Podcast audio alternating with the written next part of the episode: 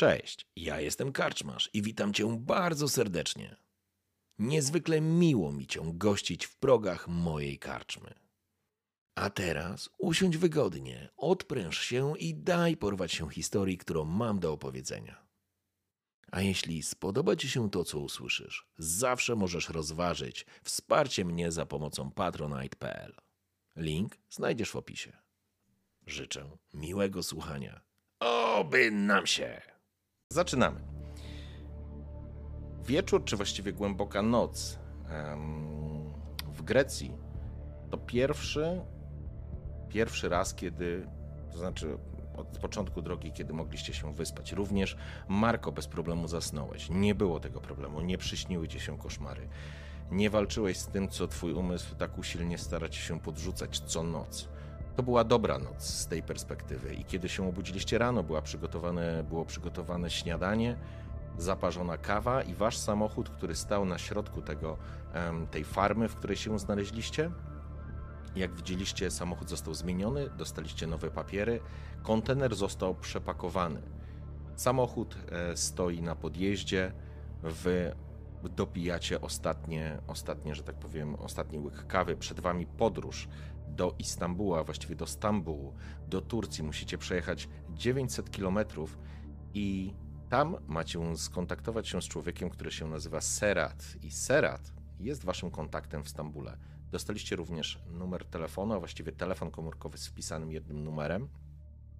I gdyby nie to, że to, że te wszystkie wydarzenia, które miały miejsce, ta dziwna podróż na, na samym promie i to wszystko, co się na tym promie wydarzyło, to moglibyście uznać, że przed wami całkiem przyjemny kawałek drogi. Przypominam, że mamy niedzielę, jest końcówka lipca, więc piękna pogoda się zapowiada. Gdzieś w oddali słyszycie mm, szumiące morze i rozpoczynające swój śpiew e, świerszcze.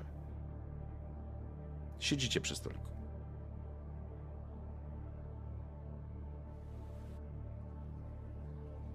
Jak się spało?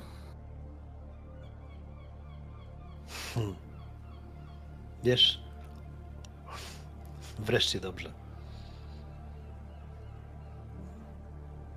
Wreszcie długo i dobrze. Ale jakby co, jeśli ty będziesz kierować, to ja nie będę spać. Obiecuję. Postaram się. Nie będę. Wiesz, to też nie może być tak, że kiedy będziemy się zmieniać, to drugi nie będzie spał. Może zróbmy w ten sposób. Niech to będzie sen, ale przerwany. Godzina, dwie.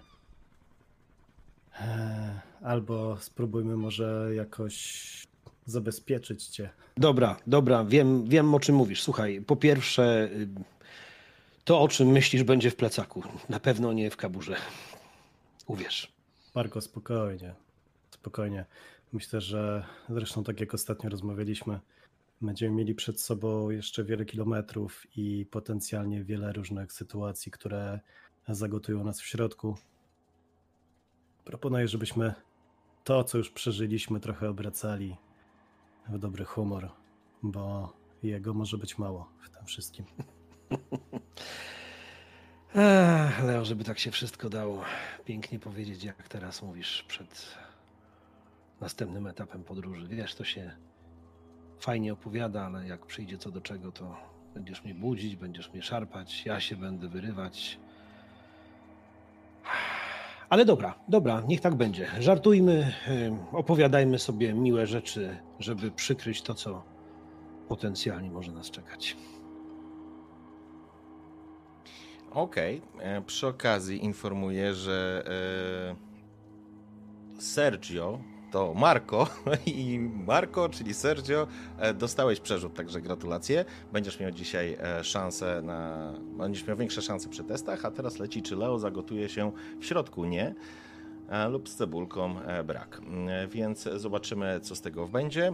I lecimy dalej. Przy okazji, tylko wszystkie sesje są, kochani, na YouTubie, więc na pewno znajdziecie na, na playlistach kultowych. A teraz w takim razie podchodzi do was mężczyzna, którego poznaliście wczoraj, wczoraj w nocy, który odbierał was po tych wszystkich przesłuchaniach z portu lotniczego. Amon, Grek typowy, jego twarz wysmagana słońcem, wysuszona, ciemne, bystre oczy, delikatny wąs i kapelusz słomkowy, rozpięta biała lniana koszula i jasne spodnie poplamione. Ma w, w ręku papierosa, którego dopala i trzyma coś na kształt kartonu do butów, czy po butach, przepraszam.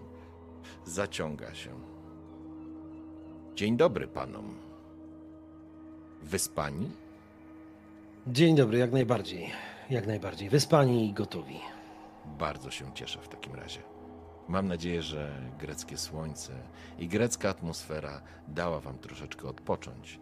Wiem, że długa droga przed wami. Nie będę zabierał wam czasu, bo to już za chwilę szósta.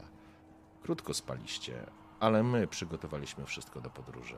Papiery i dokumenty wczoraj dostaliście oraz kluczyki. Kiedy przeładowywaliśmy, znalazłem coś takiego. Kładzie mm, po butach kartonik i ściąga, i ściąga nakry, jakby, wiecie, tą górną część i dostrzegasz, Marko, że jest to nóż, który ukryłeś za siedzeniem. Przepraszam. O, jest, zdecyduj się. Kup, panienka się kup.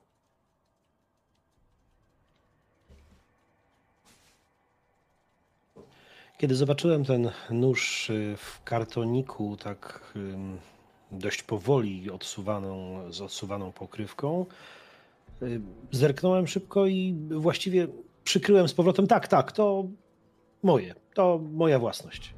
Także jeżeli mogę, to ja chętnie chwytam za ten karton. W porządku. Marko widzi moje spojrzenie, ale milczę.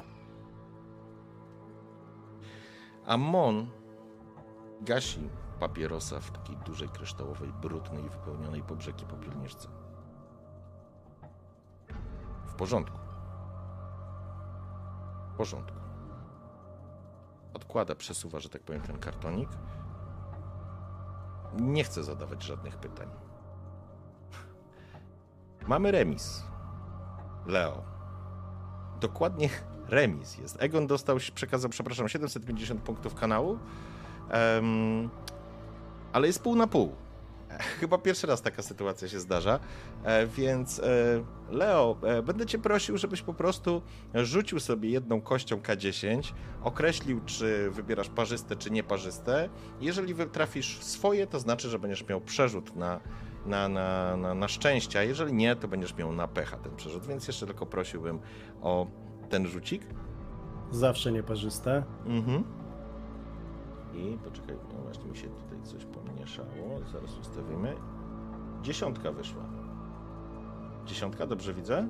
No, teraz nic nie widzę. Zaraz zobaczę sobie. Okej. Okay. Mi się tutaj... Dobrze, czyli... Dwójeczka. Dwójeczka, dwójeczka. Dwójeczka, ale A, dwójeczka. nie zmienia to. To akurat niewielka różnica. W porządku, czyli w tej sytuacji mówimy o tym, że niestety, ale Tomku, masz przerzut z pechem. Tak, tak, teraz będzie chyba Będzie dobrze. ciekawiej. Czyli będzie trudniej. Dobra, w porządku, w takim razie e, lecimy, lecimy dalej. Mężczyzna oczywiście w ogóle nie zadaje pytań. Samochód stoi, czy jesteście gotowi do podróży? Oczywiście. W porządku. Zatem przyjmijmy, że zebraliście co chcieliście, być może wzięliście jeszcze jakąś kawę w, e, na drogę i siadacie do, do samochodu. Amon macha wam z uśmiechem, paląc kolejnego papierosa, życząc wam wszystkiego dobrego. Arrivederci. Macha do was. Kto prowadzi? Marko chyba, nie? Marko. Marko siada za, za kierownicą, odpala. Ktoś, Dobra. kto go zna, a najbliżej jest Leo. Zresztą, kto zna Marko tak dobrze jak Leo w tej chwili, e, widzi wyraźnie, że nawet jeśli jeszcze kilka chwil temu nastawiał się pozytywnie, e, próbował sobie zażartować, tak e, przedziwny prezent w pudełku po butach Właściwie był jednym wielkim łącznikiem z tym, co się działo jeszcze kilka, kilkanaście godzin wcześniej. Kartonik został wrzucony za siedzenie. Jakby ten prezent miał zwykle za siedzeniem swoje miejsce. Kiedy usiadłem za kierownicą, wydawało mi się, że Leo spojrzał na mnie znacząco. No co, o, o co ci chodzi? Co, co mi się tak przyglądasz? Przepraszam, prośba do obu panów. Zaraz wracamy do tej sceny, ale to będzie istotne. Chciałbym, żebyście rzucili obaj sobie weź się w garść.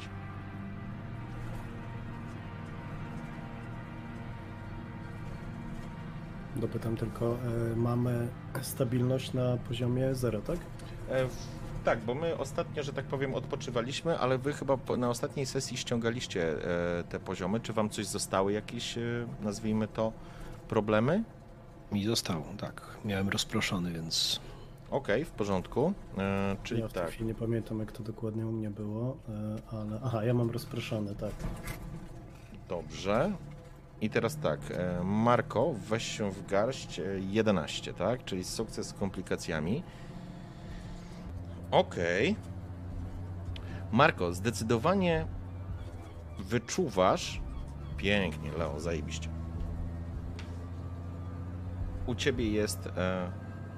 A przepraszam. Mm, nie ściemniam, naprawdę. Z modyfikatorem minus jeden to powinno być, więc mamy to samo. E, Marko, natychmiast, kiedy tylko, tak jak powiedziałeś, zobaczyłeś, e, zobaczyłeś ten, ten nóż, to wszystko wróciło. Jakby ręką odjął ta grecka piękny, ten grecki piękny poranek zniknął, został daleko za tobą, a ty poczułeś jakąś irracjonalną złość i może nawet ten moment, w którym zarzucasz Leo, że się tak patrzy, i to jest ten moment, kiedy ty mu zarzucasz i Leo, ty czujesz ten irracjonalny, irracjonalne nerwy, w ogóle niepotrzebne zupełnie, takie wyciągnięte z kapelusza, powiedziałbyś, i również czujesz, że wzrasta w tobie poziom gniewu. I chciałbym, żebyście każdy z was odpisał sobie po, e, o, jed, o jeden poziom, obniżył swoją stabilność. Dobra, to tylko dopytam, czyli e, z tego rozproszenia... e, Schodzisz z poziom w dół. serii. Dobra, bo wydaje mi się, że my przeszliśmy sobie, albo wiecie co, zróbmy tak, że z zaniepokojonego startujecie, więc jesteście w rozproszonym w tym momencie. dobrze. I nagle w tej kabinie ta atmosfera bardzo mocno się podniosła. Poczuliście obaj gniew, taki... Nie, nie analizujecie skąd go macie, po prostu go poczuliście. Ja odkręcam głowę e, w kierunku, kierunku drogi, tego co za szybą. Czuję, że muszę uspokoić się, żeby Marko też mógł się albo wykrzyczeć, albo po prostu uspokoić. Czuję, że mój brak reakcji może być do niego zapalnikiem, no ale nic, e, nie zmięknę. Nie będę wchodził tutaj w konflikt, bo mam jakieś takie wewnętrzne przeczucie, że cała ta historia, to co dzieje się między nami, te demony, które za nami cały czas idą, podążają, mm, demony naszej przyszłości, a z racji, że Leo jest wierzący, wierzy w energię, wierzy w to, że raz uczynione zło później wraca. Buddyści nazwaliby to karmą, on po prostu wierzy w energię, dobrą, złą. Jego świat, co prawda, jest bardzo złożony, nie dzieli się tylko na czarne i białe, ale tym wypadku ma przeczucie, że to demony zaczynają ich dopadać. Także odkręca się za szybę, kładzie rękę przy szybie trochę wyczekuje na to, co powie Marko, a, a trochę będzie starał się to ignorować. nierówna droga, którą, którą zaczęliśmy jechać, e, zaczyna mnie wkurzać. Wszystko mnie zaczyna wkurzać. Przecież się wyspałem, przecież powinienem być wypoczęty. Przecież jeszcze przed chwilą deklarowałem, że wszystko jest w porządku. Peggy Może czy oni naprawdę nie umieją zrobić prostych dróg tutaj w, takim, w takiej małej mieścinie? Czemu on się odwrócił? Nie będzie ze mną gadać? Bez sensu. Po jasną cholerę powiedziałem, że to jest moje. Kurwa, trzeba było zostawić ten nóż tam. Po co się w ogóle unoszę? Bzdura. Marko włączył radio, które, które miało wypełnić tą ciszę między Leo a nim samym. W normalnych warunkach pewnie ob- obaj wybuchnęliby śmiechem. Bo Pierwszy kanał, jaki, jaki się włączył, to jakaś tradycyjna, folkowa, można by powiedzieć, muzyka grecka, przypominająca jak wszystkie folkowe melodie Greka Zorba albo inne tego typu melodie gdzieś e, z tradycyjnymi instrumentami greckimi. Ale teraz nawet to nie potrafiło wyrwać ani Marko, ani Leo z tej ciszy. Zostawiacie tablicę Igomenika za sobą. Wyjechaliście na drogę krajową. Jedziecie na północ w kierunku Salonik, czy Saloników. Przed wami 9 do 12 godzin drogi. A wy ruszyliście. Muzyka, skoczna grecka muzyka, tak jak powiedział Marko, wypełniła kabinę. Może to i dobrze, Leo. Może te nerwy, które przez chwilę się pojawiły i rozproszyły również ciebie, są powodem tego, że uwiera ci to, że straciłeś tą, te koraliki, tą brązoletkę. Że, że tego już nie ma. I masz wrażenie, że pozwoliłoby ci to poczuć się pewniej. Ale ta cała historia na tym cholernym promie to wszystko zostaje za wami. Ale nie jesteście w stanie od tego uciec i każda kolejna godzina drogi jakby wrzuca was w takie poczucie sytuacji, która miała miejsce na promie, tej całej sytuacji, w której się znaleźliście. Staracie się oczywiście z tym walczyć, to nie jest tak, że was absolutnie to zdominowało, niemniej jednak ani Marko, ani, ani Leo jakoś trudno wam znaleźć wspólny język, jakikolwiek temat. To już jest druga godzina jazdy i Marko, może to będzie dobry moment. Widzisz zjazd na poboczny parking dla samochodów. Piękne, słoneczne, mm, słoneczne greckie słońce po prostu, piękna pogoda wypełnia całą okolicę. To wygląda tak pięknie. Zjeżdżacie, zjeżdżacie po prostu na parking. Oczywiście klimatyzacja utrzymuje was w, dobrym, w dobrej kondycji, ale faktycznie może coś zjecie, może zatankujecie, może wymienicie się paroma zdaniami, bo przecież 12 godzin w takiej atmosferze dostaniecie pierdolca obaj. Słuchaj, Marko, mm, jedźmy może jeszcze dalej. Nie zatrzymujmy się tu. Myślę, że im szybciej dotrzemy do miejsca docelowego, tym lepiej. A widać po wczorajszych wydarzeniach, obu nam jakoś nie po drodze, z dobrymi humorami. Żeby nie było. myślałem, myślałem, że się na mnie obraziłeś.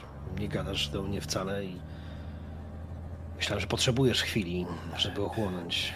Wiesz co, w dłuższych podróżach bywam mrukiem. To nic osobistego. Nie myśl nawet w ten sposób. Poglądam na niego tak. Mam okulary cały czas przyciemniane, także nie widzi moich oczu. Gdyby je widział, to widziałby niepewność w nich. Ale tej niepewności nie daje po sobie poznać. W żaden sposób moje ciało nie drży, trzymam pełen fason. Musiałem się tego nauczyć już jako dziecko.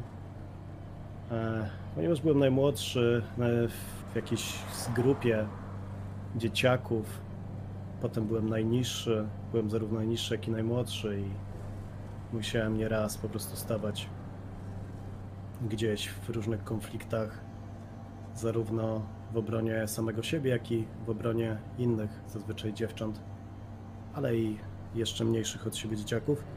To spowodowało, że nie wykształciło się we mnie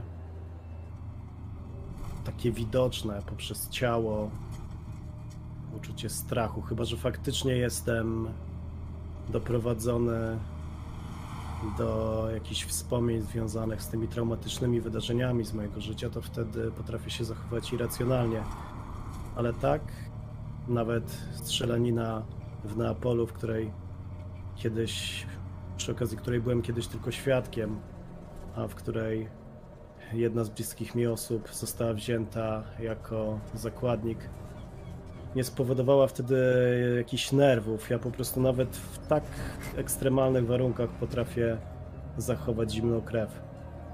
Jeżeli coś dotyczy oczywiście innych osób, jeżeli coś dotyczy mnie samego, dużo gorzej, ale również. O ile mój wzrok potrafi gdzieś błądzić w takich sytuacjach, w ciało jest po prostu sztywne jak głaz. Marko, bracie, jeżeli chcesz się zatrzymać, nie ma problemu, ale zróbmy to szybko. Jedźmy dalej. Samochód bardzo powoli e, wjechał w zatoczkę i właściwie zatrzymaliśmy się, ale nie wyłączałem silnika. Oparłem ręce na kierownicy i nie patrząc Leopoldowi w twarz mówię, no, no zapytaj, no. Widzę, że chcesz zapytać, no. Miejmy to za sobą, no. Proszę cię, proszę, no. Podnoszę okulary, mrużę oczy. No ale co, co się tak dziwisz? No dwie godziny ze mną nie gadasz. No dlaczego nie chcesz zapytać? No co, z tym nożem? No co? No tak powiedziałem, no. Nie wiem, impuls, był, Marko. cholera. Kochany, tak kładę mu rękę. Ty naprawdę nie pamiętasz, jak ci wczoraj powiedziałem, cokolwiek by się nie działo, ja nie będę zadawał pytań, rozumiesz? Ja mogę sobie o tym myśleć. No, no Ale ale, właśnie. siebie. Dobra, może faktycznie demonizuję. Bez sensu. Coś do jedzenia, czy jedziemy dalej? Możemy płynę uzupełnić i to wszystko. Wiesz, ja jeszcze mam żarcie ze sobą w plecaku. Sorry, sorry, jakoś tak. Cholera, wybiło mnie to. Jestem Wiesz- po twojej strony, pamiętasz? Stronie. Pamiętam. Będzie chwila, to ci wszystko em, opowiem. To, to nie tak jak myślisz, no wszystko. Skoczysz po coś do picia? Pewnie. Będę tutaj, przejrzę jeszcze. Czekam na ciebie. Chce, chcesz coś konkretnego? Nie wiem, coś gazowanego, kole jakąś, cokolwiek. Jasne. I wychodzę z samochodu. W Biorę porządku. tylko, biorę tylko jakiś swój, swoją saszetkę, e, którą gdzieś tam mam z, z pieniędzmi, z telefonem. W porządku, jest niedziela, więc nie ma tutaj takiego, nazwijmy to, zawodowego ruchu. E, tiry raczej e, albo są zaparkowane, albo ich specjalnie dużo nie ma. Jeszcze prawdopodobnie nie wyjechały w trasę. Niemniej jednak jest sporo cywilów i turystów, którzy tak naprawdę korzystają z tych pierwszych miesięcy tej odwilży covidowej. Przechodzisz w każdym razie, kierujesz się w stronę stacji benzynowej, e, kilka samochodów tankuje. Marko został w samochodzie, zostając samemu w kabinie.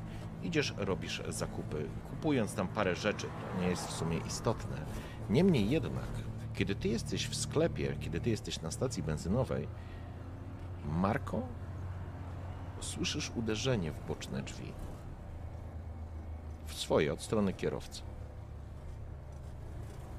Oczywiście zaglądam, patrzę, y, nie otwierając szyby.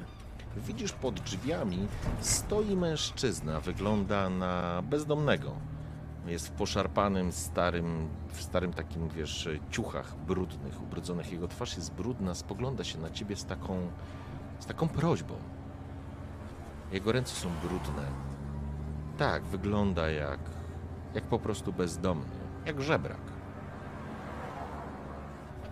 Nie dogadam się z nim na pewno w końcu. Ani słowa po, po grecku nie, nie będę w stanie. Sięgam do, do portfela, wyciągam 5-10 euro. Otwieram szybę i podaję mu bezpośrednio, przez, nie wychodząc z samochodu przez, przez otwarte patrzy się, jak wyciągasz pieniądze, po czym odzywa się i masz wrażenie, jakbyś rozmawiał z człowiekiem urodzonym i wychowanym w Neapolu, czystym włoskim, którego dawno nie słyszałeś, poza oczywiście Leo. Dziękuję, ale czy mógłby pan kupić mi kawę i krosanta? Nie chcę pieniędzy. Boże, ty jesteś Włochem? Uśmiecha się. Dawno nie słyszałem tego języka, kurczę, własnego języka. Uśmiecha się jeszcze raz. Jakby cieszył się, że sprawił ci przyjemność. Nie jestem pijakiem. Byłby problem, szanowny panie? Marko był wyraźnie zaskoczony tą sytuacją i włoski akcent zagrał zupełnie jak przełamanie wszelkich lodów. Mimo, że facet wyglądał na poszarpanego bezdomnego, nie minęło 30 sekund, Marko był już y, obok niego, z zamknięte drzwi. Co tu robisz? Co się dzieje? Dlaczego tak wyglądasz? Scusi. Takie jest życie, przyjacielu. To banał, co mówisz. Życie to panu. Życie to banał. To prawda. To Patrzy prawda. się na ciebie. Jego wzrok jest strasznie przenikliwy. Powiedziałbyś, kurczę, no, masz wrażenie, że przeszywający, ale nie w taki jakiś negatywny sposób. Masz wrażenie, że z zainteresowaniem cię obserwuje. Ale może to jest typowe dla osób, które żyją z dnia na dzień, a ten człowiek wygląda zdecydowanie tak, jakby żył z dnia na dzień.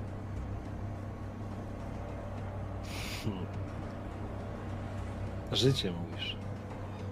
A nie możesz sam kupić? E, Jestem przy samochodzie, a kumpel wszedł do sklepów właśnie.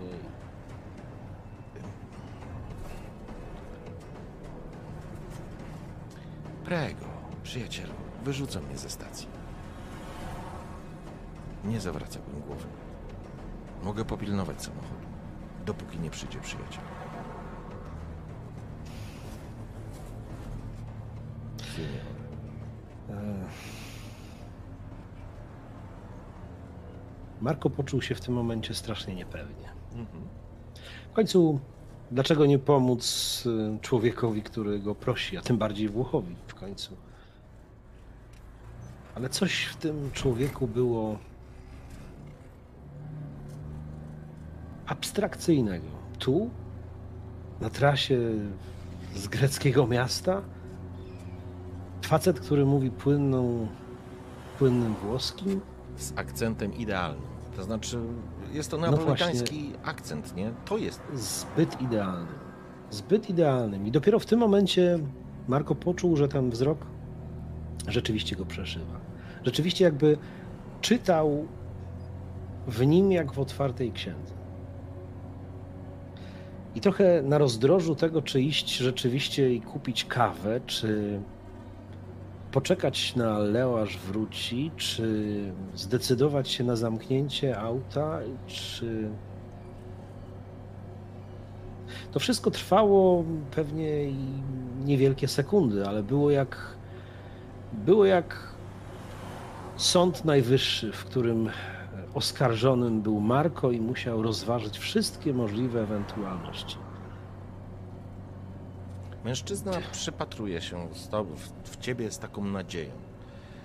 Kiedy ty się zastanawiasz, Leo, dokonujesz już, zapłaciłeś, wychodzisz powoli ze stacji, może skorzystałeś jeszcze z toalety, to nieistotne. W każdym razie słyszysz, jak twój telefon zaczyna dzwonić. Czy wibrować, jeżeli masz wyłączony dźwięk. Tak, e, tak, mam wibracje włączone. Spoglądam, kto dzwoni. Dzwoni do ciebie twój stary przyjaciel. Patrick, i teraz popraw mnie, bo pewnie przekręcę. Insigne. Insigne, Ins- tak.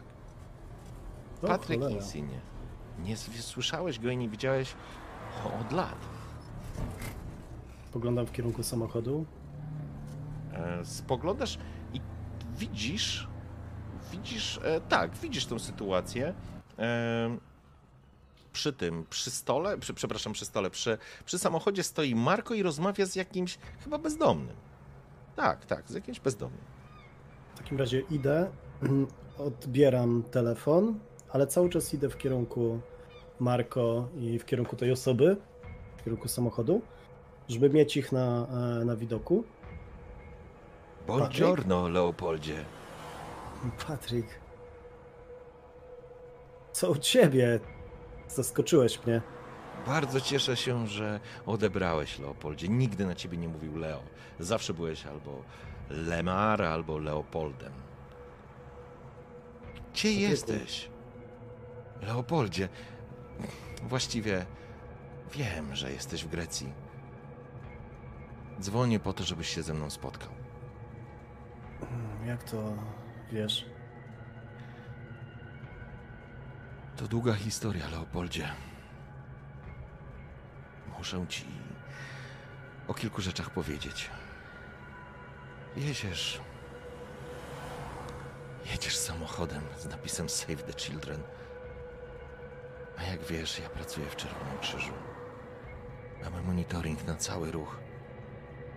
Wiem, że przekroczyłeś granicę.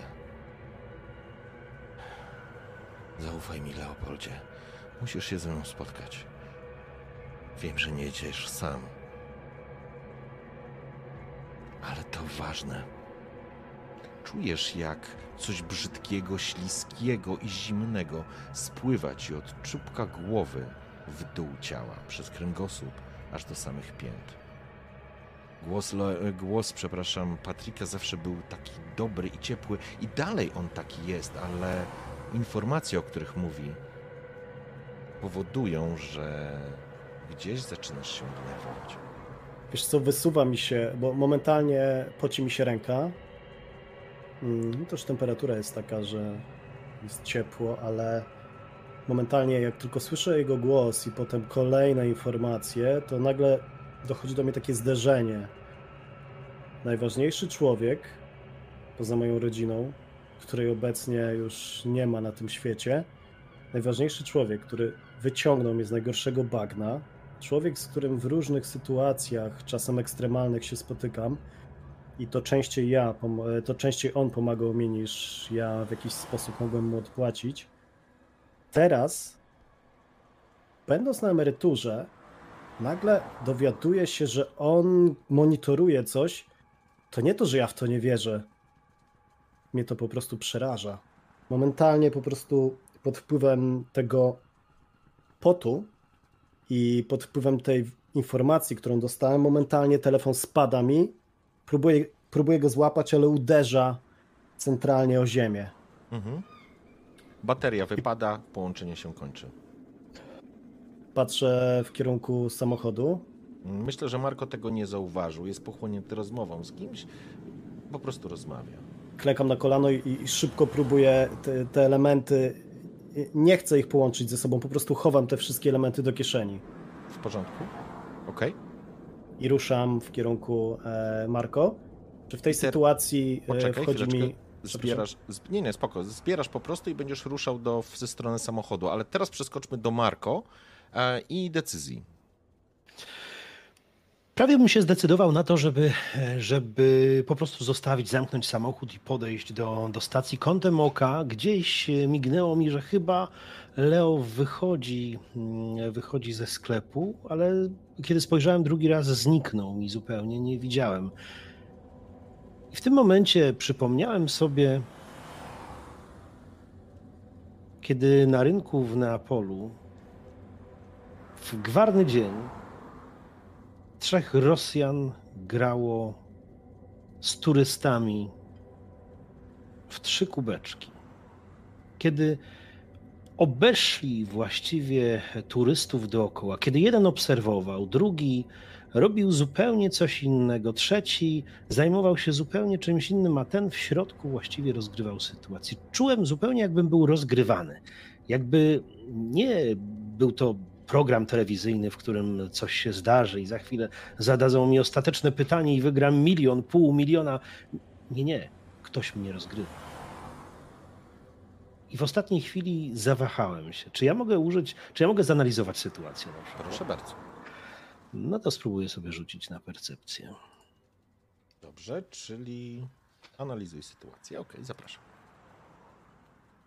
No i chyba analiza nic nie wskurała, bo w trzech kubeczkach Porażka. widziałbym pewnie tak, widziałbym pewnie tych wszystkich ludzi dookoła, a tu widzę tylko tego bezdomnego i Leo, który Mimo zniknął. wszystko, zgodnie z e, analizą sytuacji, możesz zadać jedno pytanie. Nie otrzymasz tego premii, ale to już jest mechanika, nieważne. E, Co więcej, ja będę również wykonywał ruch. To zadam pytanie, co w tym momencie stanowi największe zagrożenie? Dobre pytanie, tylko nie wiem, jak ci mam na nie odpowiedzieć. Hmm. Bo niewątpliwie powiem tak, Marko zaczął czuć, y, powiedzmy, mm, to przełamanie lodów w rozmowie z bezdomnym było pierwszym wrażeniem, pierwszym zauroczeniem, a teraz faktycznie poczuł, że coś tu jest nie tak. To było zbyt idealne. To jest to zagrożenie, które czuję bezpośrednio od strony tego człowieka. w porządku. I nie wiesz na ile odpowiada ci to twój własny umysł, ale czy ten mężczyzna jest faktycznie zagrożeniem, ale nagle pojawia ci się przed oczami, zapalają ci się czerwone kontrolki. Odejście od samochodu, bez żadnej osłony, bez żadnej ochrony, nikt nie zostanie w środku, ktoś może być, może ktoś się czaić, może tak jak w tych kubkach, może nie jest sam, może ma tylko cię zagadać. Natychmiast zaczynasz nerwowo, zupełnie jakby nie do końca zaplanowany, zaglądasz jakby za niego, czy przypadkiem za nim tam gdzieś, za, za kontenerem już ktoś nie majstruje przy, przy zamkach. Zagrożenie, jakie mogę powiedzieć, jakie odczuwasz, jakie zdążyłeś wyłapać, to faktycznie możliwość utraty ładunku. Ale czy to zagrożenie jest zagrożeniem bijącym od tej postaci? Nie. Natomiast mężczyzna zobaczył twoje zachowanie, zaczął się obracać, jego oczy lekko się mrużą, jakby, jakby, jakby zrozumiał, że jakby, jakby ciebie zaczął czytać, rozumiesz? Jakby, jakby uznał, że mu nie ufasz. Scusi, senior. Naprawdę to nie kłopot. Rozumiem. Nie no wiesz, nie zrozum mnie źle. Ja y, chętnie ci pomogę i w tym momencie czując, że mimo wszystko trzeba postawić jakiś pomost pomiędzy tą, tym pierwszym odruchem, a tym Proza moim życia. niezdecydowaniem. Proza życia. Odwraca się. Nie, nie, poczekaj, poczekaj. Wyciągam 20 em, banknot 20-eurowy. Posłuchaj, weź, naprawdę, przyda ci się na pewno. Grację, przyjaciel. Odchodzi. I w tym momencie, Leo, jesteś. Widzisz tą sytuację. Pozbierałeś? Do czegoś doszło, mężczyzna odchodzi. Słyszałeś podniesiony głos Marko, ale nie był to nerwowy głos. Niemniej jednak e, ten bezdomny po prostu odchodzi e, w kierunku innych samochodów. Dobrze, to jedną rzecz chciałem e, mm, jeszcze zrobić. Czy jestem w stanie jakoś. mm, No, ta rozmowa już się odbyła, ale czy jestem w stanie e, jakoś rozeznać intencje Patryka? Spróbować rozeznać intencje Patryka, e, co on miał na myśli, chcąc e, mnie jakby spotkać i o czym chciał ze mną rozmawiać? Czy to już jest za późno? Słuchaj, wiesz co? Mm, Na modyfikator ci mogę dać. Albo wiesz co? Mm, Poczekaj chwileczkę. E, Bo to jest rozmowa. Tak, ale wiesz co? Dodaj sobie minus jeden do rzutu Mhm. i, i zobaczymy, coś, co, co się wydarzy, nie? Czy, czy, czy uda ci się wyczytać z tego jakieś e, informacje. Mm, I co ci poszło? Porażka? Dobrze widzę? Porażka na dziewięć. Okej. Mhm. Dobrze, w porządku. E, Ponieważ analizujesz to, mm, możesz tylko wyciągnąć te wnioski, które, o które masz od zawsze, czyli dokładnie to, co powiedziałeś. To był człowiek, który ci pomógł, wyciągnął cię z największego bagna, był pierwszą osobą, która zbudował twoje zaufanie i w jego głosie zdecydowanie czułeś troskę i czułeś to, co było zawsze, coś, co pozwalało, pozwalało ci poczuć się przy nim bezpiecznie, ale nic więcej nie jesteś w stanie wyciągnąć. Mhm. Okej. Podchodzę do Marko, e, spoglądam jeszcze na tą osobę, która odchodzi, tego bezdomnego. Mhm. Widzisz tylko po prostu on odchodzi. Jakiś mężczyzna średniej budowy, w łachmanach, w brudnych rzeczach, może w łachmanach to złe słowo, ale w brudnych rzeczach widać, że jest po prostu bezdomny. E, to, co może faktycznie, czego byś oczekiwał w gorący dzień, bo to jest w tym momencie jest gdzieś, przyjmijmy godzina 8.30, wyjechaliście o 6.00, to już jest gorąco. Tutaj e, nie czuć, brzydko mówiąc, to znaczy nie czuć smrodu po prostu. Mhm. Mężczyzna nie śmierdział i Marko, to też jest informacja, która gdzieś podświadomie może budowała twój niepokój, że może tylko tak wyglądał. Okej. E, W takim razie wskakuję po prostu do, em, do szoferki. Dostrzegasz w tym momencie Marko, mm, Leo podchodzącego. Jedźmy, Marko. Kładę te rzeczy, które kupiłem, jakieś zimne napoje, coś, e, coś, jakiś, coś energetycznego do zjedzenia. Okej, wsiadacie zatem do samochodu. Wsiadam do samochodu, zamykam za sobą drzwi, ale jeszcze zanim, zanim zatrzaskuję, właściwie spoglądam, jakby to nie była moja dłoń, spoglądam na swoją prawą rękę trzymającą cały czas 20-eurowy banknot. Mhm. Trzaskam jakby z większym wkurzeniem te drzwi i mówię do siebie merda, sejuna merda, źle to rozegrałem. Wiesz, że on mówił po włosku? Mhm. Widzisz, jak właśnie składam telefon. Trochę wyglądam, jakbym cię nie słuchał. Leo wygląda trochę jakby mnie nie słuchał, ale i tak e, staram się jak gdyby wyrzucić to z siebie. Wiesz, prosił o croissant, ale wiesz, czekałem na ciebie, aż wrócisz, bo przecież no, y, ładunek, Tak, bez- musimy jechać. Bezdomny, który nie śmierdzi. Ja rozumiem, mógł się przebrać dopiero co, mógł też wziąć jakąś kąpiel, ale jednak charakterystyczny zapach, nie? Mm. No ale wiesz, no, Dobra, ruszajmy. Potrzebował. Nie, nie mamy czasu. masz rację, masz rację. Chowam niedbale e, do kieszeni ten banknot, odpalam e, samochód i przez kilka chwil właściwie zastanawiam się, jaka jest różnica, jak gdyby porównać dwa obrazki. Mnie wchodzącego po cichu do, mm, do mieszkania mojej ciotki wuja, zostawiającego pieniądze na stole dla brata, wyraźnie zostawiającego pieniądze potrzebującym i mnie sprzed chwili, który stał jak słup, któremu, którego bezdomny po prostu. Hmm. Nie, bez sensu, bez sensu. Może rzeczywiście, może to nie był bezdomny, przecież. A zresztą. Dasz mi tą kolę? Tak, proszę. I w tym momencie odpalam telefon, Mhm. sprawdzam czy działa. Po chwili pojawia I- się logo i zaczyna się ładować telefon. Łapie sieć. Dobra, i po chwili jak ruszymy, jakieś dwie minuty po tym jak e, wyruszymy z tego parkingu, będę próbował zadzwonić do Patryka. Dostrzegasz, kiedy telefon się załadował. E, Marko oczywiście wyjechał z zatoczki, popijając kole. E, Ty natychmiast dostrzegasz, że były próby połączeń od, od Patryka i następny, ostatnią próbą był SMS na zasadzie zadzwoń do mnie, to pilne, jak tylko będziesz mógł. Mm, dobra, to jeszcze nie dzwonię. E... Hmm.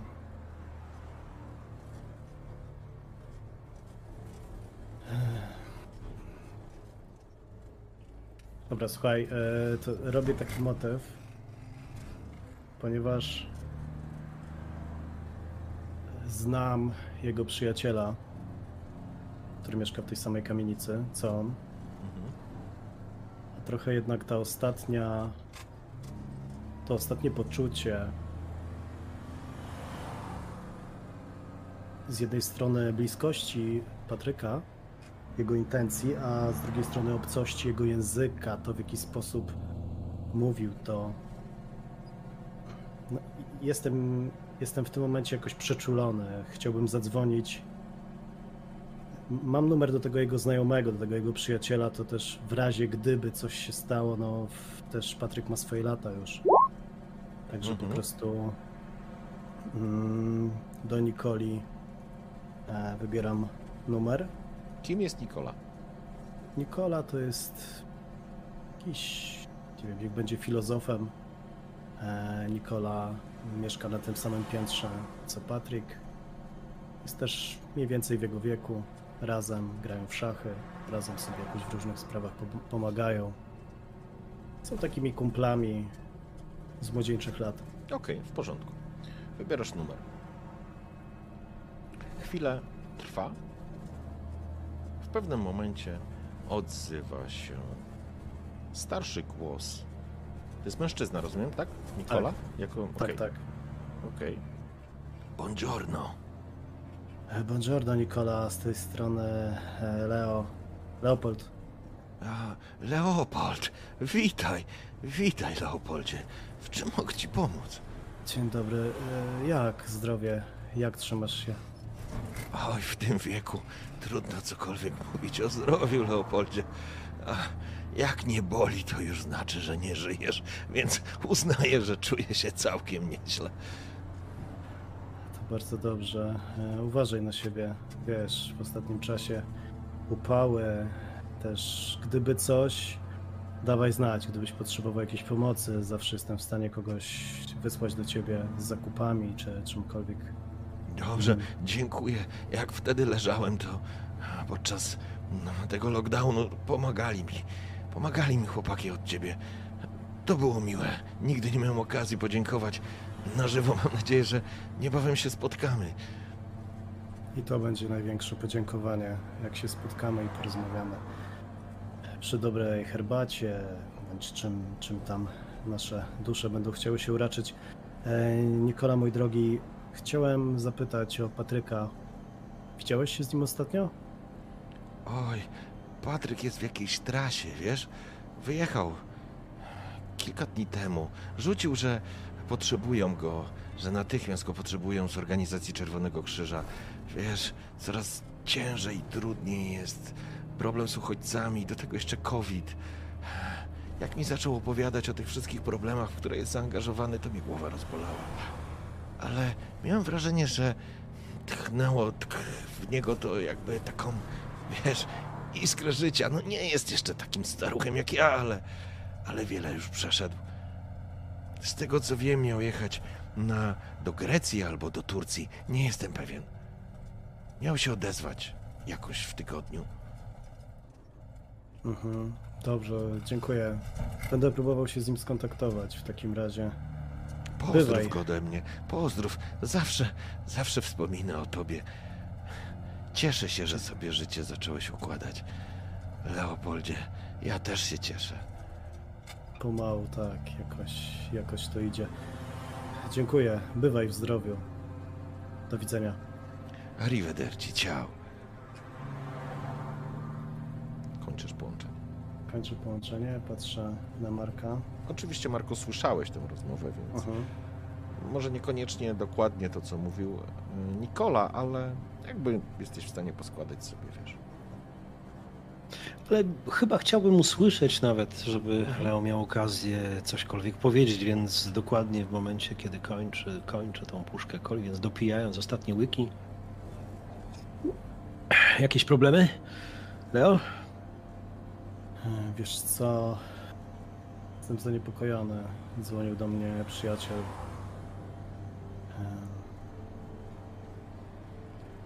I okazuje się, że. Okazuje się, że on jest w trasie i widział nas. Widział mnie. Jadącego naszym samochodem. Wie, w jakim jesteśmy samochodzie. Wybacz, że to jest. że mówię to w takiej nieskładni kompletnej, ale przecież Patryk od lat już nie jeździł. Przecież mm, ma artretyzm, ma ostatnio też problemy z pamięcią. Cholera, coś jest nie tak, Marko. To Ale jest człowiek, zaraz. który. Poczekaj, poczekaj, poczekaj. To jest człowiek, który działał przez lata w Czerwonym Krzyżu. On wyciągnął mnie z kompletnego bagna. Pomagał osobom, które e, miały doświadczenie uchodźcze, które przypływały na Sycylię i nie tylko. Dał mi drugie życie. Pomógł mi stanąć na nogi nawet nie raz. Wiesz, i teraz dz- dzwonił do mnie przed tym, jak wszedłem do szoferki. Dzwonił do mnie i mówił, że żebyśmy się spotkali, że jest teraz w Grecji.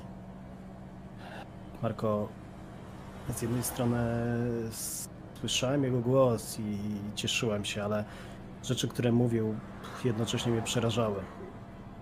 Dlaczego on? Dlaczego. Dlaczego on jest to zamieszany? Marko, coś jest tu nie tak, bardzo nie tak. No, Jesteś pewien, że on nadal pracuje w Czerwonym Krzyżu? Może. Cholera, może ktoś nas. I chyba Marko nie chciał powiedzieć tego jednego wyrazu, bo zaczął składać sobie jakiś dziwny obrazek i niesamowicie głęboki niepokój zaczął go dotykać. Ten bezdomny, do tego przyjaciel Leo, który zupełnie w sposób abstrakcyjny miał ich obserwować. Gdzie miał ich obserwować, gdzie miał ich widzieć?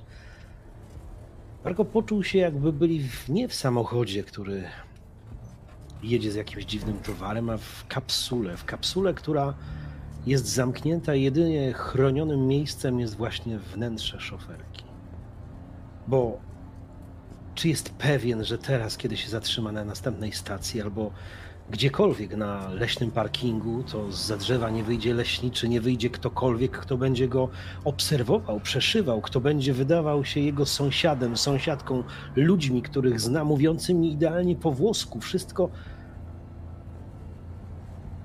Czy ja nie wpadam w paranoję? A może to po prostu brak snu? Cały czas ten brak snu powoduje, że Lea, nie chcesz chwilę się przespać? Uspokoić się, wiesz? Jeszcze godzina, dwie i chciałbym, żebyś mnie zmienił, wiesz? W końcu jeszcze trochę drogi przed nami. Ja wiem, że brzmi tak paranoja, ale muszę zadzwonić do niego. Spróbować Mm. wybadać, co on ode mnie chce, a potem. Potem. Nie wiem, wszystko zależy od tej rozmowy. Może będę musiał pozbyć się telefonu. Leo, uważaj, co będziesz mówić. Jakkolwiek głupio to nie zabrzmi. I wiesz co, jestem z tobą. Dzwoń.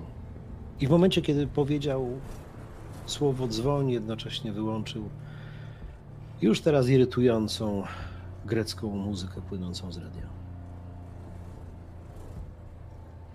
Kiedy przekręcałeś po prostu pokrętłość ściszania, tak naprawdę, znowu miałeś, Marku, dziwne wrażenie, że w momencie, zanim ten ostatni dźwięk nie został całkowicie ścięty, wygłuszony, miałeś wrażenie, że lekko szeleszczącym głosem dobiegł do ciebie żartu. Ale może wariujesz, gasisz.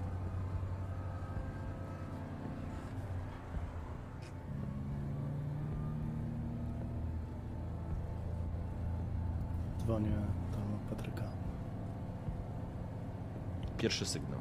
Natychmiast podnosi telefon. Leopold? To ty? Jego głos teraz słyszysz, jest zatroskany. On zawsze był taki. Zawsze pamiętasz, że to był człowiek, który powodował, że faktycznie przy nim czułeś się bezpiecznie. I jest takim dobrym duchem dla Leopolda. Przynajmniej zawsze był. Patryk, co się dzieje? Leopoldzie, musimy porozmawiać. Wiem, że. Wiem, że to może dziwnie brzmi, ale musisz się ze mną spotkać, bo muszę ci wytłumaczyć. Nie mogę. Leopoldzie, to ważne. Biorę na głośno mówiący w ogóle. Okej? Nie mogę. Leopoldzie, musisz mieć świadomość tego, co się dzieje, bo inaczej możesz mieć duże kłopoty, a ja nie chcę, żebyś miał kłopoty.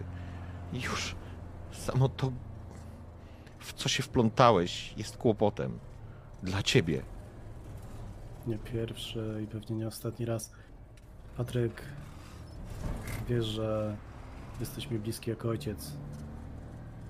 A przez wiele, wiele lat nie miałem nawet dostępu do tych najbliższych z rodziny. Ty zawsze byłeś mi rodziną. Powiedz, co się dzieje. Ja nie mogę się zatrzymać. Muszę dojść do końca, a dopiero później, jeżeli to będzie w ogóle możliwe, będę mógł się z Tobą spotkać. Więc jeżeli teraz chciałbyś coś powiedzieć, chciałbyś, żebym o czymś wiedział, to, to zrób to. Leopoldzie, muszę ci powiedzieć, muszę ci wyjaśnić, muszę. Muszę cię zabezpieczyć. Ty musisz być bezpieczny. Jesteś w trudnej sytuacji. Wplątałeś się w coś, w co nie powinieneś się wplątać. Sam fakt, że, że jedziesz Bóg wie dokąd i Bóg wie z czym. Muszę się z tobą spotkać najlepiej w cztery oczy. Nie wiem, czy Patryk, jedziesz? Możesz rozmawiać? Patryk. Wiesz co, ignoruję to, to jego pytanie. Patryku, to wszystko, co powiedziałeś wcześniej, po prostu powiedz. Powiedz o co dokładnie chodzi. Nie mogę się z tobą spotkać. Nie teraz. W połowie sierpnia tak, ale nie teraz. W połowie sierpnia może być już za późno. To już za daleko, za, za... Mam coś dla ciebie, chcę ci coś przekazać. ch- Chcę cię ubezpieczyć, chcę cię zabezpieczyć, chcę cię przygotować.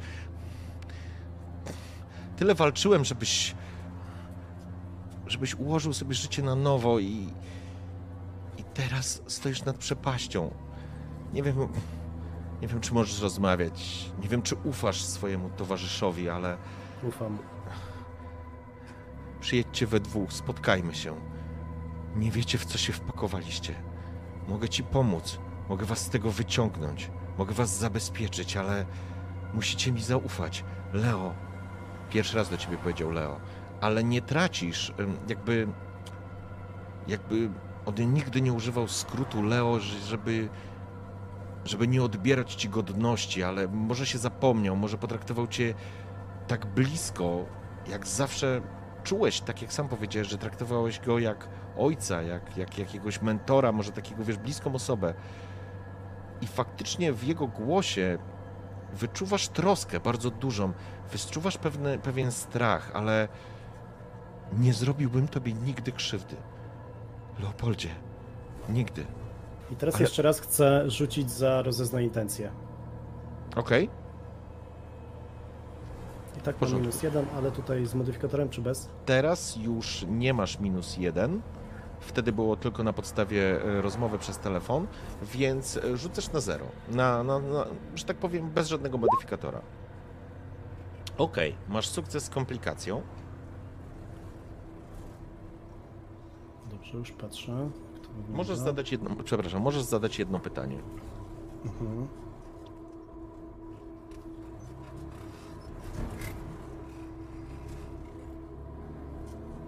Masz przed oczami tą kartę? Tak, tak, tylko Okej. muszę chwilkę pomyśleć. Spoko. Daj mi sekundę.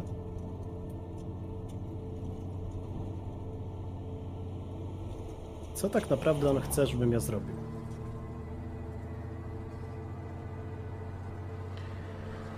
Pewnością chce się z tobą spotkać. To na 100%. Jest to dla niego niezwykle ważne, żebyś się z nim spotkał, że tak powiem, twarzą w twarz. Dobra.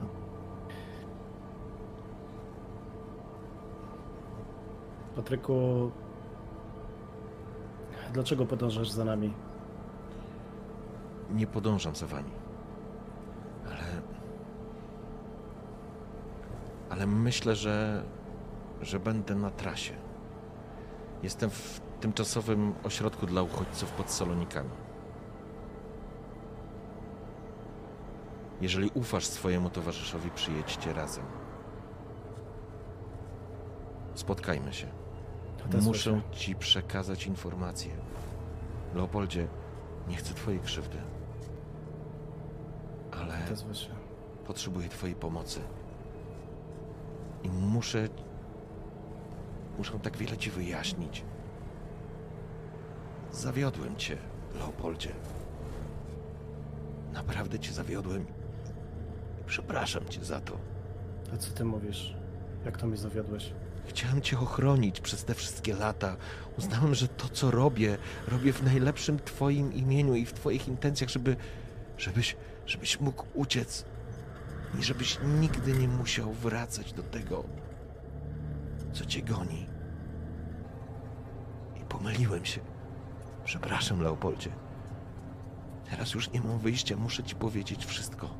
Tylko tak mogę zadbać o twoje bezpieczeństwo.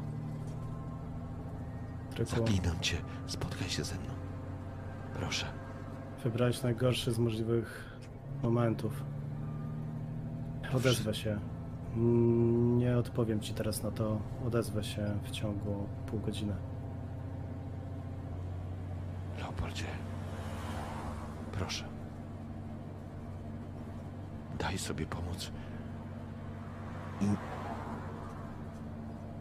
Grozi ci niebezpieczeństwo, ale nie z tytułu tego, że się ze mną spotkasz. Odezwę się. I rozłączam się. Zawisło w powietrzu. Starałeś się, Przez Marku, całą tą- skupić na jeździe, tak. Okej.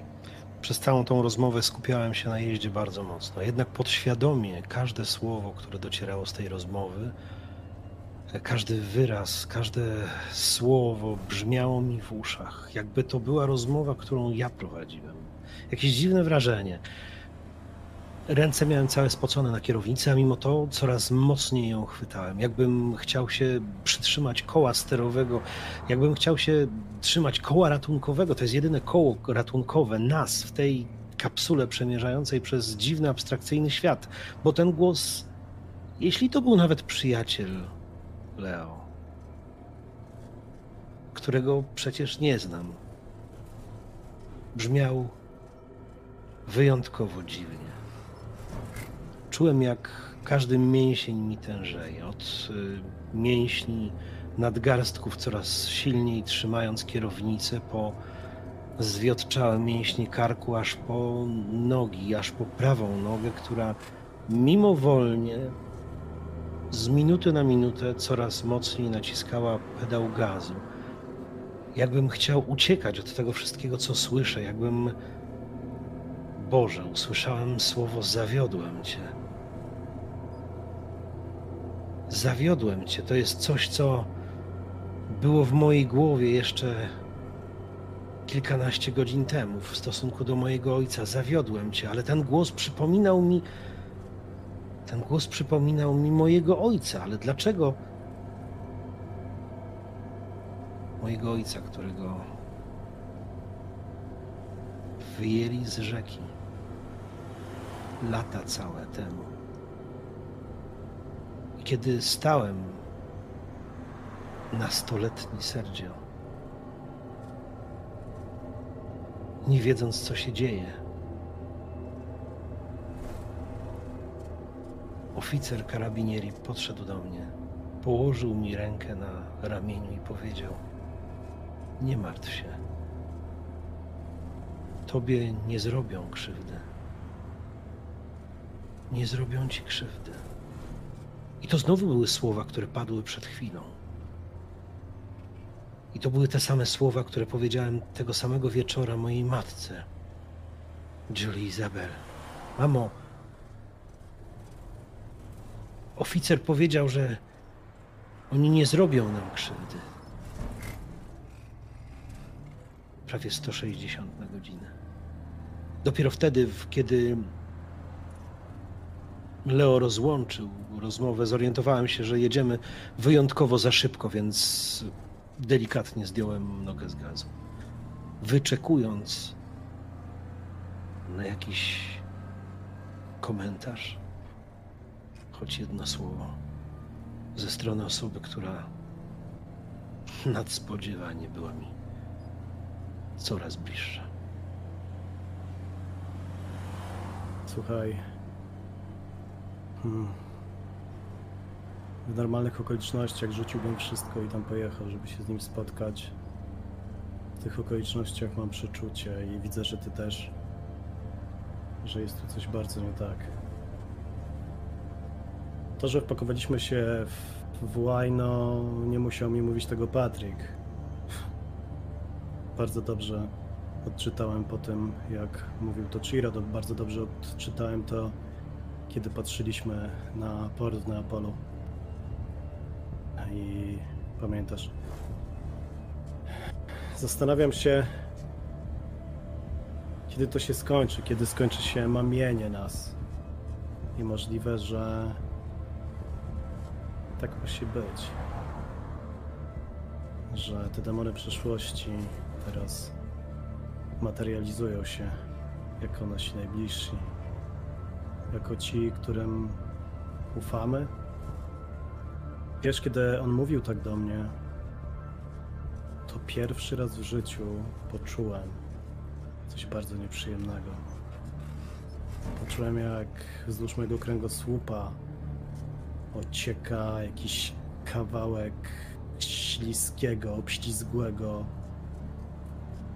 śluzem bytu. Wzdrygnąłem się i to było tak materialne.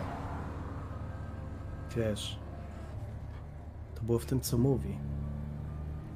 Była w tym troska, było w tym oddanie tej przyjaźni. A z drugiej strony było w tym coś piekielnie złego.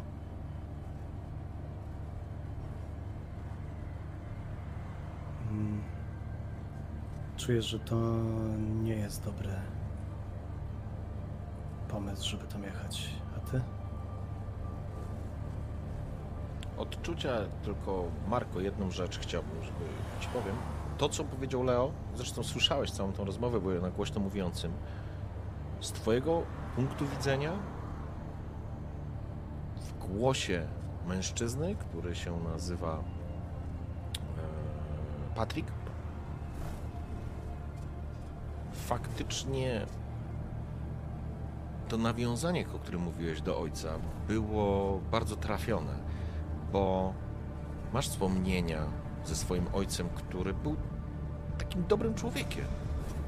On chciał ci pomagać w wielu sytuacjach. Oczywiście był, miał twardą rękę, jeżeli trzeba było, nie było dyskusji, ale jak były momenty, w których y, była ta przestrzeń dla syna i ojca, to masz wrażenie, że ta troska która biła z e, zestawu głośno mówiącego w samochodzie, była taka ojcowska. Dawała z jednej strony poczucie bezpieczeństwa i pokrzepienia, ale z drugiej strony, a może po prostu zaczynacie wariować. Leo, i tak bym ci nie pozwolił, żebyśmy tam jechali. Mam takie same odczucia. Ale wiesz, ojcem, matką, bratem, wszystkim jesteś teraz dla mnie tylko ty, a ja dla ciebie. Wie, wiesz, że to jest droga w jedną stronę, wiesz, że nie mamy wyjścia innego. My, my musimy. Nikt nas nie może od tego odwieść, rozumiesz? Leo. Mam nadzieję, że się nie zastanawiasz. Nie. Masz rację. Chciałem tylko upewnić się, że myślimy tak samo. Widzisz, jak rozkładam telefon na części, odsuwam szybę i właśnie leci teraz jedna z części, kilkaset metrów dalej, kolejna i zasuwam Okej? z powrotem. Wiesz, kiedy się to skończy? Zapytałeś mnie, kiedy się to skończy. Z każdą minutą i z każdym kilometrem jesteśmy coraz bliżej końca tego gówna.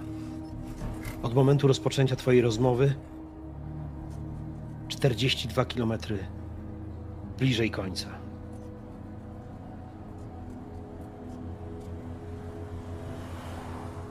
Patryk powiedział. To jeszcze tylko. No. Patryk powiedział o tym, że chciał mnie chronić. Nigdy nie mówiłem mu o klątwie. Nigdy nie mówiłem mu o tym, że moja rodzina w jakiś mroczny, dziwaczny sposób została natchniona jej ciężarem. To nie mógł być Patryk. To nie mógł być on. On nigdy tak. tak szaleńczo nie zabiegał o mnie. Za dobrze go znam. Obawiam się jednak, że coś mogło mu się stać.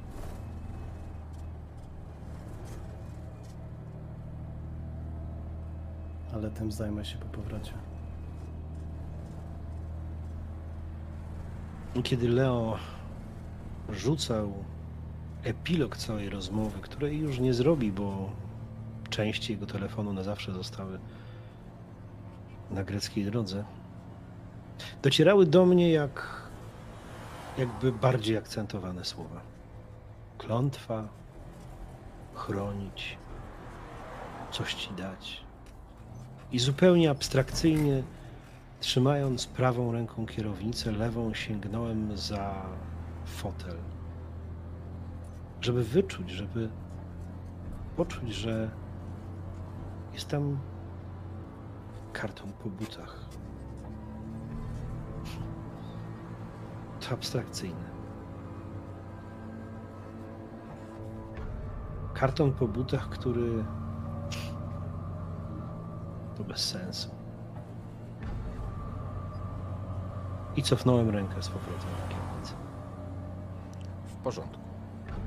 Ruszacie zatem bezpośrednio w kierunku Stambułu. Myślę, że teraz sobie zrobimy przerwę i po przerwie wracamy. Także czas dla Was. Trzymajcie się i widzowie za chwilę wracamy. Raz, dwa, raz, dwa, raz, dwa. I wracamy po przerwie. Mam nadzieję, że wszyscy już są zaopatrzeni we wszystkie niezbędne elementy do śledzenia sesji, a my wracamy z powrotem na drogę krajową, która prowadzi naszych bohaterów w stronę Stambułu. Okej, panowie, jest koło godziny dziewiątej, po dziewiątej, kiedy mijacie zjazd i pierwsze tablice informacyjne na Saloniki. Po prostu pojawiają się na autostradzie raz po raz. Wy, rozumiem, cały czas jedziecie w kierunku Stambułu, za, jakby robiąc postoje tylko wtedy, kiedy musicie i po prostu w ten sposób po- jedziemy. Czy coś chcecie jeszcze po drodze e, zrobić? E, Ja tylko pamiętam, że mam zmienić Marko w trakcie. Mhm. E, To nie ma problemu. Myślę, Okej. że to następuje jakoś w najbliższym czasie. Myślę, że to nastąpi zaraz za, za salonikami. Jakoś tak podświadomie, mimo że ufam Ci bezgranicznie, nie mam właściwie powodu, żeby nie ufać po tych wszystkich wydarzeniach, ale słysząc, że ów Patryk jest, czy chciałby spotkać się w salonikach, jakby będąc podwójnym zabezpieczeniem, chciałbym przez saloniki przejechać, Mhm. po to, żeby, żeby dopiero za miastem się zmienić. Okej, w porządku. Po prostu zostawiacie zjazdy na Saloniki, przejeżdżacie, zostawiając miasto za sobą. I to myślę, że gdzieś tam w okolicach godziny w pół do dziesiątej zatrzymujecie się na jakimś parkingu a, i po prostu się zamieniacie. Następnie ruszacie, jak rozumiem, bezpośrednio już e, do Stambułu. Po drodze tutaj nie było stacji benzynowej, więc gdzieś jeszcze po drodze będziecie musieli zatankować, natomiast w tej chwili jest to zwyczajny zjazd, masa turystów. Bardzo gorąco się robi, jest ponad 30 stopni już, albo w okolicach 30 stopni, to jest mimo wszystko jeszcze dziesiąta, ale to będzie gorący dzień, zdecydowanie gorący dzień. Macie trochę jeszcze zapasów z ostatniego postoju, więc możecie, możecie bez problemu jechać dalej. Rozumiem, że Leo zasiada za kierownicą i ruszamy w dalszą część trasy. Tak jest. W porządku. Zatem, szanowni, przed wami jeszcze jakieś, e, słuchajcie, z 6 godzin do 6-7 godzin jazdy do Stambułu. Jesteście, mm, no powiedzmy, w takiej jednej trzeciej e, trasy, czyli musicie jeszcze przejechać jakieś, powiedzmy, z 600 kilometrów. W każdym razie, myślę, że gdzieś koło południa dalej Leo jest e, za kierownicą. Prowadzisz samochód. Jedno pytanie. Marko, czy ty próbowałeś się zdrzemnąć? Absolutnie nie. Okej, w porządku. Mam wrażenie, że jestem na tyle po wydarzeniach dzisiejszego dnia już nakręcony, że dam radę ze spokojem do, do stanu. To będzie oczywiście partnerowanie Leo e, i jakieś pogaduchy, żeby on e, nie zasnął. Natomiast ja nie mam zamiaru jakoś podświadomie, nawet gdyby oko mi się ćwiczyło, to będę miał wrażenie, że nie, że jednak nie, to nie jest czas na to. W porządku. Jedziecie ciężarówką, więc jedziecie. O, jest, przepraszam. E, jedziecie ciężarówką, więc jedziecie prawym pasem. Tak jak powiedziałem, ruch nie jest specjalnie duży.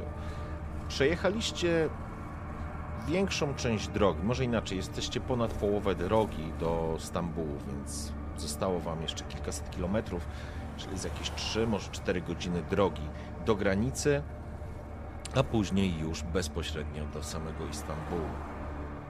Em, przy, za kierownicą jest Leo i jedziecie, jest po 12. Pełne słońce, jest strasznie gorąco, samochody się suną, e, suną po drodze, raz po raz mijacie jakieś zjazdy do miejscowości, e, do jakichś greckich po prostu miejscowości. Kiedy zauważasz, Leo, że zjechałeś po prostu na prawy pas, Jedziesz prawym pasem, wyprzedzasz jedną z ciężarówek, która się e, ciągnie wolno po prawym, prawym pasem. Wyprzedzasz tym, tą ciężarówką. M, Też jesteś, że tak powiem, ograniczony, no ale tacho was nie obowiązuje, więc macie to w nosie, oczywiście zakładając, że was nie zatrzyma policja.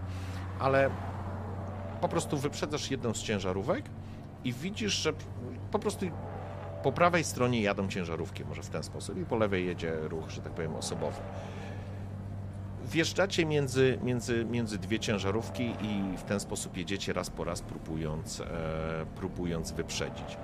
Zauważasz jedną rzecz w pewnym momencie, Leo, że ciężarówki, którą, ciężarówka, która jest przed tobą i ciężarówka, którą wyminąłeś, to są ciężarówki tej e, samej firmy. Jest to jakaś firma spedycyjna, to, to nie ma znaczenia. Ale zauważasz, że zapalają się czerwone światła stopu e, hamowania ciężarówki z przodu, ale to nie jest gwałtowne hamowanie, tylko to jest takie zwalnianie. I widzisz jak po prostu prędkościomierz ci zaczyna schodzić, bo automatycznie również hamujesz, żeby w niego nie wjechać, ale z tych przysłowiowych 190 km na godzinę widzisz, że zaczyna się po prostu e, zaczyna się zwalnianie. I musisz to zrobić, bo po prostu w niego wpadniesz, ale to co zauważasz, to fakt, że samochody po lewej stronie, mm, lewym pasem jadą normalnie. Czyli tam nie ma sytuacji, że coś się wydarzyło, albo ktoś nagle włącza awaryjne, awaryjne światła, jakby coś się wydarzyło. Natychmiast to gwałtowne takie, to znaczy wyczuwalne spowolnienie, Marko, natychmiast zwracasz na to też uwagę.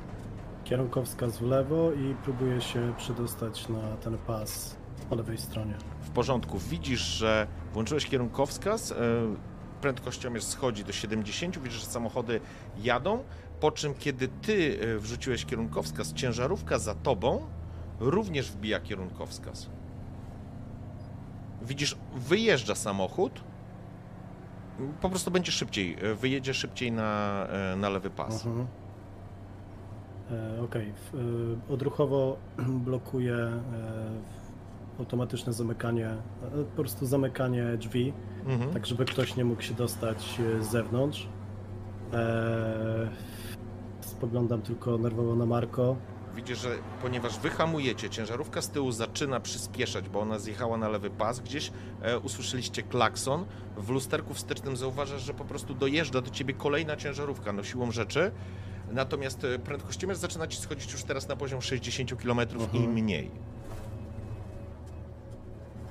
Mm, dobra, rozumiem, że w tej sytuacji nie mogę tak naprawdę nic zrobić, tylko ją puścić. Tak. Samochód, który wjedzie ci po prostu na lewy pas, on w tym momencie ci, wiesz, już jest na wysokości jakby tyl, kontenera, To nie? tak robię. I, ty, i Tak tylnej osi.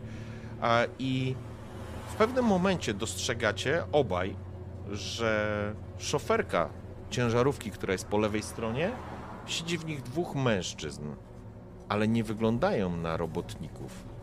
Mają na sobie, jeden jest w marynarce, ma na sobie właściwie nie marynarkę, tylko garnitur, natomiast drugi ma ściągnięty garnitur i widzicie, że jest po prostu w białej koszuli.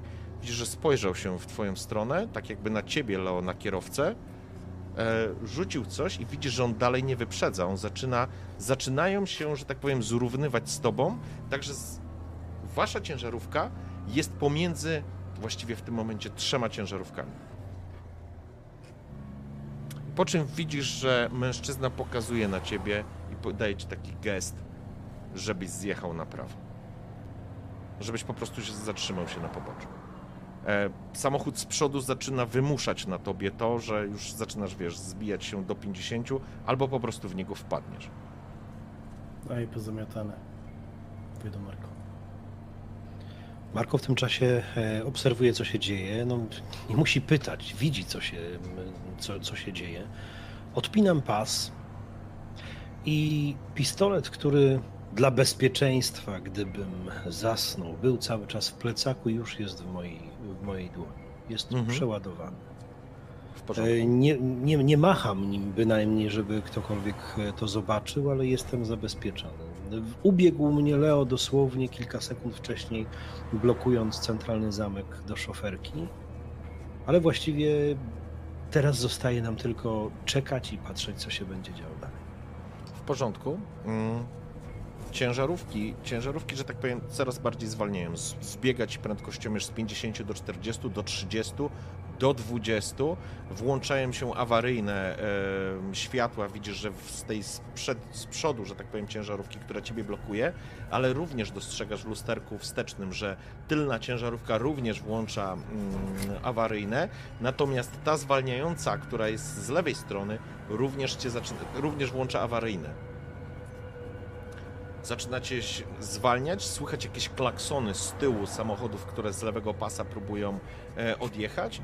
I teraz pytanie, Leo, zatrzymujesz się tak, jak wymuszają na tobie te samochody? No tak. To jest zbyt niebezpieczna sytuacja. W porządku. Samochód z prawej strony, to znaczy ten e, z lewej strony, zaczyna cię lekko wyprzedzać, ten, który blokuje drogę na lewą stronę, tak żeby, żeby zrównał się. I to się mniej więcej dzieje w momencie, kiedy samochód z twojego prawego pasa, ten, który jest naprzeciwko was, e, właściwie przed wami, po prostu niemalże się zatrzymuje. To jest ten moment, w którym ty... Przepraszam. Sorry. Proszę. Marko, to jest ten moment, w którym powinniśmy użyć pistoletów? Masz jakiś pomysł, jak e, Standardowa wykaraskać się? sytuacja. Okej, i teraz tak. W momencie, kiedy ten samochód z przodu zaczyna się zatrzymywać, z lewego pasa on cię wyprzedza, i w tym momencie samochód twój się zatrzymuje. Słyszycie, jak e, hamulce po prostu zatrzymują i słychać takie specyficzne syczenie. Kierunkow, nie kierunkowskaz, tylko awaryjne są włączone. Ciężarówka z lewego pasa wyprzedza ciebie i zjeżdża za ciężarówkę numer jeden, nazwijmy tą, czyli tą, która jest bezpośrednio za tobą. Drzwi z szoferek się otwierają. Kazotto, e, co w tej sytuacji robicie zazwyczaj? Czekaj. Jeszcze czekaj. Wyjmuję broń, przeładowuję ją, Nie gaś silnika. nie gaszę silnika i kładę ją na kolanach. Mhm. dostrzegacie, że, dostrzegacie, że z szoferki wysiedli bardzo podobnie ubrani mężczyźni e, w garniturach, tylko że ci dwaj mają na sobie po prostu garnitury. Ciemne, mają na sobie ciemne okulary, idą w waszą stronę, wzdłuż samochodu. Ruch zwolniony z lewej strony po prostu zaczyna, wiecie, jechać, nie? Wyprzedzają, tam się pojawiają jakieś e, zakłócenia na zasadzie korka jakiegoś z tyłu, ale ponieważ lewy pas ruchu został zwolniony, to te samochody po prostu przejeżdżają.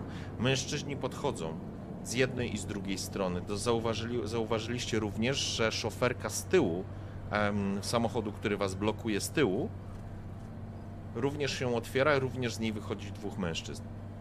Mam pytanie, e, żebym dobrze zrozumiał. Na, na przodzie przed nami są dwa, e, są dwa samochody, czy jest jeden? E, Ten, który blokował cię z lewego pasa, Mhm. zajechał za ten, e, za ten samochód numer jeden. Załóżmy, że ten bezpośrednio przed tobą to jedynka, z tyłu dwójka, a trójka stanęła przed jedynką. Nie wiem, czy teraz to wszystko jest Tak, zrozumiałe. tak, tak, tak, tak. E, czyli rozumiem, że z jedynki i z dwójki, e, jest z jedynki i z tego z tyłu e, wysiadły osoby, a z Tak. trójki, w trójce cały czas siedzą. E, Nie dostrzegasz, oni się mm, Rozumiem. troszeczkę dalej, więc nie widzisz tego. Być może za chwilę wysiądą, oni musieli jeszcze zaparkować, Dobra. więc to pewnie trochę trwa. E, Ile obaj- mamy miejsca przed sobą i za sobą? Dokładnie. E, Wiesz co, mm, to jest kilka metrów, nie? To, to znaczy, Mhm. jeżeli chcesz wyjechać, to prawdopodobnie uderzysz w ten samochód z przodu, ale no wyjedziecie też ciężarówką, więc e, przepchniesz się. Raczej problemem byłoby to, co z, z lewym pasem.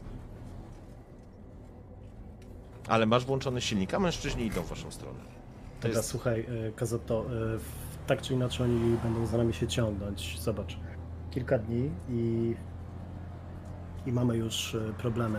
Prędzej czy później musielibyśmy się z nimi spotkać. Jeżeli to jest nasze przeznaczenie, że mamy właśnie teraz e, wystrzelać się na tym, e, w tej zatoczce, to, to niech tak będzie.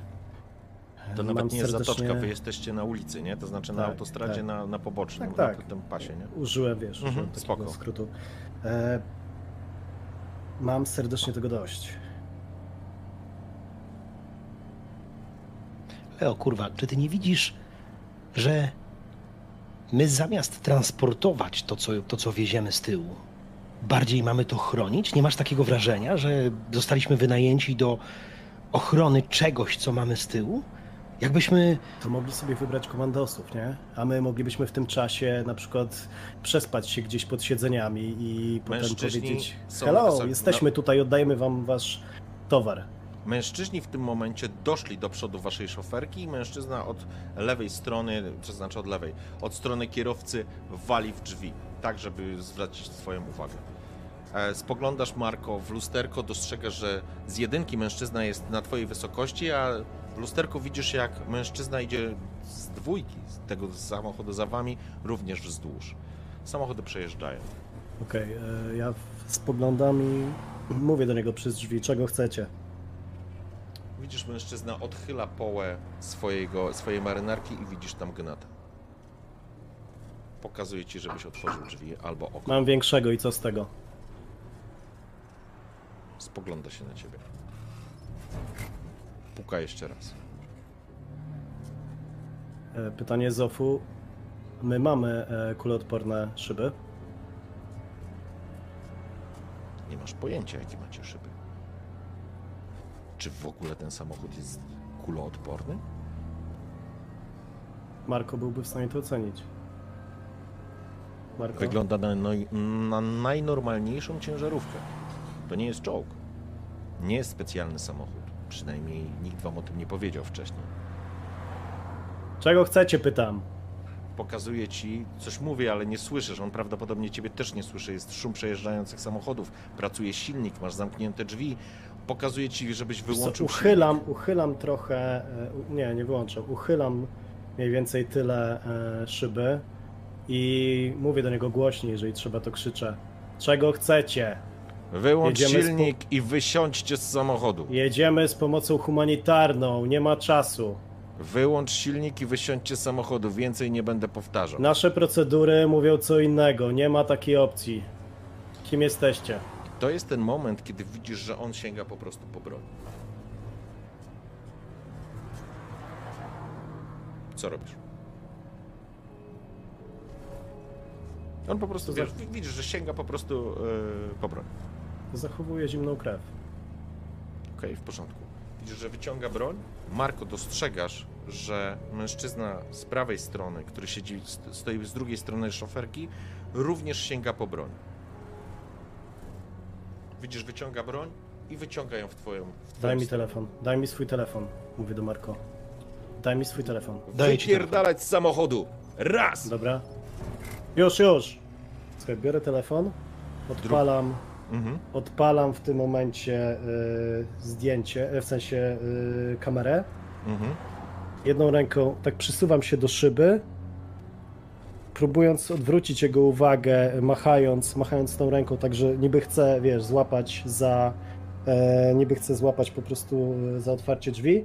Nakierowuję na niego telefon, robię zdjęcie i w tym momencie wysyłam do pierwszego, e, lepszego kontaktu, który Marko ma u siebie w telefonie. Wysyłam z tego MMS-a i mówię do niego, no i co, myślisz, że teraz ze zdjęciem twoim Moment, moment, Leo, moment. Robisz dokładnie tą akcję w tym momencie i teraz chcę, żebyś sobie rzucił na...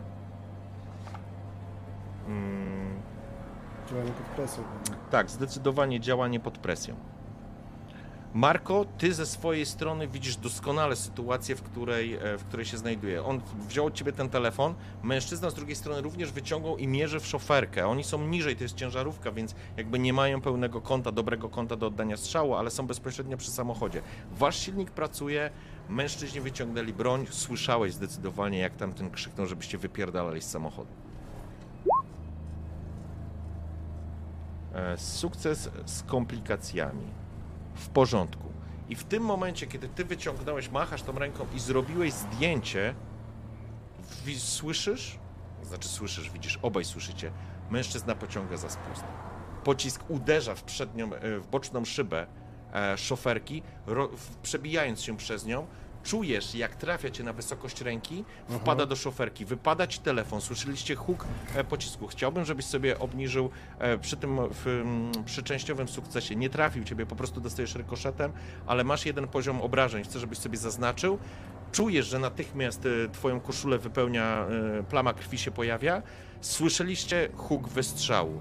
Marko?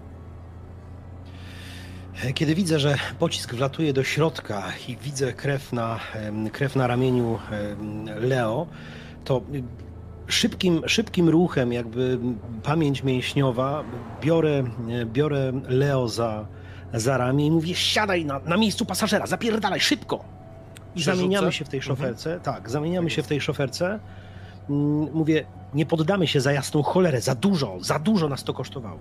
I daję tak naprawdę naciskam, naciskam gaz i naciskam na klakson. To jest Chcę- ciężarówka. Chce- Chcesz się zamienić z nimi miejscami i ruszyć z miejsca, tak? W porządku. Tak, przede więc- wszystkim, ale w momencie, kiedy to robię, naciskam jeszcze na klakson specjalnie. Klakson w, w ciężarówce zawsze jest na tyle głośny, że po prostu no, wszyscy, którzy stoją obok, na pewno będą odczuwali co najmniej dyskomfort. W porządku. I w tym momencie, kiedy ty łapiesz Leo, przeciągasz go, przeskakujesz, próbujesz przeskoczyć przez jego miejsce, słyszysz, jak z twojej strony, z prawej strony szoferki, ktoś łapie za klamkę i po prostu próbuje ją otworzyć, a jest zamknięty samochód.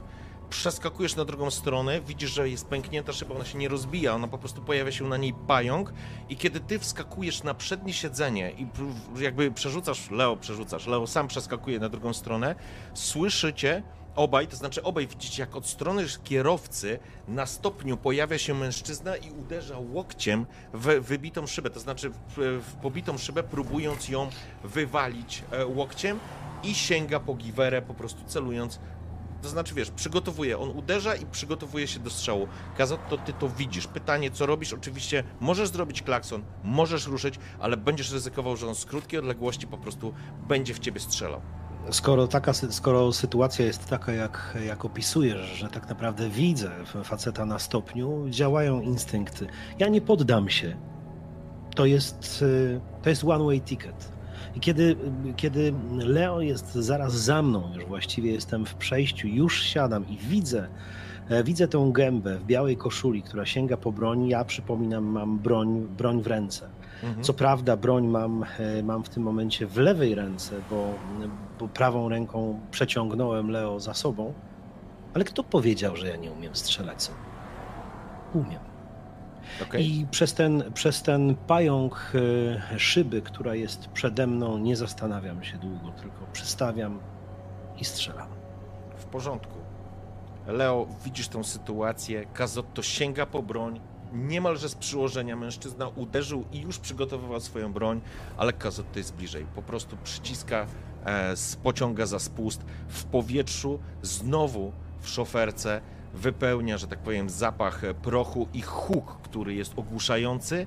Mężczyzna dostaje w tors i spada z tego stopnia. Po chwili wciskasz klakson i wciskasz gaz. Pociski zaczynają uderzać w szoferkę z przodu. Mężczyźni, którzy byli z przodu, waszej, po waszej prawej stronie, zaczynają strzelać i widzicie, jak pociski po prostu pojawiają się pająki na e, szybie e, bocznej e, szoferki. Schyl głowę, schyl głowę, kurwa Leo! No ja w zasadzie leżę tam e, pod siedzeniem, ale pamiętam, że była jeszcze taka sytuacja, że jakiś gość e, po stronie pasażera tam sięgnął, czy wszedł. Czy on tam nadal jest? Nie, on próbował wejść, łapał za klamkę, ale było zamknięte, więc w momencie, Dobra. kiedy padły strzały, oni zaczęli już bezpośrednio Rozumiem. strzelać w waszą szoferkę. Chciałbym jeszcze jedną rzecz, żebyś e, Tomek zrobił. Rzuć proszę na znieść obrażenia, co? Masz e, w tym momencie jeden, minus jeden sobie zrób.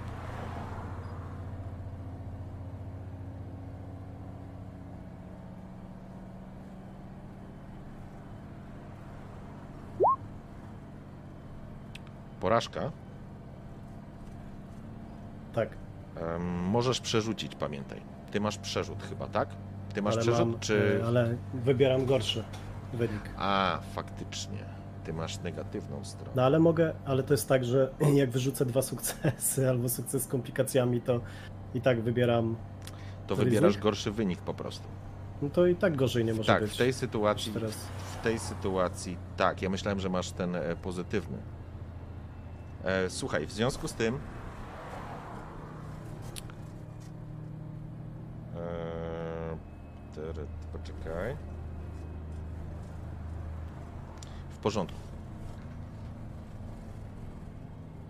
Właściwie ty wybierasz. Ty wybierasz, co się dzieje. Wiesz co, no, co mogę? W tej sytuacji poważną ranę, po prostu rozumiem, że teraz mam drugą poważną ranę już, tak? W tej To sytuacji. znaczy jesteś na, e, to znaczy jesteś na, mm, chodziło mi, chciałem sprawdzić po prostu jak sobie poradziłeś z tymi obrażeniami, ale poradziłeś sobie bardzo źle. Ten pocisk, który, który trafił, Mhm. e, spowodował, e, spowodował sytuację nie najlepszą. Czyli to ogłusza mnie. Po prostu tracę przytomność. Dobrze, przyjmijmy to w ten sposób. Masz poważną ranę zaznaczoną i Tak. Kazotto, ty w tym momencie wciskasz gaz, to znaczy wciskasz klakson, natychmiast roznosi się ryk gdzieś tam na zewnątrz, ponieważ szybę już właściwie macie wybitą. Słychać pisk opon gdzieś za tobą, a ty wciskasz gaz. Chciałbym, żebyś sobie rzucił na em, działaj pod presją. Zobaczymy, jak wyjedziesz stąd.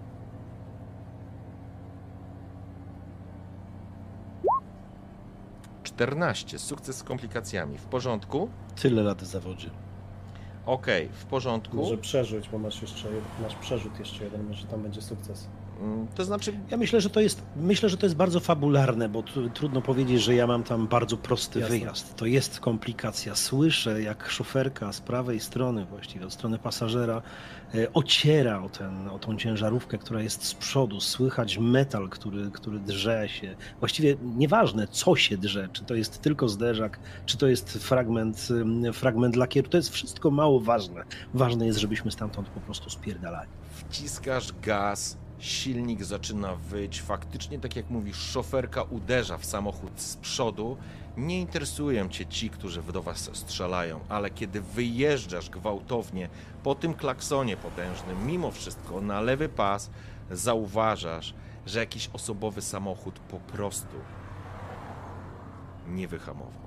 i kiedy wyruszasz, zajmując lewy pas, widzisz jak w boczną, jakby tak pod kątem, wbija się w część waszej naczepy i w ten kontener, nie w kontener, tylko po prostu on uderza z impetem i widzisz tylko po prostu jaka się miazga robi z tym samochodem. Czujecie to uderzenie, ale jesteście w ciężarówce. Samo, sama naczepa nie została na tyle uszkodzona, ale Kazotto dochodzi do ciebie, że ci biedni ludzie, którzy tam jechali, rozsmarowali się o twój samochód. Gaz, ruszacie. Widzisz, że Leo z, z, traci przytomność. Być może na skutek szoku.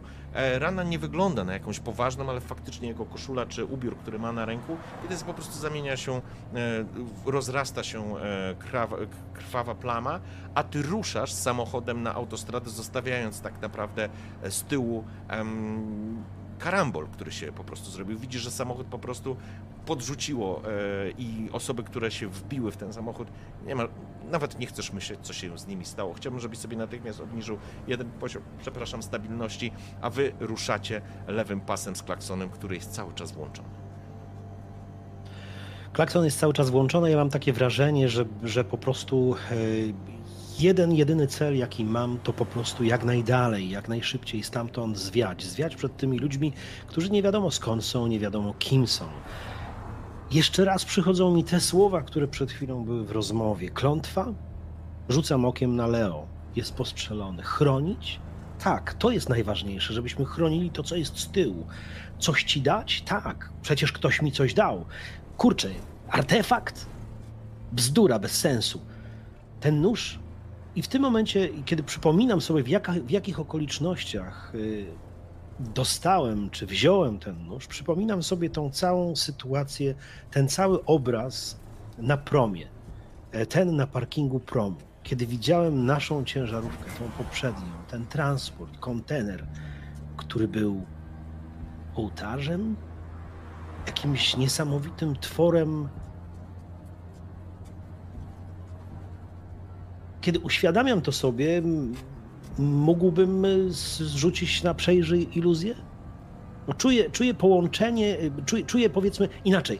Czuję, że wewnątrz y, jakaś część mnie chciałaby prosić siły, o których nic nie wiem, Mhm. siły, których zupełnie nie znam, ale które kątem oka widziałem tam na promie. Te, które mamy chronić. Być może to jest ten moment, że to, co my mamy chronić, powinno chronić w tym momencie nas. Dobrze, w porządku. Zapraszam. Rzuć sobie na przejrzyj iluzję. I can fly. Zaraz będzie.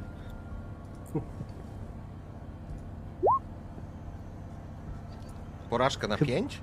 Porażka na pięć. Wspaniale. E, czy chcesz to przerzucić? Masz taką możliwość. Chcę to przerzucić. Zapraszam. To jest chyba ten moment.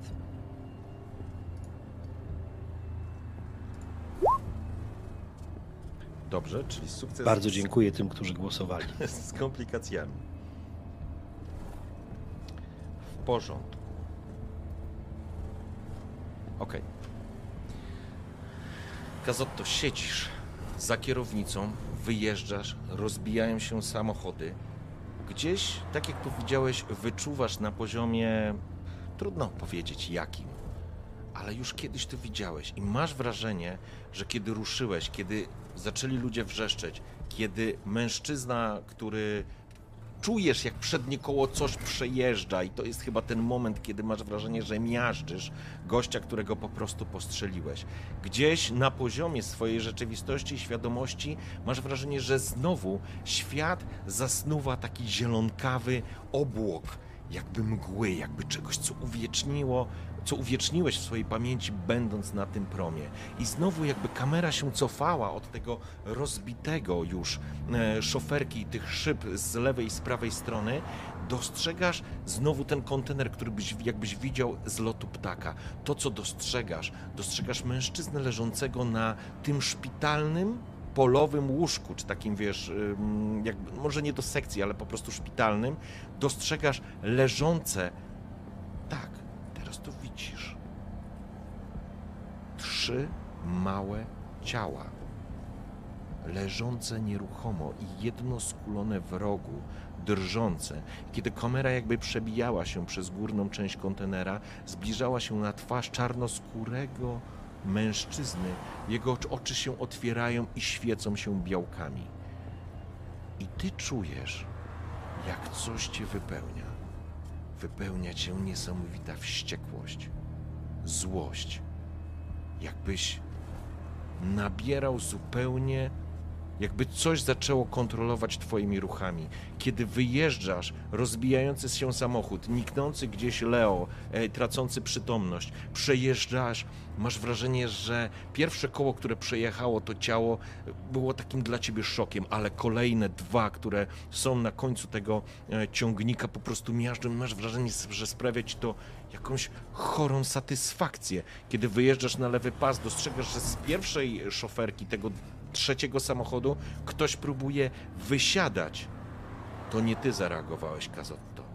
Jesteś przekonany, masz nadzieję, że nie ty, bo widzisz, jak twoje ręce zaciśnięte na potężnym kole kierowniczym tego pojazdu po prostu skręcają w prawo. Mężczyzna, który próbował wysiąść, zostaje wbity w boczną szoferkę, a drzwi, które otworzył, po prostu rozerwane, urwane wypadają na, na ulicę. Dajesz gaz, ścisz, ściszasz całkowicie, wycisza się, jakby odszedł od ciebie dźwięk tego klaksonu. Dostrzegasz tylko, jak potężna ciężarówka w, doło, w, w, wjeżdżasz w ruch, to znaczy dołączyłeś się do ruchu, mężczyzna i to, kto, kto został w tej szoferce, widziałeś po prostu tylko jego przerażoną twarz, ludzką twarz jak najbardziej, chociaż kiedy się przyjrzałeś, nie, to niemożliwe. Po prostu bluzga krwi zmiażdżonego człowieka po prostu pada na szybę. Ty ruszasz dalej. Za wami pojawia się karambol. Samochód, który w, y, się rozbił w was, skutecznie po prostu zablokował drogę. Wy daje, dajesz gaz. Słyszysz, jak ciężarówka po prostu rusza i masz wrażenie, że poruszasz się w jakimś ciemnym tunelu, wypełnionym zielonkawym obłokiem. Spoglądany albo patrzysz przez oczy zalane bielmem, które prowadzą ciebie, Kazotto. I wiesz, że nie masz nic wspólnego z człowiekiem, którym byłeś. Wypełnia cię wściekłość, chęć mordu. Gdybyś mógł, wbiłbyś wsteczny i przejechał jeszcze raz to ciało. Jedziesz pełnym gazem lewym pasem. Coś, co cię po prostu wypełniło. Zostawia za tobą karambol i te samochody. Droga jest zablokowana. Ktoś próbował się zatrzymać. Próbujesz przejąć nad tym kontrolę, Kazotto. Masz sukces, więc pozwolę ci zatrzymać się albo wymusić drogę samochodom z przodu, a nie je taranować, bo byś najchętniej ich wszystkich pozabijał.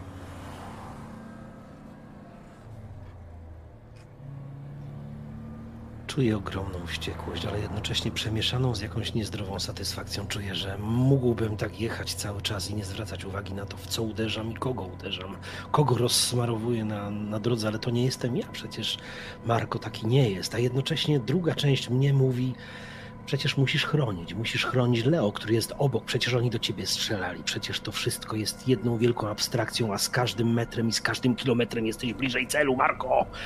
Jestem bliżej celu, jestem bliżej tego, żeby osiągnąć koniec, koniec tego całego gówna, który jest za mną, z każdym metrem.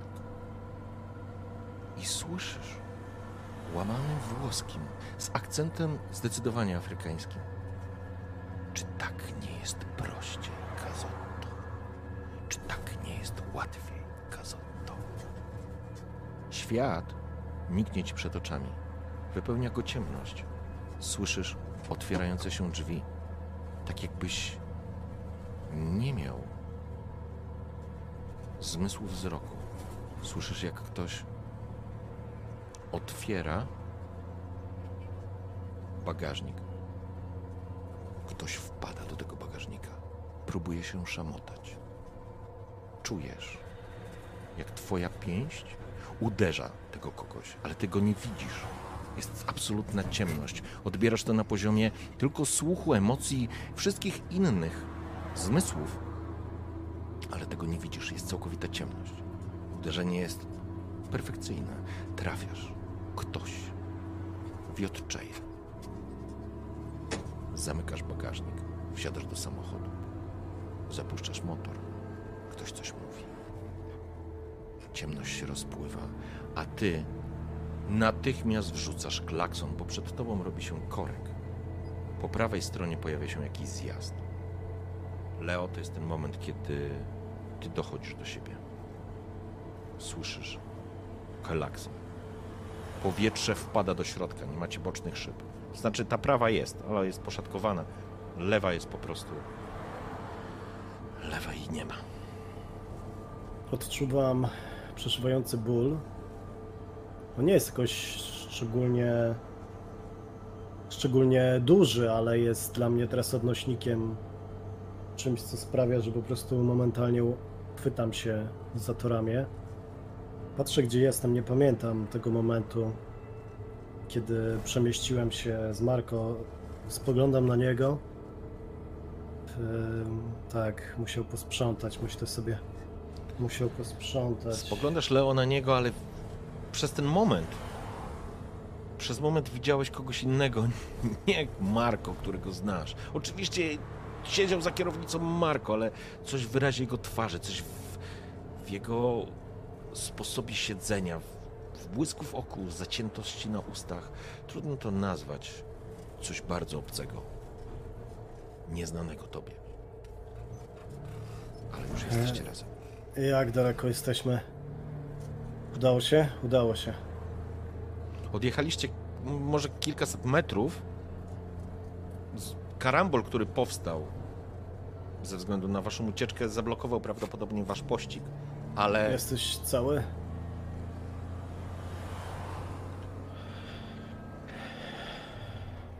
Marko nie może wymówić właściwie żadnego zdania, bo jakaś część jego jeszcze jest zawieszona w tym śnie, wizji, tunelu, gdzieś pomiędzy światami i pomiędzy jestestwami, swoim i zupełnie obcym. Zjeżdża na bok, przynajmniej na chwilę. to znaczy, to jest zjazd, słuchajcie, z, y, po prostu zjazd, nie? To jest Mhm, zjeżdżycie z, z drogi, z autostrady na jakąś boczną drogę, ponieważ no, przed wami robi się korek, nie? Ewidentnie. Nie przejedziecie tego chyba, że będziesz ich taranował. Nie?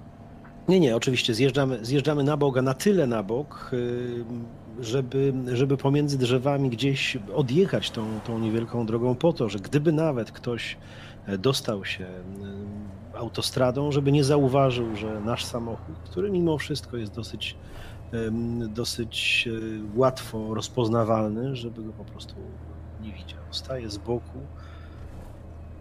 Dopiero wtedy dostrzegam, że Leo właściwie jest już, e, jego koszula jest mocno zalana krwią. To właściwie jest moment, w którym hmm, wracam do siebie samego. Kiedy puszczam kierownicę, ręce mi się trzęsą, bo nie wiem, co się stało tak naprawdę. Kto był we mnie albo w kim byłem ja. Leo, to ja się pytam, czy, czy z tobą wszystko w porządku? Postrzał dostałeś. Pokaż to. Nigdy lepiej się nie czułem, nie widzisz? Zobacz. Widzę właśnie. Czekaj, tu mamy apteczkę tu z tyłu. Sięgam za, za fotel tam, gdzie powinna być apteczka. Rzeczywiście apteczka jest, ale jednocześnie e, wyciągając apteczkę, mm, poruszam karton, o którym zupełnie zapomniałem. Karton po butach, z którego między nasze siedzenia wylatuje nóż. To był dosłownie ułamek sekundy, kiedy na niego spojrzałem. Podałem apteczkę, wyciągam bandaż, wyciągam e, wyciągam medykamenty po to, żeby, żeby mu pomóc. Chodź, opatrzę cię chociaż prowizorycznie. No, wiesz, no, musimy zatamować tą krew. Pomagam mu, w zasadzie oddaję się w jego okej. ręce. Zauważasz natychmiast, Marko, że nie jest to poważna rana. Oczywiście pocisk przeszedł, ale jest to powierzchowny. Rozorał mu na wysokości bicepsu ramię, ale to nie jest pocisk, który został w środku, absolutnie, więc jesteś w stanie go, e, wykorzystując apteczkę, mm, opatrzeć tak, żeby zatamować krwawienie. To jest ten moment, w którym siedzicie gdzieś, wiesz, zjechaliście z tej drogi, jesteście na jakiejś pobocznej drodze, nie ma tutaj zabudowań, przejeżdżają raz na jakiś czas samochody. Każda minuta zamienia się w godzinę, bo nie jesteście daleko od miejsca tego napadu, ale bandażujecie się, patrzycie na samochód. Samochód, y, no, Nie wygląda dobrze. Boczne szyby to najmniejszy wasz problem, ale na przedniej szybie jest jeszcze krew i masz wrażenie, Leo, jak się przyglądasz, że na po prawej stronie jakby nie dość, że została uszkodzona trochę mm, struktura tego, e, tej szoferki, masz wrażenie, że tam znajdują się jakieś resztki. Dobra, zaczynam wymiotować. Rzuć sobie na... się. Tak, tak. Ja bym myślę, że to jest na weź w garść, e, ale to nawet... e, Tak. Myślę, że to nie jest e, efekt rzutu. Chciałbym, żebyś od razu sobie Po stabilność prostu, no. obniżył i tak samo Kazoto to jest również, e, również u ciebie. A, ale ty sobie rzuć. Masz porażkę. Ojej, masz porażkę. Super. A u ciebie Kazotto? Mam Racjonalny. też rzucić? Tak, jesteś racjonalny do bólu, ale wydarzenia, które miały miejsce, dopiero teraz do was dochodzą. Z każdą minutą, kiedy ta sytuacja się trochę rozwleka, kiedy adrenalina opada, w przypadku, w przypadku naszego Marko, wybierz sobie, co się dzieje. Otwórz sobie ruch i chciałbym, żebyś sobie wybrał, co racjonalny Marko, co się z nim dzieje właśnie w tym momencie. I zaraz wrócimy do Leo.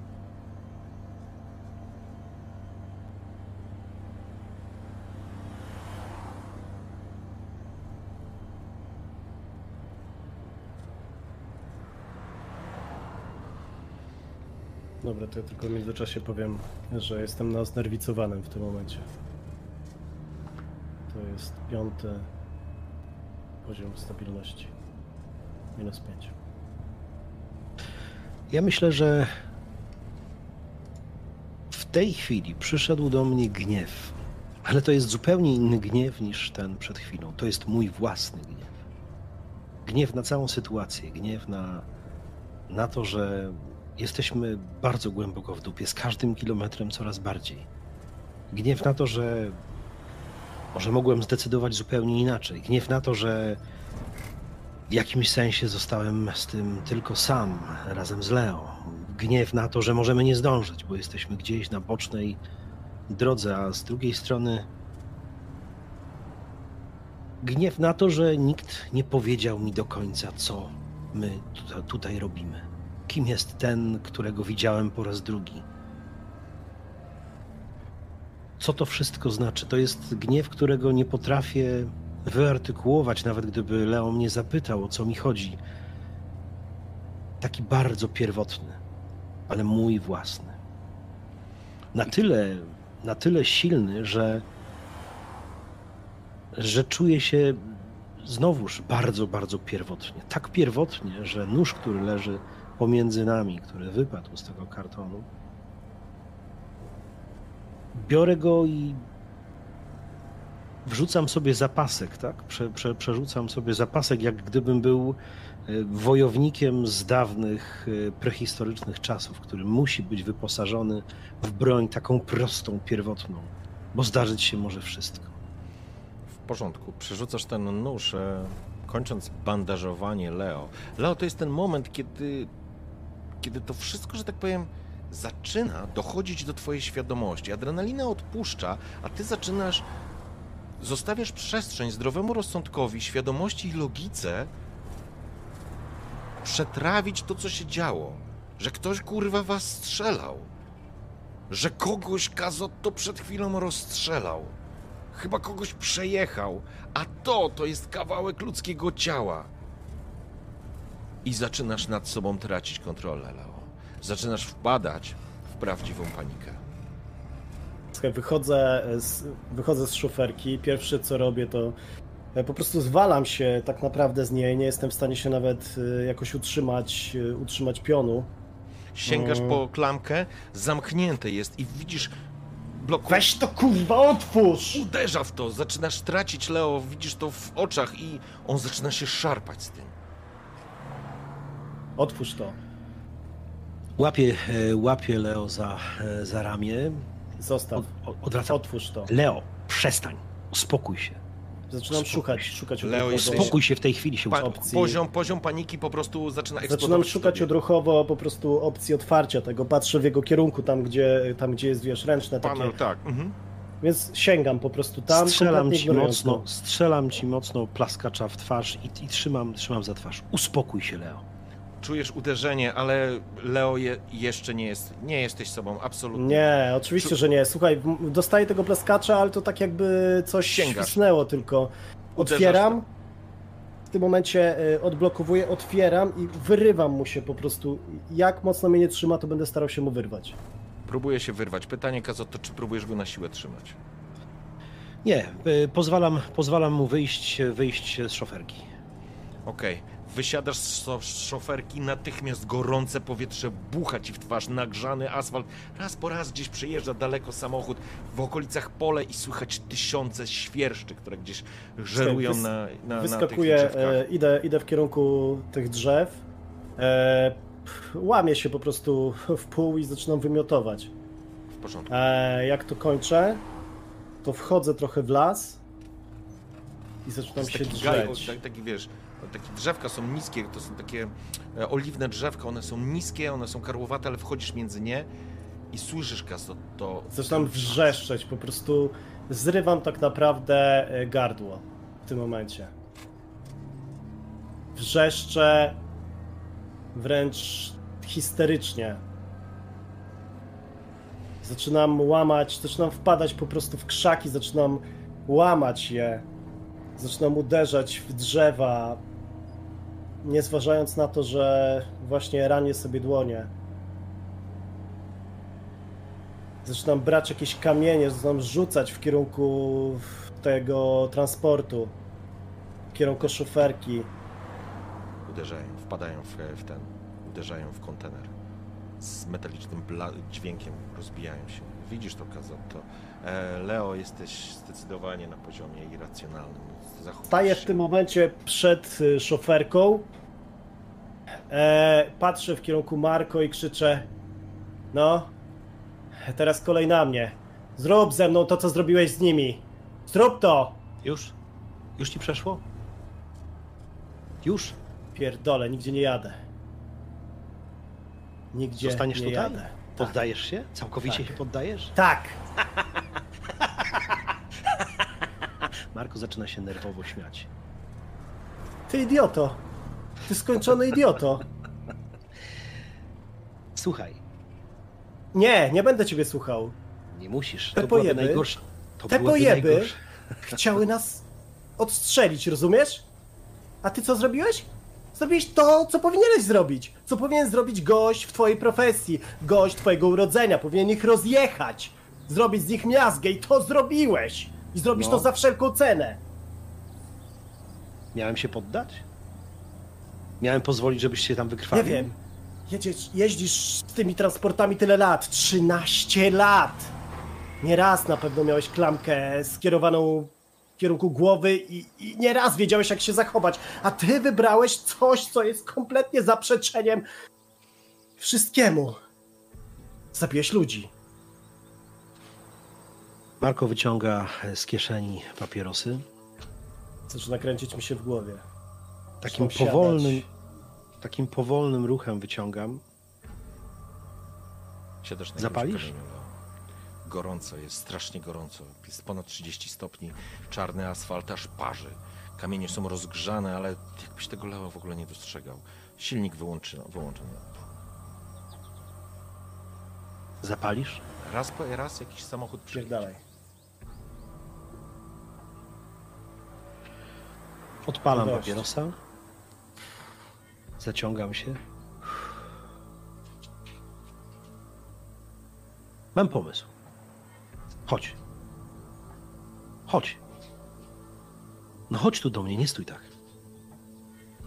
Chcesz tu zginąć? Chcesz tu zostać? Dobry pomysł. Zostanę razem z tobą. Powiedziałem, że cię nie zostawię, kurwa. Rozumiesz? Będziemy tu sami. Poczekamy, aż te pojeby tu przyjadą. Nie ma problemu. Przecież ich rozjechałeś. Nie wszystkich, kurwa, rozumiesz?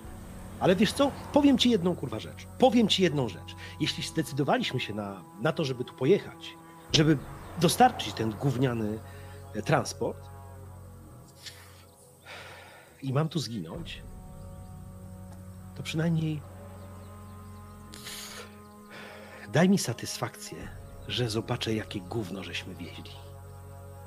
Rozumiesz? Leo, wybuchasz śmiechem. Jesteś na No tak, poziomie jest racjonalnym. Mhm. Śmiej się, kurwa, śmiej się, masz takie prawo. Masz prawo tu usiąść, masz prawo mnie pierdolić, masz prawo po prostu zlać to wszystko. Masz prawo iść sobie w cholerę między drzewa. Ja już nie mam żadnego prawa, wiesz. Zobacz. Zastrzeliłem jednego gościa, rozjechałem paru innych. Jeśli to była jakakolwiek droga w jedną stronę, to dla mnie ona się skończyła właśnie teraz. To po cholerę Słuchaj. będę jechał dalej sam. Drzewa umierają stojąc, my umieramy jadąc. Jestem za tym, tak, otwórzmy to. Tak? No to chodź, no to chodź, pobawmy się, kurwa, chociaż na, na sam koniec, dobrze? Zobaczmy, zróbmy sobie imprezę, dobra?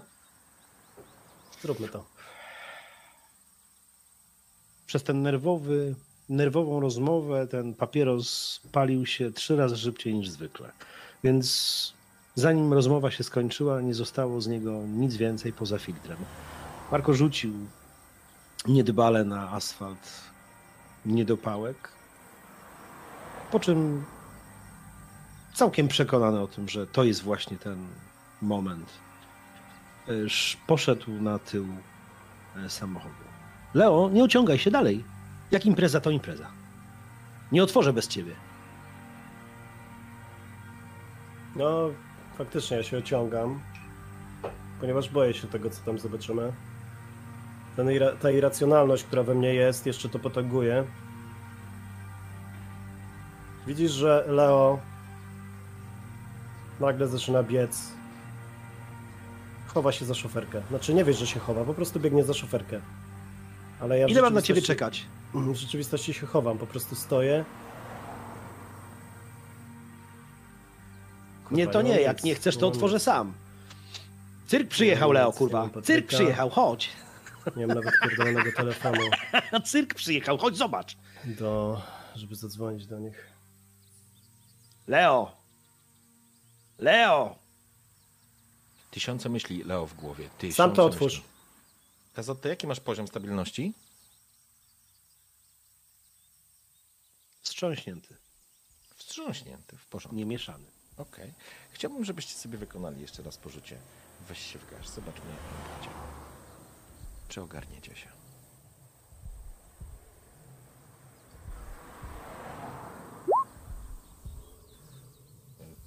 Kto taki sukces? Marko. Och. Och. Och. Jak mam, jak mam ci to powiedzieć? Wziąłem się w garść za 19. W porządku. Mm. Gazotto, stoisz przy tym. Stoisz przy. przy kontenerze. Jest plomba oczywiście, ale to żaden problem. Możesz to po prostu zerwać i to otworzyć. E, Leo nie udaje ci się opanować absolutnie. To znaczy, chodziło mi o to, że tu nie ma krytycznych, jakby nie ma sytuacji, w której dokładam wam jeszcze. Absolutnie nie. Chodzi mi o to, czy łapiesz balans. Nie, Leo, nie łapiesz. Jesteś, jesteś za tą szoferką i tak naprawdę y, to, co sobie wkręcisz, zaczyna przybierać rzeczywiste, y, rzeczywisty obraz. Mogę to odegrać? Proszę bardzo. Czy najpierw Kazotto? Kazotto, ty stoisz i wiesz, y, po prostu zaczynasz łapać kontakt z rzeczywistością. Jesteś oczywiście rozwalony, rozjechany, ta cała sytuacja jest przytłaczająca, ale ty wracasz do siebie tak naprawdę. Zaczynasz łapać kontakt z rzeczywistością, natomiast Leo absolutnie nie. Ty o tym jeszcze, Kazotto, nie wiesz, ale to jest ten moment, w którym może się przekonasz. Leo. To, to pozwól mi, Leo, jeszcze jedną rzecz tylko powiedzieć. Kiedy łapię ten kontekst i czuję, że właściwie to jest jakaś paranoja, w którą obydwaj żeśmy wpadli ca- całkowicie, wiem, że to byłby najgłupszy, to byłaby najgłupsza decyzja, jaką bym teraz podjął, żeby to otworzyć. Ale muszę odegrać to do końca, więc y, krzyczę: Leo, dobra, jak nie chcesz, to otwieram sam. Sam otwieram i uderzam właściwie z tyłu, z tyłu w, w drzwi, tak jakbym je otwierał. Oczywiście wiem, że Leo tego nie będzie widział, więc uderzam y, kilkukrotnie. O kurwa, nie uwierzysz! Poczekaj. Kazotto, poczekaj, przeskakujemy do Leo. Usłyszałem. Dobra, po prostu masa różnych myśli. Pamiętam w porcie w Neapolu widziałem te postacie, które wchodziły do środka. Wiedziałem, że wśród nich była ta starucha. Nie wiem, co to dokładnie oznacza, ale zaczyna zaczyna się robić duszno. To nie tylko kwestia tego, że jest gorąco, że jest ten, e, że to jest upał, ale kiedy spoglądam w kierunku tych oliwnych drzewek, to widzę jak za nimi kryją się jakieś postacie. Widzę jak e, stą, stąpają z nogi na nogę, jak e, szelesz, szeleszczą strojami, które mają na sobie. E, Ubrane są w, w jakieś plemienne. Wie, wiem, że są przeciwko mnie. Sięgam po broń. E, Ręka trzęsie mi się i wchodzę do szoferki, ale wchodzę od strony kierowcy. Mhm. E, Wsiadam tam i zaczynam, zaczynam szukać możliwości e, czegoś, jakoś powiedzenia, coś przez, wiesz, przez jakieś radio. Okej, e, myślę, że CB Radio będzie na pewno. E, natomiast e, Kazotto rzuciłeś to, uderzyłeś parę razy, rozniosło się to echem i słyszysz, bo nie sposób, żebyś nie słyszał, że otwierają się drzwi i zamykają się. Ktoś wsiadł do szoferki. W tym momencie wiem, że to. Że może być sytuacja, że on mnie tutaj zostawił. Albo wszedł do szoferki ktoś inny. Albo kurwa wszedł do szoferki ktoś inny. Słyszałem wyraźnie, że drzwi zamknęły się po stronie kierowcy.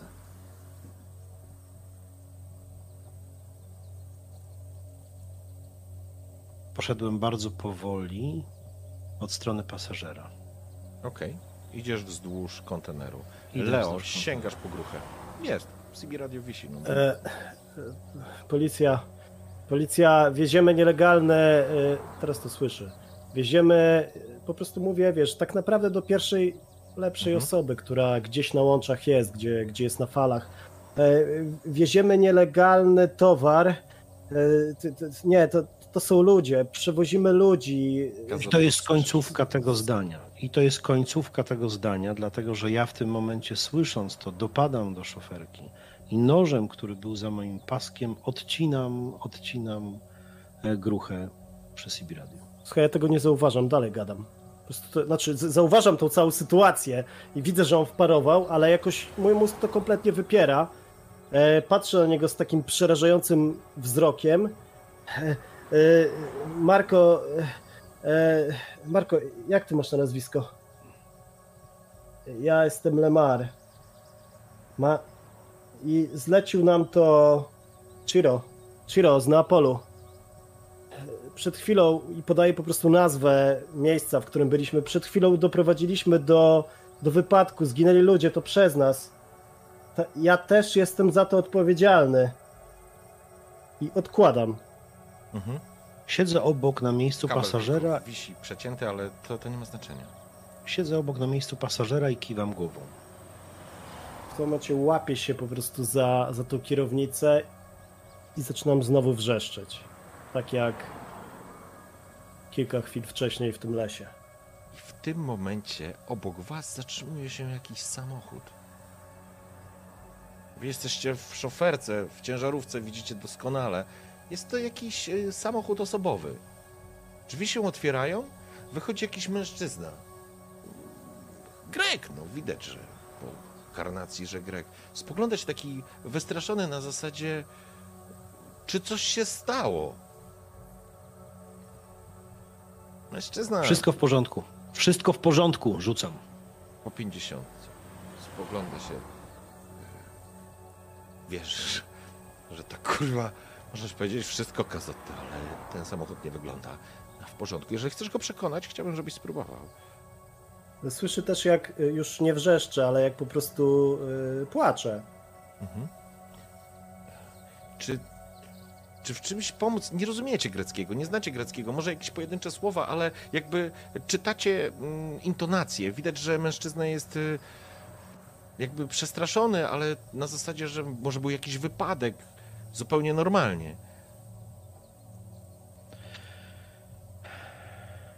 Biorę głęboki oddech, wysiadam z szoferki, podchodzę do faceta bardzo spokojnie. e, poklepując go jak południowiec po plecach, y, pokazuję mu napis Save the Children. I mówię: Bueno, bueno. E, zapraszam. Sprawdźmy, jak ci pójdzie, Marko. E, wpłyń na innych. Ponieważ samochód wygląda tak, jak wygląda, masz minus dwa. Aż tak mnie każesz. Dobrze, niech będzie.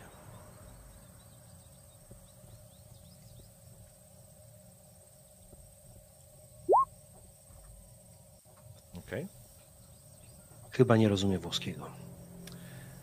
Absolutnie nie rozumie, ale widzisz, jak zrobił się blady. Nie wiesz, czy to efekt, że na twoich ciuchach są jeszcze resztki krwi Leo, czy może zobaczył resztki zmiażdżonego kierowcy na szoferce, czy może uświadomił sobie, że masz za paskiem nóż. Nie ma zielonego pojęcia, ale Grek jego śniada, spalona słońcem, skóra na twarzy, masz wrażenie, że zrobiła się blada, a jego żuchwa zaczęła drżeć. Mówi coś, zaczyna mamrotać, jest przerażony i stara się pokazać, że wszystko jest w porządku, ale się cofa do samochodu. Kiedy się cofał do samochodu, wiem, że musimy przejść na język międzynarodowy. Język międzynarodowy w tym wypadku będzie poklepywaniem go po plecach i pomaganiem mu znalezienia się w jego samochodzie jak najszybciej. E, I na do widzenia rzucam mu fuck you amigo, żeby wiedział dobrze, że niekoniecznie chciałbym, żeby dłużej tutaj przebywał, a my musimy jak najszybciej po prostu stąd pojechać. Kiedy wsadzasz go do samochodu, on wciska gaz i po prostu odjeżdża. Odjeżdża z tego miejsca najszybciej, jak to tylko może. E, Wierzę, że dzielą was w tym momencie może minuty od tego, kiedy odjedzie wystarczająco daleko, żeby się zatrzymać i sięgnąć po telefon. E, Kiedy, kiedy on się zatrzymał, zatrzymał się oczywiście po stronie. e, Po Jeszcze się stronie nie zatrzymał. szoferki. Jeszcze się Nie, nie nie, nie. zatrzymał. Aha. Kiedy, kiedy wcześniej, wcześniej zatrzymał się ja, ja podszedłem, podszedłem do samochodu, to oczywiście jestem po stronie, po stronie szoferki, po stronie Mhm. Dlatego teraz podchodzę do, do drzwi, otwieram drzwi i mówię: przesuń się, Leo. W tym stanie nie jesteś w stanie prowadzić. Musimy pojechać. Musimy, muszę cię zabrać do szpitala. Usiądź, zaśnij, pojedziemy. Wszystko będzie w porządku. Przesiadam się, ale patrzę takim zrezygnowanym e, wzrokiem na niego. Ale to się musi skończyć dzisiaj. To się skończy, uwierz mi, to się skończy, bardzo szybko się skończy. Ja już też mam tego dosyć. To się naprawdę. Jesteśmy blisko finału. Jakkolwiek by to kurwa nie brzmiało. Zamykam za sobą drzwi, odpalam silnik. Jak na ten stan, w którym jest to auto, silnik odpalił się momentalnie. Wiem, że nie mogę wrócić na autostradę, bo to bez sensu. Tam utkniemy w korkach, więc więc po prostu jadę tą drogą jak najdalej, szukając możliwości, patrząc na znaki. Wiem, że Leo mi nie pomoże w tej chwili. Możesz odpalić powiedzmy, z sobie, mapą. wiesz, coś takiego jak, GPS-a. jak mapę Google, nie? Nie No ma tak, problemu. tak, odpalam. Odpalam jak najbardziej, szuka, szuka, mieli, mieli, mieli, znajduje jakąś drogę, rzeczywiście jakimiś podrzędnymi drogami będziemy jechać. W końcu gdzieś za jakiś czas znajdziemy e, zjazd na autostradę. Bardzo dobrze. Wrzucam, jedziemy. W porządku. Ruszyliście z tego miejsca, zostawiając za sobą cykady, drzewko oliwne, ten kamień i dużo innych rzeczy, które chcielibyście zostawić za sobą. Powietrze wpada do e, waszej ciężarówki, do kabiny. Jakby jest bardzo gorące, ale pęd wiatru troszeczkę daje wam e, złapać, złapać oddech. To jest też ten moment, w którym Leo oczywiście jesteś rozjechany, potrzebujesz odpoczynku, zdecydowanie, ale na tym poziomie tej swojej racjonalności jesteś w stanie zacząć logicznie myśleć. W sensie zaczynasz wracać do siebie na tyle, że, że potrafisz wyciągać jakieś wnioski z tego, co się dzieje. Podróżując tą drogą, odjedziecie od miejsca, które, które zostawiliście za sobą, myślę, że niedługo po tym no, gdzieś słyszeliście również jakieś sygnały gdzieś w oddali. Em, ale to jest kwestia czasu, aż ktoś was po prostu zatrzyma. Jedziecie drogą. I teraz poproszę 5 minut przerwy ja higienicznej i wracamy za 5 minut. Dobra. I wracamy po krótkiej przerwie. Panowie, tylko tak informacyjnie, żeby wszyscy wiedzieli, kiedy odjechaliście, podróżujecie przez no, jakąś chwilę, ile kilkanaście, może kilkadziesiąt minut, mm, ale mm, jesteście w stanie trochę tej pary upuścić, nie jesteście już na, na maksa, więc tak e, jak mówiłem w przerwie, możecie sobie zrzucić po jednym poziomie swojej stabilności, mm, to znaczy ulepszyć ją, polepszyć. E, i gdzie jesteśmy teraz, y, Kazotto? Gdzie ty jesteś? Bo w poważnym stresie musisz być na pewno. Mm, Więc jeżeli to miałoby wejść na umiarkowany stres, to nie. To się nie zgadzam, ale w przypadku irracjonalna zatrwożonego możemy wejść. Ty dalej będziesz utrzymywał się w krytycznym, a ty powinieneś być w poważnym, z tego co kojarzę. No ja jestem w tym momencie, jeżeli mogę zdjąć w dół, to jestem wstrząśnięty, więc jestem w poważnym. ale Dobrze, okej, w dosyć- porządku. Mhm. Ja zatrwożony. Mhm. Czyli cały czas jest krytyczny stres u mnie. Ale już nie widzę ludzików. Jest jakiś plus tego. E, Dobrze, E, szanowni, e, podróżujecie na szczęście na razie bocznymi drogami, ale wiesz, że GPS doprowadzi cię mm, za chwileczkę do bardziej uczęszczanych dróg, więc musicie podjąć jakąś decyzję, co dalej robić i jak to robić. Do granicy macie około 200, powiedzmy 10 kilometrów. To ja króciutko tylko opiszę, co dzieje się z Leo. Mhm. A Leo w tym stanie przyjmuje taką pozycję bardzo bierną. Oczywiście cały czas kołaczą mu się w głowie, mnóstwo myśli kołaczy mu się, ale mimo wszystko dla niego punktem odniesienia jest ten człowiek, który siedzi z boku. E, Na tą chwilę przestaje rozpamiętywać ostatnie chwile, ostatnie wydarzenia. Oczywiście one są ze mną cały czas, ale przestaje się jakby babrać w tym, bo kiedy stałem przed, e, przed szoferką, kiedy byłem oparty plecami i kompletnie nie wiedziałem co zrobić, to wtedy te ostatnie minuty, ostatnie kwadranse po prostu wręcz buzowały we mnie. W tej chwili próbuję się uspokoić. Chociaż wiem, że to nie nastąpi szybko, to na pewno nie będę chciał czegokolwiek robić. Na dobrą sprawę będę bardziej zdany na, na to, co powie Marko. I będę skrycie miał nadzieję, że nie będzie mnie pytał o zdanie. Ja myślę, że on też widzi, w jakim jestem stanie. Eee, a jak to się objawia w moim ciele? Myślę, że objawia się to w ten sposób, że zaczynam cały czas po prostu ściskać mocno swoje dłonie. Wręcz e, kiedy masz sekundę, żeby spojrzeć jadąc, a potem kiedy na chwilę się zatrzymamy, będziesz widział, to widzisz, że moja postura się pochyliła do przodu, że jestem przygarbiony. Widać po mojej twarzy, choć na, mm, na mojej twarzy nie widać na co dzień lat, które mam, te 40 parę. Wyglądam na dużo młodszego gościa. To teraz widać na mojej twarzy, że jakbym był po prostu 50-60-latkiem. Widać po moich niepewnych ruchach. Widać to będzie jeszcze przez jakiś czas, w tym jak będę szedł za tobą, jak będę snuł się bardziej jak cień.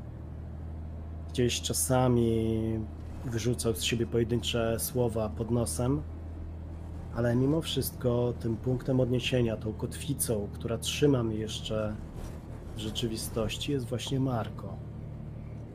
Ja w tej chwili nie mam nikogo. Nie mam swojego zdrowego rozsądku. Nie mam Patryka, który został wymazany przynajmniej na ten czas po tym, jak wyrzuciłem swój telefon. Nie mam Weroniki, nie mam Moniki, nie mam żadnych przyjaciół, nauczycieli, z którymi utrzymywałem jakiekolwiek kontakty. Nie mam mojej rodziny. Mam Kazotto, któremu rano i wczoraj powiedziałem słowa o wsparciu, od którego usłyszałem słowa o wsparciu. I chociaż mam ochotę, mam ochotę uciec w pierwszym możliwym momencie, po prostu uciec i zaszyć się gdziekolwiek pod jakimś mostem i być może skończyć twój żywot właśnie tam. To świadomość tego, że jest tu Marko, daje mi jednocześnie poczucie, że jeszcze stąpam po tej części żywej, a nie jestem w zupełności we wspomnieniach, nie jestem w zupełności pod ziemią. W porządku? Jest to mocna kotwica, to znaczy mocna. Jakby w tej całej sytuacji, w której się znajdujesz, jak najbardziej. Okej. Więc panowie, przejrzyjcie, jakie macie możliwości w tym momencie, co możecie zrobić, bo jakby czas działa na waszą niekorzyść, macie tego świadomość. To kwestia czasu tak naprawdę, bo kiedyś szczęście wam się skończy i po prostu zatrzyma was policja. Ten samochód wygląda tak, jak wygląda. I to jest jakby jedna rzecz. Teraz jesteście jeszcze na bocznej drodze, za chwilę wjedziecie na bardziej uczęszczane. Do granicy jest 200, tam 10 kilometrów. Co możecie zrobić? Pierwsza rzecz jest taka, że kiedy widzę zgarbionego Leo, kiedy widzę, jak bardzo nieporadny jest, kiedy widzę, bo to się da wyczuć, że jest całkowicie poddany, właściwie gdybym kazał mu podskakiwać, to chyba zacząłby podskakiwać. Gdybym powiedział zatańcz, to pewnie by zatańczył. Jak bardzo przypomina mi teraz mojego brata Sebastiana, całkowicie zależnego ode mnie całkowicie. Tak, on wygląda zupełnie inaczej. Jest czarnoskórym, postawnym facetem. Jest od niego dużo starszy, ale. Ale to głupie.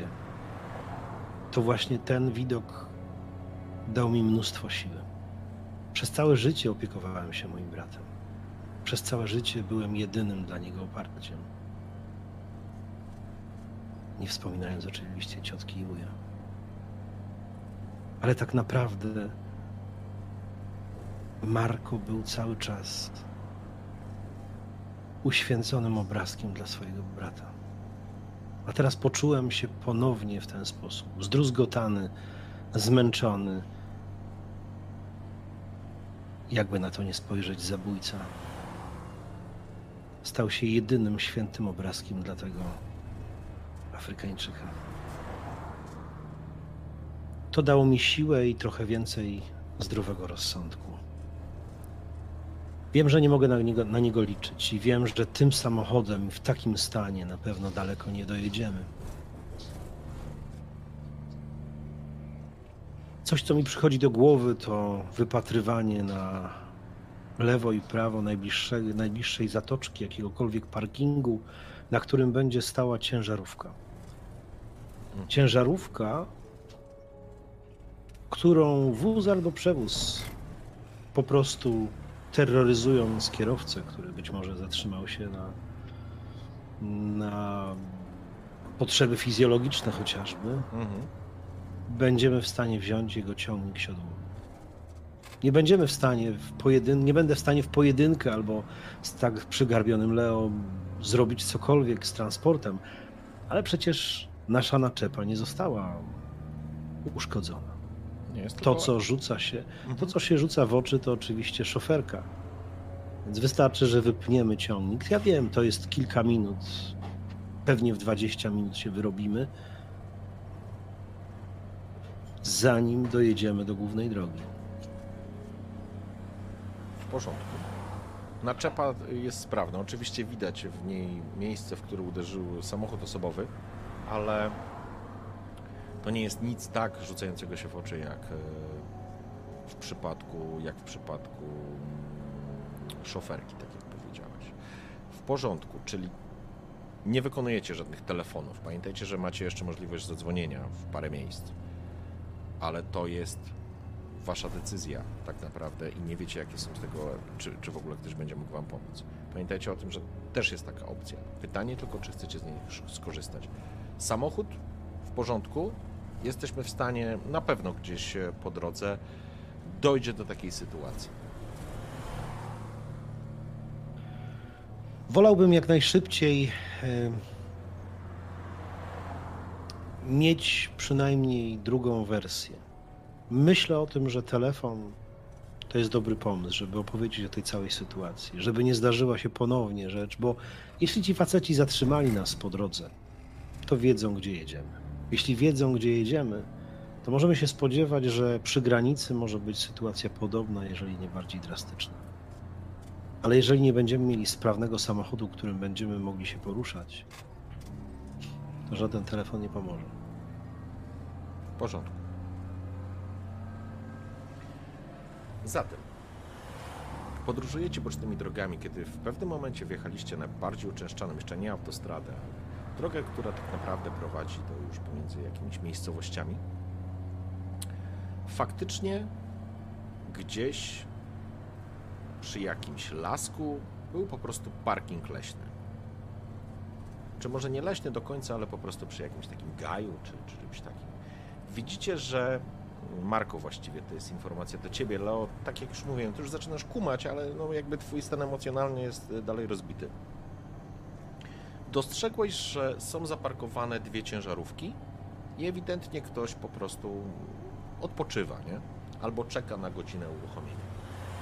Czy odjazdu, czy po prostu musi odpocząć wystarczająco długo, żeby tachometr nie oszalał. Jaki macie plan? Mój plan jest prosty, szybki i brutalny. Wyjąć zawodnika, ogłuszyć, zabrać jego wózek siodłowy. Damy mu swój, nie zostanie z niczym. Ale my odjedziemy zupełnie innym, inną szoferką, inną, no, inną, innym samochodem. Okej. Dobrze. Jak zakładam, że wjeżdżacie po prostu na ten, na ten parking. Samochody są dwa zaparkowane, dosyć, może nie jakieś wielkie, ale po prostu ewidentnie widać, że tutaj odpoczywają. To są oba ciągniki, dwa samochody mają na sobie po prostu przyczepy, które są załadowane e, i na ciągnik podpięte. Może nawet jest, nie, myślę, że nie. Okej. Kilka, wiesz, jakichś takich stoliczków, które pozwalają podróżnym odpocząć. Raz na jakiś czas przejeżdżają samochody. To już jest ta droga bardziej uczęszczana. Zatrzymujecie się gdzieś z boku. Mm, W, w szoferkach tych ciężarówek zasłonięte są rolety. Czy przed słońcem chroniące, czy po prostu ktoś śpi. Zatrzymuję nasze auto, wysiadam i dochodzę do szoferki pierwszego z tych aut, jak najbliższego. W porządku. Jakiś przyjmijmy man. Podchodzisz do drzwi, tak jak powiedziałem, zasunięte żaluzje. Stukam dosyć intensywnie w w drzwi szoferki. Będzie widział, że mieliśmy wypadek, więc chcę przede wszystkim zapytać, czy, czy mógłby użyczyć czegoś. W porządku. Uderzysz parę razy, trochę to trwa. Może faktycznie spał. Po chwili roleta się podnosi do góry, pojawia się w niej taka zaspana twarz jakiegoś mężczyzny wąsatego. Spogląda się, taki zaspany, opuszcza, opuszcza, opuszcza o, szybę, nie? E, Po czym zwraca się po grecku. Nie masz pojęcia o co. No, Może się przywitał po prostu. Mówię oczywiście w prostym, prostym angielskim, łamanym help, help, accident i pokazuje na, pokazuje na, na nasz samochód. Kiedy spojrzał na wasz samochód, jakby więcej nie było trzeba, natychmiast zrozumiał, co się wydarzyło, albo że potrzebujesz po prostu pomocy.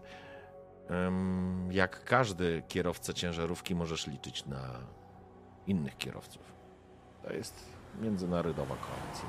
Mężczyzna natychmiast otwiera, pokazuje, coś ci mówi, na zasadzie, że chwila czy coś, znika w, w, w tej ciężarówce, może się ubrał, trudno określić, ale otwiera drzwi i natychmiast wyskakuje. Jest takim krępym e, facetem w sile wieku. E, spogląda się na ciebie taki, taki zatroskany, czy coś się po prostu wydarzyło, patrząc na samochód i to, co na nim jest. Y, Pokazuję mu gestem, że, że chcę, żeby podszedł do naszej szoferki. W porządku. Mężczyzna rusza. Otwieram szoferkę od strony, od strony pasażera, tam gdzie jest Leo. Mhm. y, I ciągnę Leo za sobą. Wiem, że on mi się w tej chwili całkowicie podda. Tym bardziej, że będzie, że, że, że facet będzie widział, że Leo jest ranny. Okej. w Otwieram drzwi szoferki, wyciągam, wyciągam Leo, pokazuję, że, pokazuję, że jest ranny. Pomaga ci, pomaga ci go wyciągnąć rzeczywiście, wiesz, e, coś mówi, ale może jakimś łamanym, wiesz, angielskim, e, tak, słyszysz, hospital?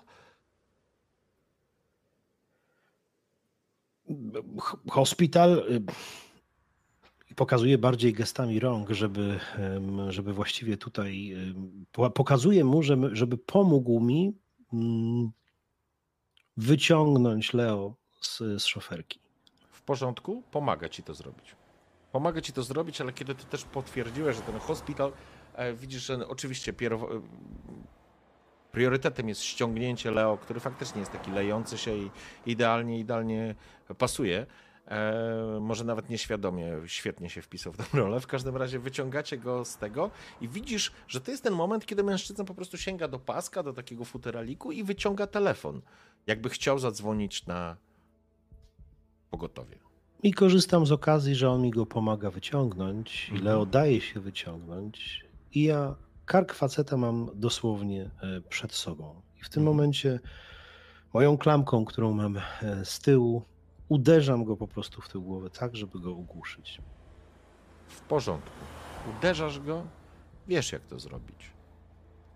Mężczyzna po prostu natychmiast uginają się pod nim kolana, pada na, pada na ziemię.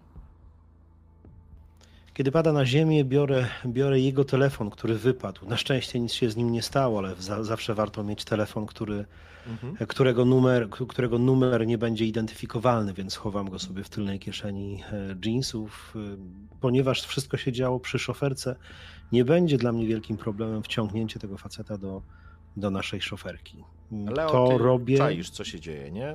Widzisz, widzisz co się dzieje. Póki co nie liczę na Leo, że, Mhm. że bardzo mi pomoże, choć mam nadzieję taką, Pomagam. że w którymś momencie, Mhm. no właśnie, to widzę wyraźnie kątem oka, że zaczyna się budzić z tego letargu, więc y, wciągamy obaj faceta do środka. Zabieram te rzeczy, które są potrzebne, nie ma ich za wiele y, w naszej szoferce.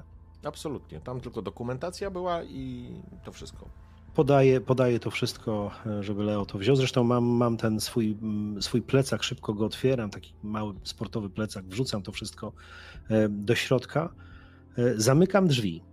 Mhm. Mam nadzieję, że ogłuszony facet trochę tutaj poleży, zresztą uderzenie było dosyć, dosyć silne. Podchodzę do, do szoferki tamtego mana, pokazując Leo, żeby, żeby podszedł, żebyśmy nie robili za dużo Mhm. hałasu.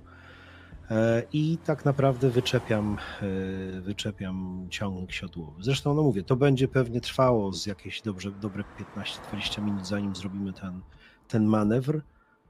W porządku. No ale odbędzie się to raczej bez wielkich krzyków, więc myślę, że mam Okej. nadzieję, że udaje nam się to zrobić. W porządku. Myślę, że tak. Myślę, że to nie będzie problem mm, dla ciebie. Nie jesteś może zawodowym kierowcą, ale z drugiej strony potrafisz jeździć tak samo jak Leo potrafił jeździć, więc myślę, że podstawowe manewry są dla ciebie e, do zrealizowania. Faktycznie odpalasz, ściągasz naczepę, która była, uwalniasz naczepę, która była na dotychczasowym e, ciągniku zmieniasz e, i tak naprawdę zamieniasz, żeby tego nie przeciągać. Ja myślę, że to trwa, ponieważ nie jesteście specjalnie wprawieni, z jakieś 45 minut, więc przyjmijmy, że jest gdzieś koło godziny drugiej teraz, po południu, może po drugiej, powiedzmy 15 po drugiej. Mężczyzna e, żyje, ale został ogłuszony wystarczająco mocno i myślę, że w jakiś sposób skrępowany, żeby, żeby po prostu nagle nie wyskoczył, czy nie, nie zaczął krzyczeć. Em, ale żeby mógł się, wiecie, w jakiś tam sposób po prostu uwolnić. Niemniej jednak załatwiacie to i okej, w porządku. Zajęło, tak jak mówię, za 40 minut. Ruszamy w drogę, ja kieruję, Leo jest obok na miejscu pasażera. Cały czas mówię, widzę, że się powoli budzi, ale póki co nie chcę oddać mu kontroli. Wiem, że, że Mhm. to jest ten moment. Mam ten telefon, z którego mieliśmy korzystać. Natomiast włączam go niejako, znaczy sprawdzam, sprawdzam y, książkę adresową, tam jest tylko jeden numer, tak? E, Mówisz o którym telefonie? O tym telefonie, którego dostali, dostaliście od Amona? Tak, tak. Tak, tam jest tylko jeden numer telefonu, wpisany jest Serat. Dokładnie tak z imienia. No pytanie, czy mamy teraz dzwonić do Serata, bo do Serata powinniśmy dzwonić dopiero jak będziemy na miejscu. A tu jesteśmy jeszcze w Grecji.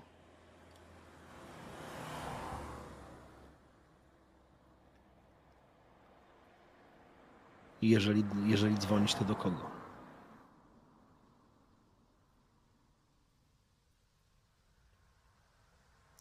Te dylematy, te dylematy są po stronie, po stronie mojej, ale również przerzucam to na moją postać jak najbardziej. W związku Okej. z tym y,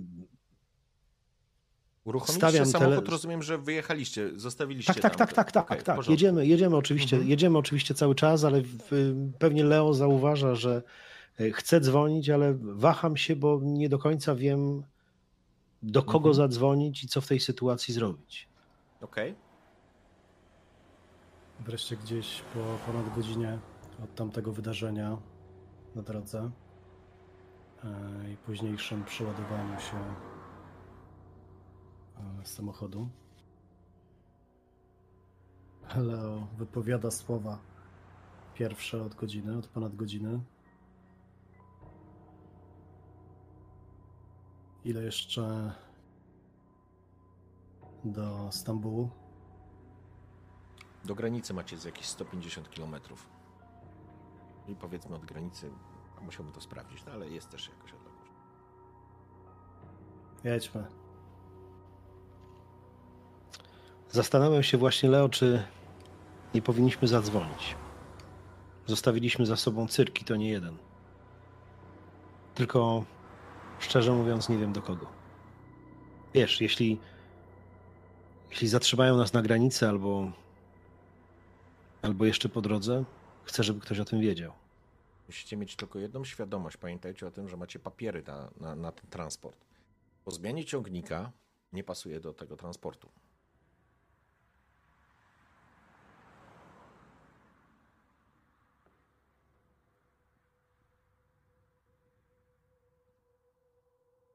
Do Leo w ogóle to nie dochodzi. To, że w tym momencie papiery nie dają jakąś niezgodność. Masz przecież telefon, zadzwoń. To jedyny kontakt ze światem zewnętrznym. Zadzwoń, zadzwoń, ale do kogo? Pod numer, który masz.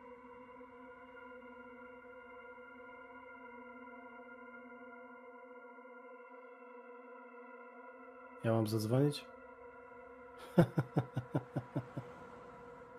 Ten śmiech powiedział mi wszystko. Nie, chyba bym nie chciał, żeby on dzwonił do kogokolwiek i z kimkolwiek rozmawiał w tym stanie, więc. Tak, biorę mm, telefon, który dostaliśmy i wybieram numer, ten jeden numer do Serata. W końcu, jeżeli on jest em, po stronie tureckiej, to może jest w stanie pomóc. Mhm. Wybieram na głośno mówiący.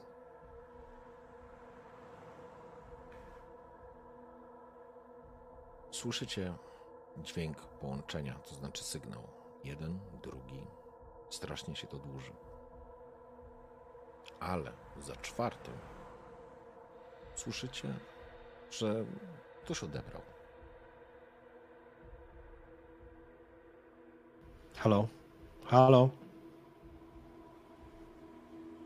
W jakim języku Halo? mówisz? Myślę, że mówię, w, mówię po angielsku.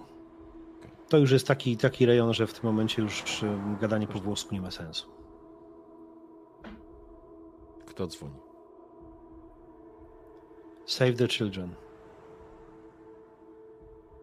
Dlaczego dzwonicie z Grecji? Mieliśmy kłopoty. I to duże. Jesteśmy jakieś 150 od granicy, ale jedziemy innym ciągnikiem. Transport jest w całości. Po drodze nas ostrzelano.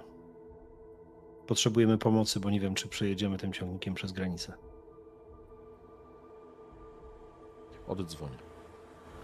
Rozłączę się.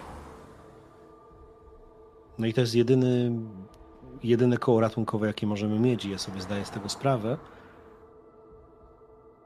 I chwytam się tego, jak, jak tylko można.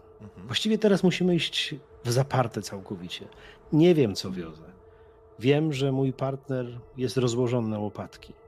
Ja nie czuję się najlepiej. Ból mojej głowy, czy to ból od, od adrenaliny, czy, czy po prostu to coś, co w mojej głowie siedzi. Przypominam sobie ostatnią rozmowę z lekarzem, który powiedział, żebym zbadał się jak najszybciej. Że to możliwe, że to są ostatnie dni, tygodnie mojego życia. Że, że mogę nie dożyć świąt Bożego Narodzenia z moim bratem. A jeśli to właśnie to, to i tak jest ostatnia moja podróż. Więc nie ma innej drogi. Jest tylko droga do Stambułu. Okej. Ostatnie 150 km do granicy ciągnęło się niemiłosiernie. Ruch był duży. Jakimś cudem przejeżdżaliście przez kolejne miasteczka, oddalając się coraz bardziej od miejsca, w którym to wszystko się zaczęło i zbliżając się coraz bardziej do miejsca, w którym powinniście być. Telefon od Serata zadzwonił godzinę później. Podał ci konkretne namiary, wysyłając na telefon PIN, który masz się znaleźć. 25 km od granicy. Niewielkie miasteczko. Przygraniczne zdecydowanie. Kiedy trafiliście tam, bo rozumiem, że będziecie tam jechać, czy Tak, absolutnie. Kiedy trafiliście do tego miasteczka, była myślę, że około godziny 17. Na niewielkim parkingu stało kilka samochodów, w tym również nowy ciągnik. Grecy, którzy tutaj byli, również rozmawiali po angielsku, nie dyskutowali. Widzieli kto, prawdopodobnie wiedzieli na kogo czekają. Mężczyzna podszedł, podał kluczyki, zabrał ten ciągnik, a wyście się przesiedli do nowego. Drugi mężczyzna przyszedł i podał wam po prostu teczkę z dokumentacją. Taką, jaką dał wam Amon, ale odebrał od was starą. Przepięliście samochód, dostaliście dokumenty. Dwóch Greków załatwiło całą resztę. Wjedliście w samochód i ruszyliście do granicy. Serat już nie zadzwonił.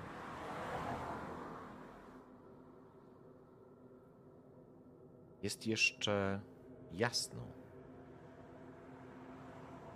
kiedy zatrzymujecie się przed przejściem granicznym. Jest korek, samochody. Zapada taki, zaczyna zapadać taki, może jeszcze nie półmrok, ale to jest już ten moment, w którym słońce będzie powoli zachodzić. Siedzicie w samochodzie, który wypełnia pustka. Myślę, że to nie jest nawet moment, w którym rozmawialiście o czymś. To wszystko poszło tak automatycznie, trochę tak jak na autopilocie.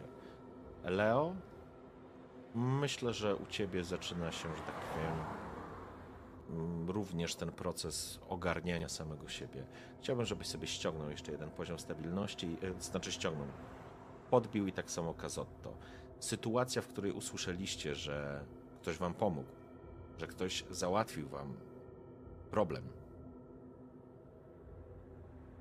Na pewno była, na pewno była budująca w tej sytuacji. Stoicie przed przejściem. Ciąg samochodów, czerwono, na czerwono mocno świecące lampy stopu. Ktoś trąbi, ktoś nie chce czekać. Czujecie się trochę jak przed wjazdem na prom.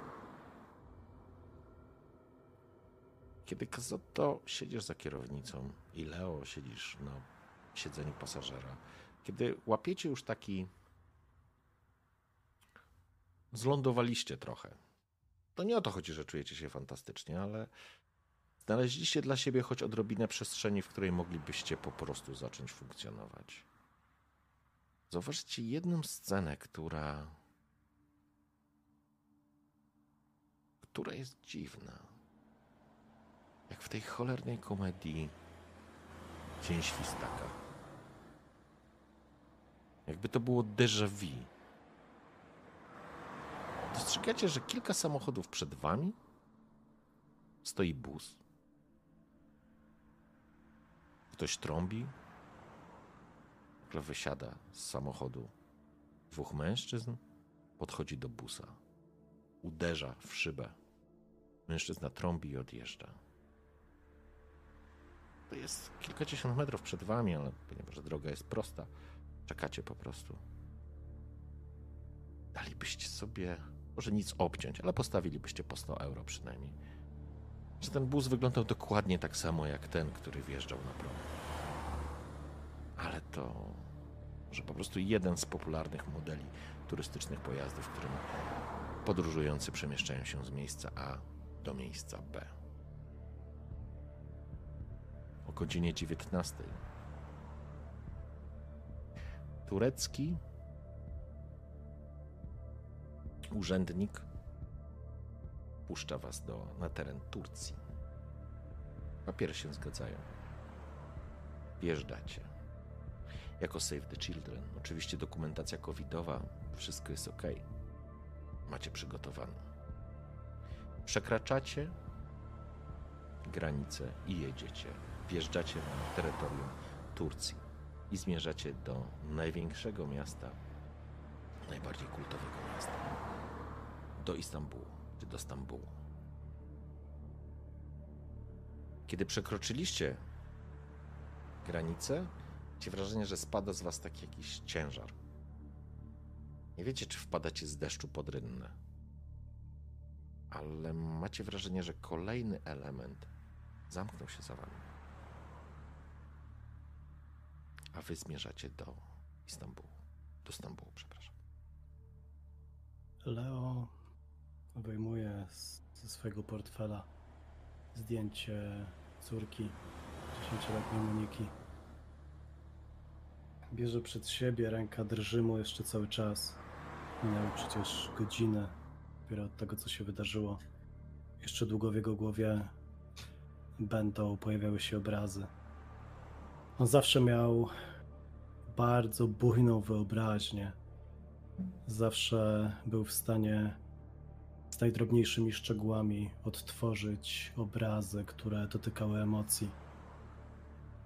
I zarówno tak jak patrzy na zdjęcie Moniki, przypomina sobie to, kiedy po raz pierwszy ją ujrzał, kiedy zobaczył ją zaraz po narodzinach, kiedy pomimo łez, które pojawiły się w jego oczach i radości, która wypełniała jego serce i środek, widok Moniki zwiastował nadzieję.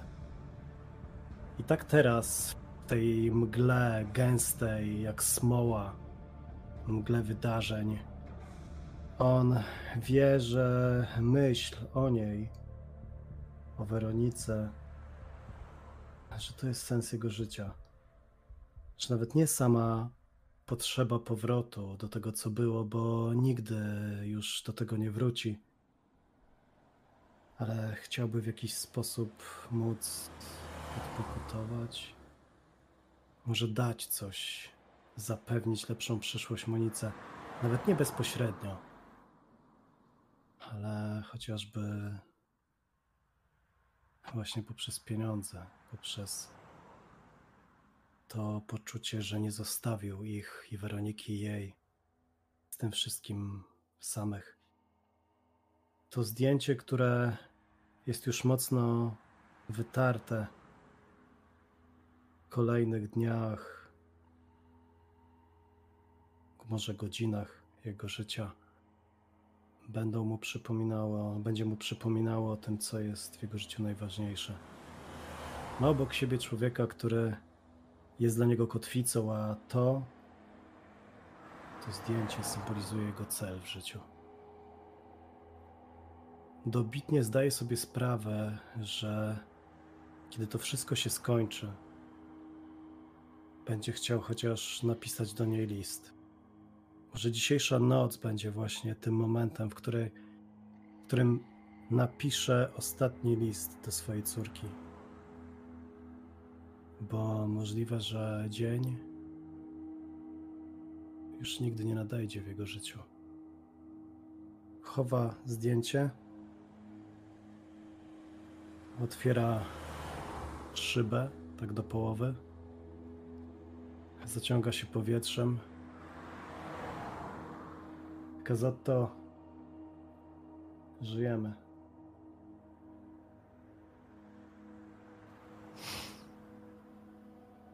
Jeszcze wciąż.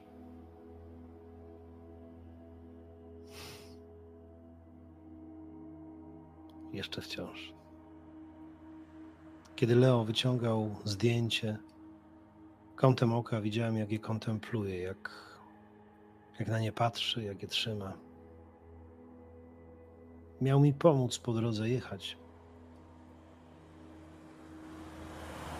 Coś nierówno wyszedł nam ten balans. Kiedy spojrzałem w lusterko, zobaczyłem tam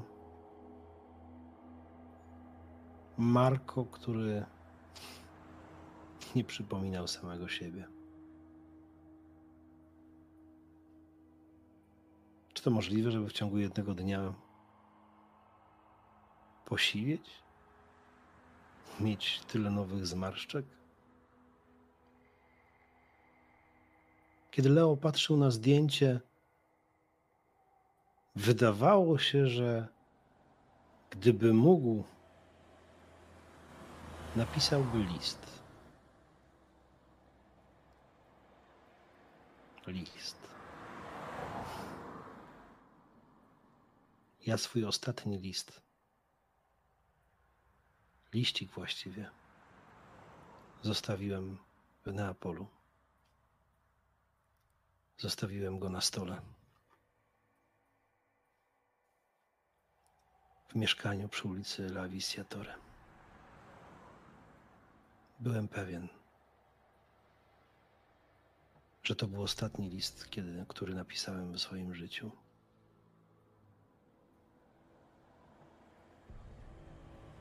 Ale wiedziałem, że i tak niczego nie żałuję. Zupełnie niczego.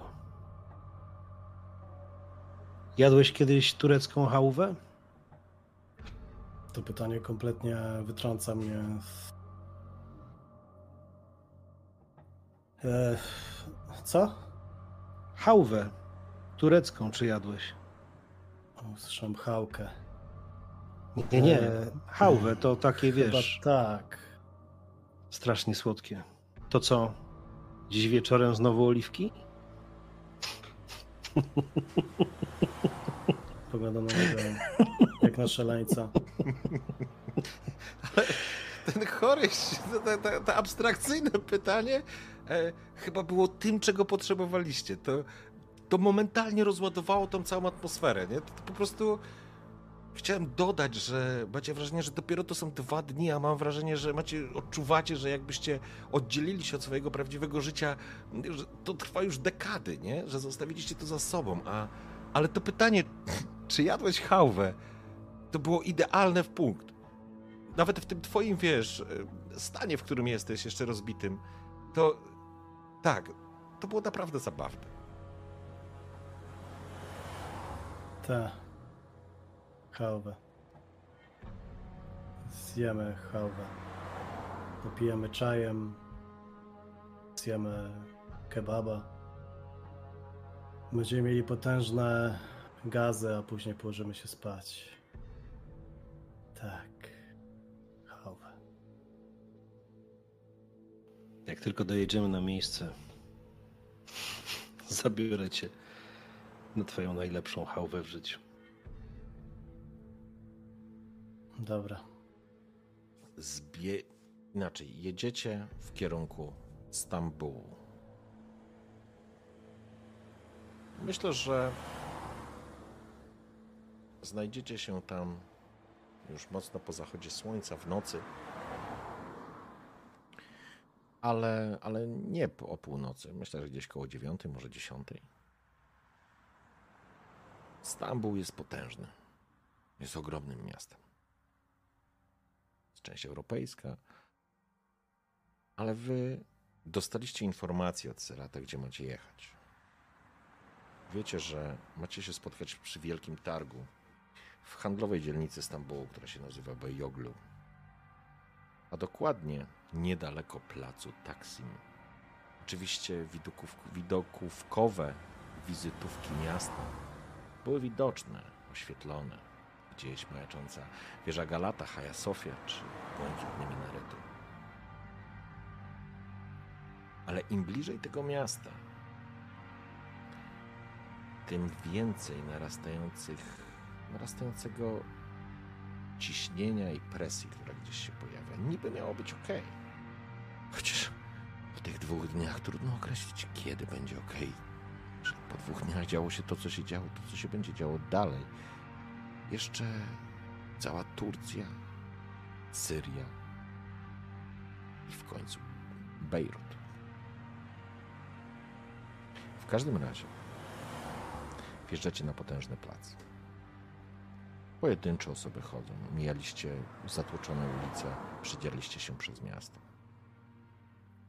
Kiedy Istanbul cały czas żyje, potężne statki pływające w zatoce, e, to miasto chyba nie zasypia. Ale również usłyszeliście ostatnią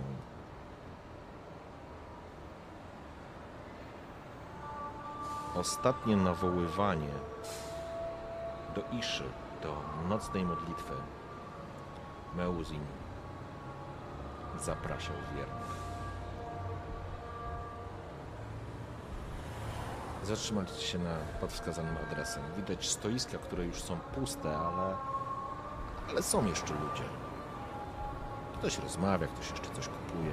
To są turyści, więc jest pieniądz. Jak jest pieniądz, to nikt nie chodzi spać.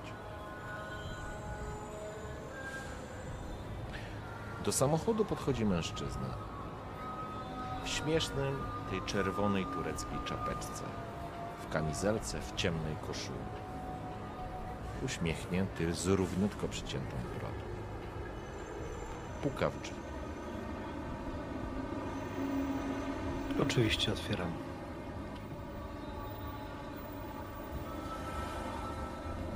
Dobry wieczór.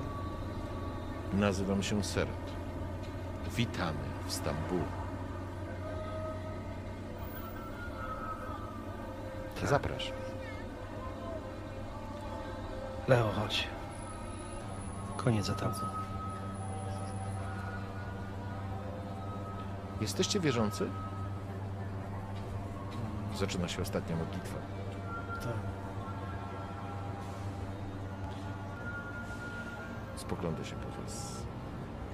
Kramarz chciałby was poznać, zanim pójdziecie spać. Kramarz? Tak. Kramarz. Macie wobec niego pewien dług. Wracam się do Leo. To może będzie okazja kupić prawdziwą turecką chałwę. Mężczyzna się uśmiecha. Mamy najlepszą chałwę na świecie. Zapraszam. Na to liczymy, prawda, Leo? Tak, chodźmy. Mężczyzna rusza przed siebie pomiędzy stragami. Kątem oka zauważyliście, że natychmiast przy ciężarówce pojawiło się parę osób, które po prostu są przy ciężarówce. Przechodzicie pomiędzy straganikami. Większość z nich jest już niestety pozamykana, ale na niektórych piętrzą się kopy kolorowych przypraw. Jest również i hałwa kazatta i słodycze tureckie. I widzicie, jak pewien turecki lodziarz robi sobie jaja z kolejnego turysty, który nie może tego cholernego rożka z lodem złapać.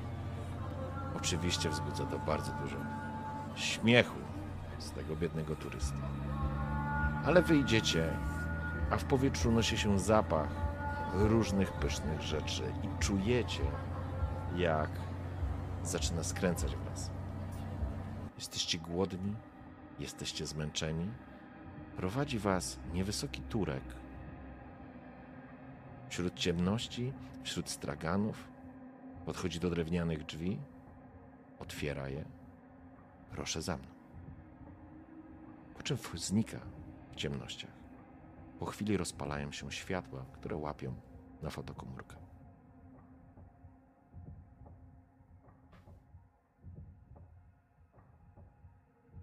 Idziecie? Absolutnie idziemy za tym Turkiem W porządku. krok w krok. Okej. Serat prowadzi was labiryntem, em, labiryntem korytarzy, po czym w pewnym momencie otwiera kolejne drzwi i wchodzi do sali, która macie wrażenie jest żywcem przeniesiona z baśni Tysiąca Jednej Nocy. Przepych, który panuje w tym pomieszczeniu, jest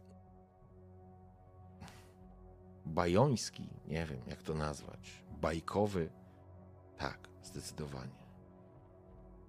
Myślę, że nawet szejkowie w Dubaju by się nie powstydzili takich wnętrz, a może by nawet zazdrościli. Dzieła sztuki przemieszane z klejnotami, ze złotem, ale również z tandetą. Ludzie bawiący się, pijący, wciągający narkotyki. Tutaj trwa zabawa i mężczyzna, który idzie w biało-pomarańczowym fraku. Idzie do was i nie wygląda na Turka absolutnie. Jest chyba Europejczykiem. Delikatna brudka i cylinder pod pachą. Serat podchodzi do niego, skłania się przed nim, wymieniają parę zdań, po czym on pokazuje. Pokazuje jakby na was. Mężczyzna, który z pewnością będzie kramarzem, uśmiecha się, pokazując rząd równych, bielutkich zębów. Dobry wieczór. Witam panów bardzo serdecznie w Stambule. Jeszcze, jeszcze pod, przed tym, jak podchodzi do Mhm. nas, ja cedzę przez zęby, tak tylko, żeby Kazotto słyszał. Już go nie lubię.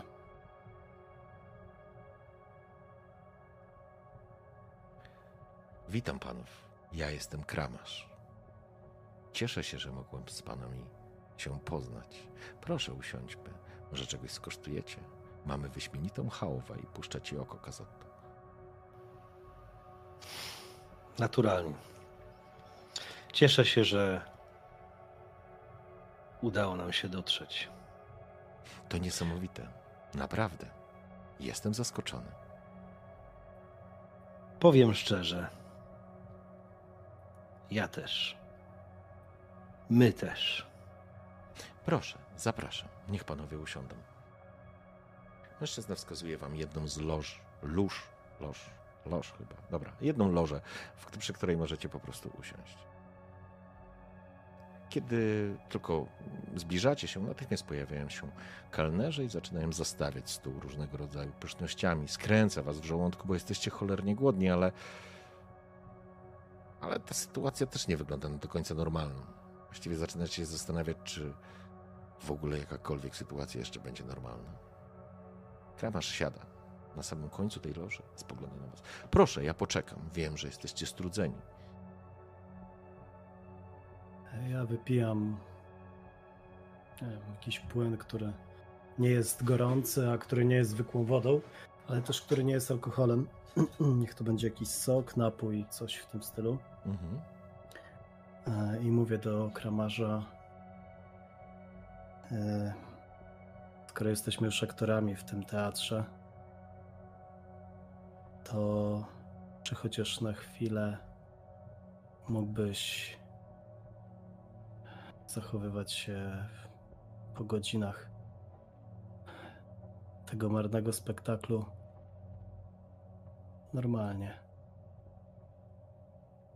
Normalnie. Oczywiście. Postaram się być normalny, chociaż myślę, że będzie to dosyć trudne. Niemniej jednak cieszę się, że was widzę. Jesteście moimi dłużnikami, nie wiem czy wiecie. Ale o interesach porozmawiamy za chwilę. Zaraz, zaraz. E, to nie ty jesteś naszym dłużnikiem? Ja? Dowieźliśmy transport, którego, na którym tak bardzo wam zależy. Nam? Chyba nie do końca się zrozumieliśmy, panie. Nie byliśmy sobie przedstawieni, przepraszam. Nie ma znaczenia. Och, zachowajmy elementarne podstawy. Nie zachowujmy się jak barbarzyńcy. Naprawdę nie trzeba. Cofam się tylko na tym fotelu. Biorę kolejnego łyka. Spoglądam na Kazotto, ale już więcej nic nie mówię. Mhm. Mężczyzna ogląda, przygląda się wam z zainteresowaniem. Ma równo przyciętą brodę, równo przycięte włosy. Tak. Jest ekscentrycznie ubrany zdecydowanie, natomiast zdecydowanie jest mega zadbany. Chyba nawet ma jakiś lekki makijaż podkreślający głębię jego oczu. Cieszę się, że już jesteście. Tak jak powiedział Serat, no cóż, musieliśmy zorganizować akcję ratunkową, ale cóż się nie robi dla przyjaciół. Zwłaszcza, że, no cóż, wszyscy robimy tylko interes, nieprawdaż? Przerywam mu i mówię: Nie jesteśmy żadnymi przyjaciółmi i nigdy nie byliśmy, nigdy nie będziemy. Jesteśmy tylko płotkami. My tutaj, ja. Pokazuje palcem na Leo, tak zwraca się do ciebie Kazotto. On chyba nigdy nic nie sprzedawał, prawda? Jesteśmy tylko płotkami i nie jesteśmy niczego dłużni tobie Och, ani żadnemu innemu kramarzowi, którego spotkamy. Nawet nie jesteśmy dłużni temu, który nam zlecił ten transport. Wykonujemy swoją robotę i za nią, za nią możemy stracić życie. Zaiste ciągu- to niezwykle ciekawe, że jeszcze żyjecie, ale dopinguję, trzymam kciuki. To zaiste interesujący spektakl. Podrywam się gwałtownie i wbijam w niego wzrok. Ja cały czas korzystam ze swojego stanu też. Mhm. W porządku. Mężczyzna spogląda się na ciebie z zainteresowaniem, z takim, wiesz, autentycznym zainteresowaniem. Przechodzę w jego kierunku.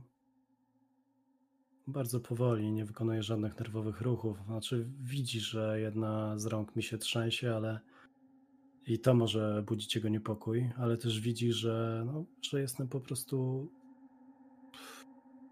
Nie wiem, czy dobre określenie to jest zatrwożone, bo gdzieś pewnie mi się też łamie głos, Mhm. jak to mówię.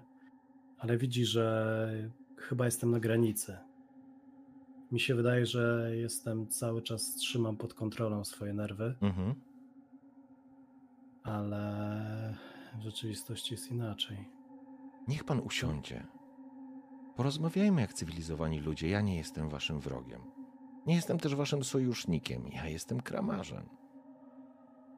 Mogę wam się Pieprzysz przydać. jak jakiś marny kolonizator. Porozmawiajmy jak cywilizowani ludzie. Kogo widzisz we mnie?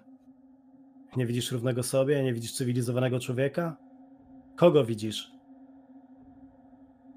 Spogląda się na ciebie, mruży lekko oczy, te podkreślone kredką oczy. Widzę dużo więcej niż chciałbyś zdradzić. Ale to interesujące. Pohandlujemy.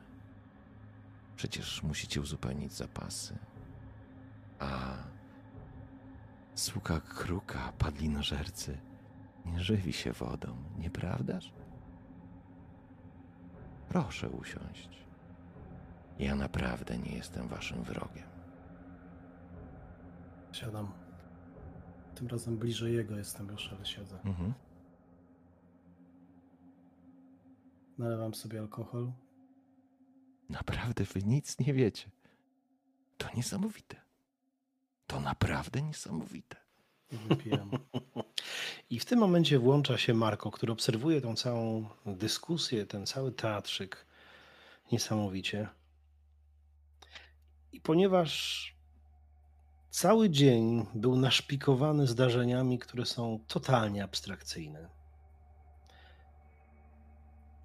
rozkłada się szeroko w tym, na tej kanapie, czy tym siedzisku, fotelu, wyciągając przed, przed siebie nogi, wbijając y, wykałaczkę w oliwkę z dużą ilością ziół i tak delikatnie, właściwie takim teatralnym gestem, zsuwając ją zębami do gardła, mówi: Dobrze, Skoro jesteśmy w tak pięknym pałacu, to może, drogi panie Sindbad, opowiesz nam wszystkie bajki, które powinniśmy wiedzieć, zanim ruszymy w dalszą drogę.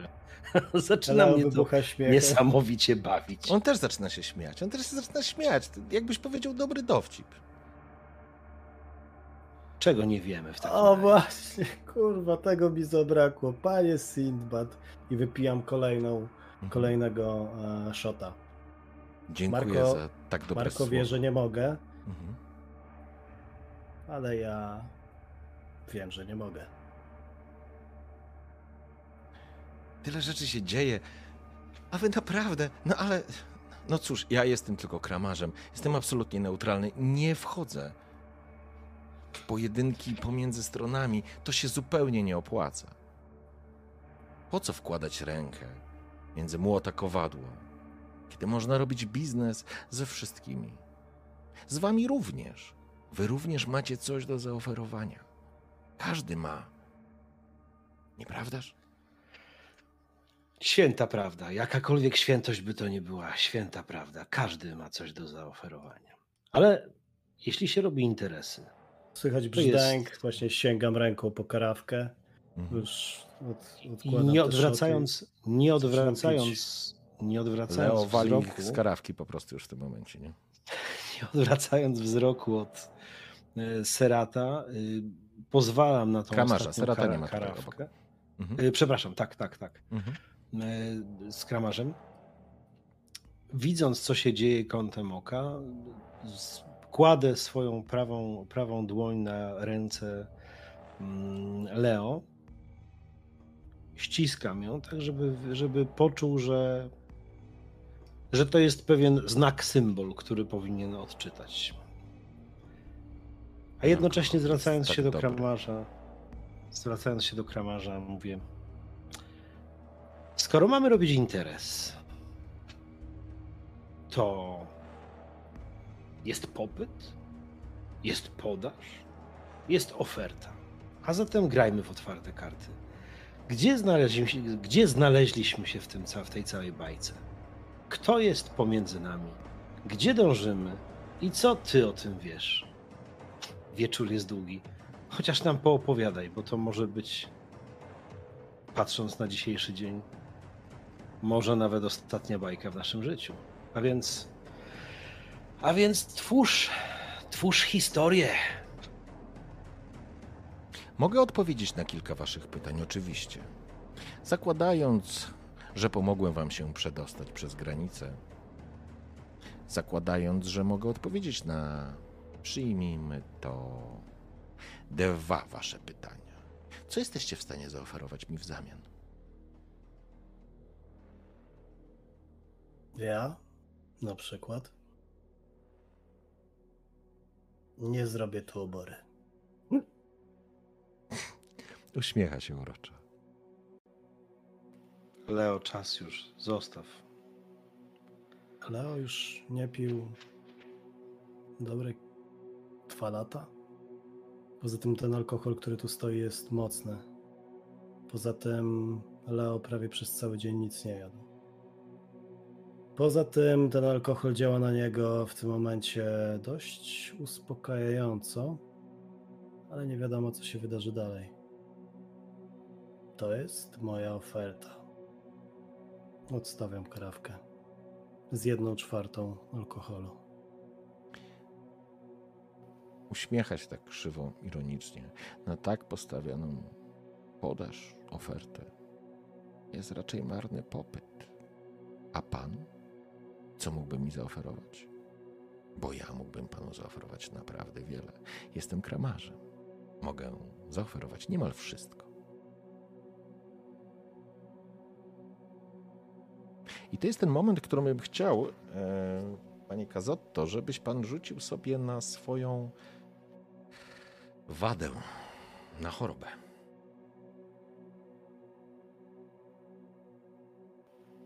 To jest Dobrze. 2K10 chyba rzucasz po prostu. Tak, tak, tak. 2K10. Mhm.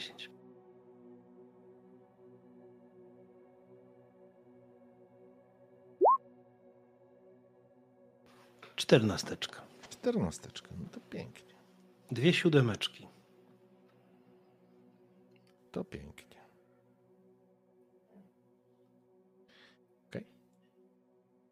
Marko, Czujesz ból w klatce piersiowej. Czujesz ból, coś cię zakuło, pozbawiło cię przez chwilę oddechu. Jesteś w stanie to kontrolować, już czułeś to parokrotnie.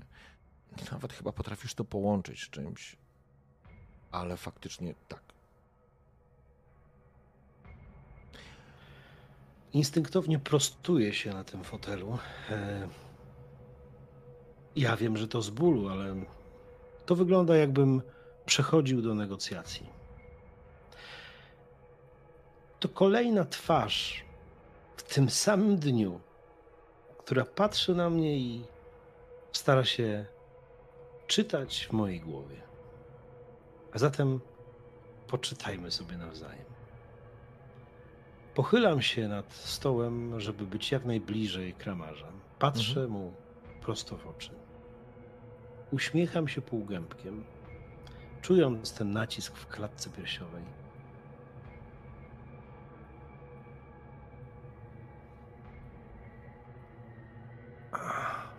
Odwróćmy zatem sytuację. Nieco ja jestem w stanie zaoferować. Tylko czego ty potrzebujesz? Mężczyzna się uśmiecha. Bardzo wielu rzeczy. Bardzo wielu rzeczy. Ale to pytanie, czy jesteś w stanie to zaoferować? Nie wiem, co jesteś w stanie zaoferować. Nie, nie, nie, nie. Czego ty potrzebujesz ode mnie teraz?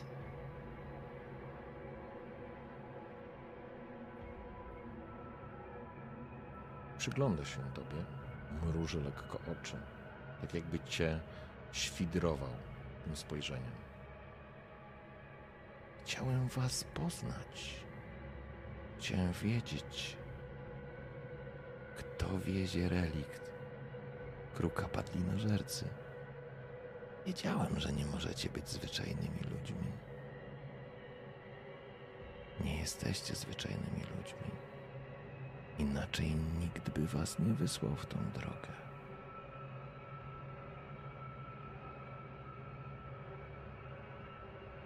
Zrzućmy to na krab mojej próżności.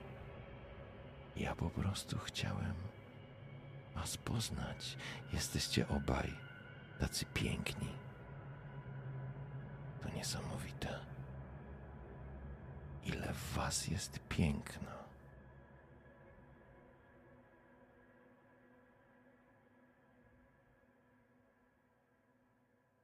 Cofa lekko głowę. Marko, słysząc słowa, które pewnie jeszcze rano uznałby za totalnie abstrakcyjne, pewnie gdyby usłyszał taką tyradę słów od bezdomnego dziś rano, uznałby tego biednego, poszarpanego człowieka za wariata. Ale nie te kilkanaście godzin później. Nie po tym, co było dziś, co było wczoraj. Nie po tym, że ów relikt wreszcie dostał swoją nazwę.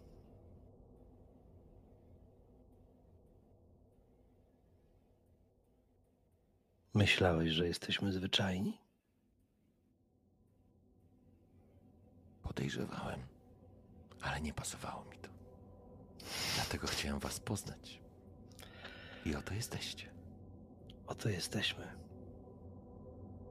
A ty zrób wszystko, żebyśmy dotarli tam, gdzie mamy dotrzeć.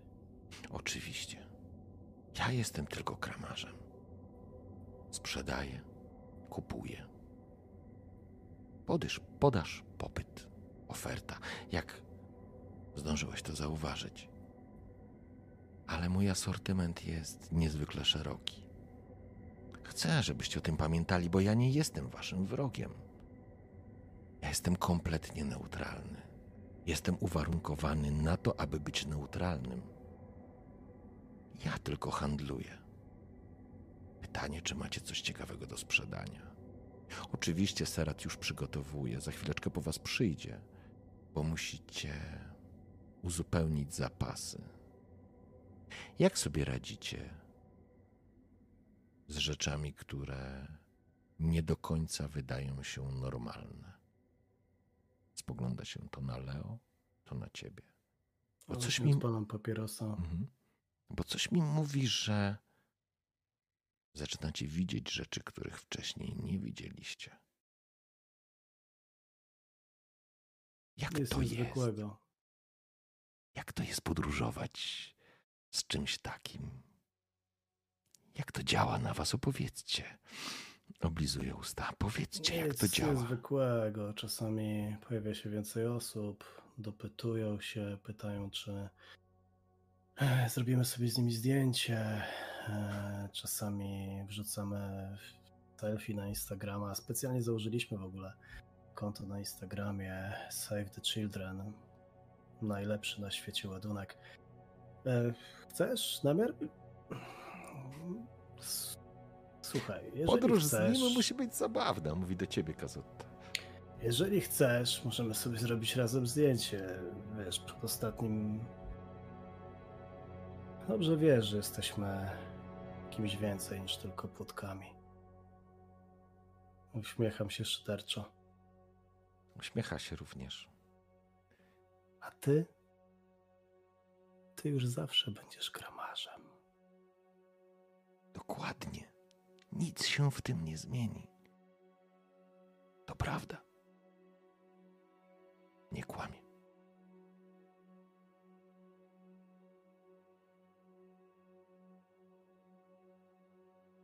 No cóż, jeśli nie będziemy handlować, poproszę Serata, żeby was odprowadził. Poradzicie sobie? Czy chcecie coś na znieczulenie? Na jej, sen. Jak dobry kupiec. Chcę, aby moi klienci byli zadowoleni. Na mocny sen, ale z nadzieją, że jak się obudzę, to nie będzie tam ciebie i twojego. Uśmiecha się, mruknąłeś do niego. Uśmiecha się. Masz wrażenie, że cholera, facet się zarumienił, ale tak, tak, to, ale to było aktorstwo. Nie pofolgujemy sobie dzisiaj. No, ale i tak jesteście piękni.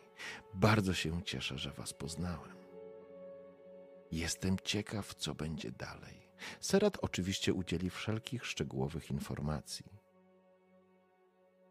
Ale. Hmm. Tak, jestem ciekaw. Możecie do mnie wrócić kiedy tylko, kiedykolwiek będziecie chcieli. Przyjmijmy, że moja pomoc w przeprawieniu się przez granicę to pewien zadatek, który został zrealizowany dziś, a może kiedyś o coś Was poproszę. Zobaczymy. Możecie mnie znaleźć, jak tylko będziecie chcieli. Pohandlujmy, kiedy będziecie gotowi. Tymczasem, oczywiście, czekają na Was apartamenty. Korzystajcie z tego miejsca, ile chcecie. Zanim jednak odpoczniecie, musicie dopiąć sprawy z Seratem. On, o, właśnie już idzie. Uśmiecha się. Bierze cylinder, nakłada na głowę. Życzę dobrej nocy i powodzenia. Trzymam kciuki. Uśmiecha się. I puszcza ci oczko, Leo, jeszcze raz, kokieteryjnie. Po czym odchodzi. Po chwili pojawia się Serat. Czy... Robię taki dość wyraźny Mhm. gest. Uśmiechnął się tylko. E, niewysoki Turek przyszedł do was. Czy panowie są już gotowi? Jasne. Bardziej nie będziemy. To nie potrwa długo. Chodzi tylko o dopilnowanie elementów. a później udacie się panowie na spoczynek. Czy kramarz zaproponował coś na znieczulenie?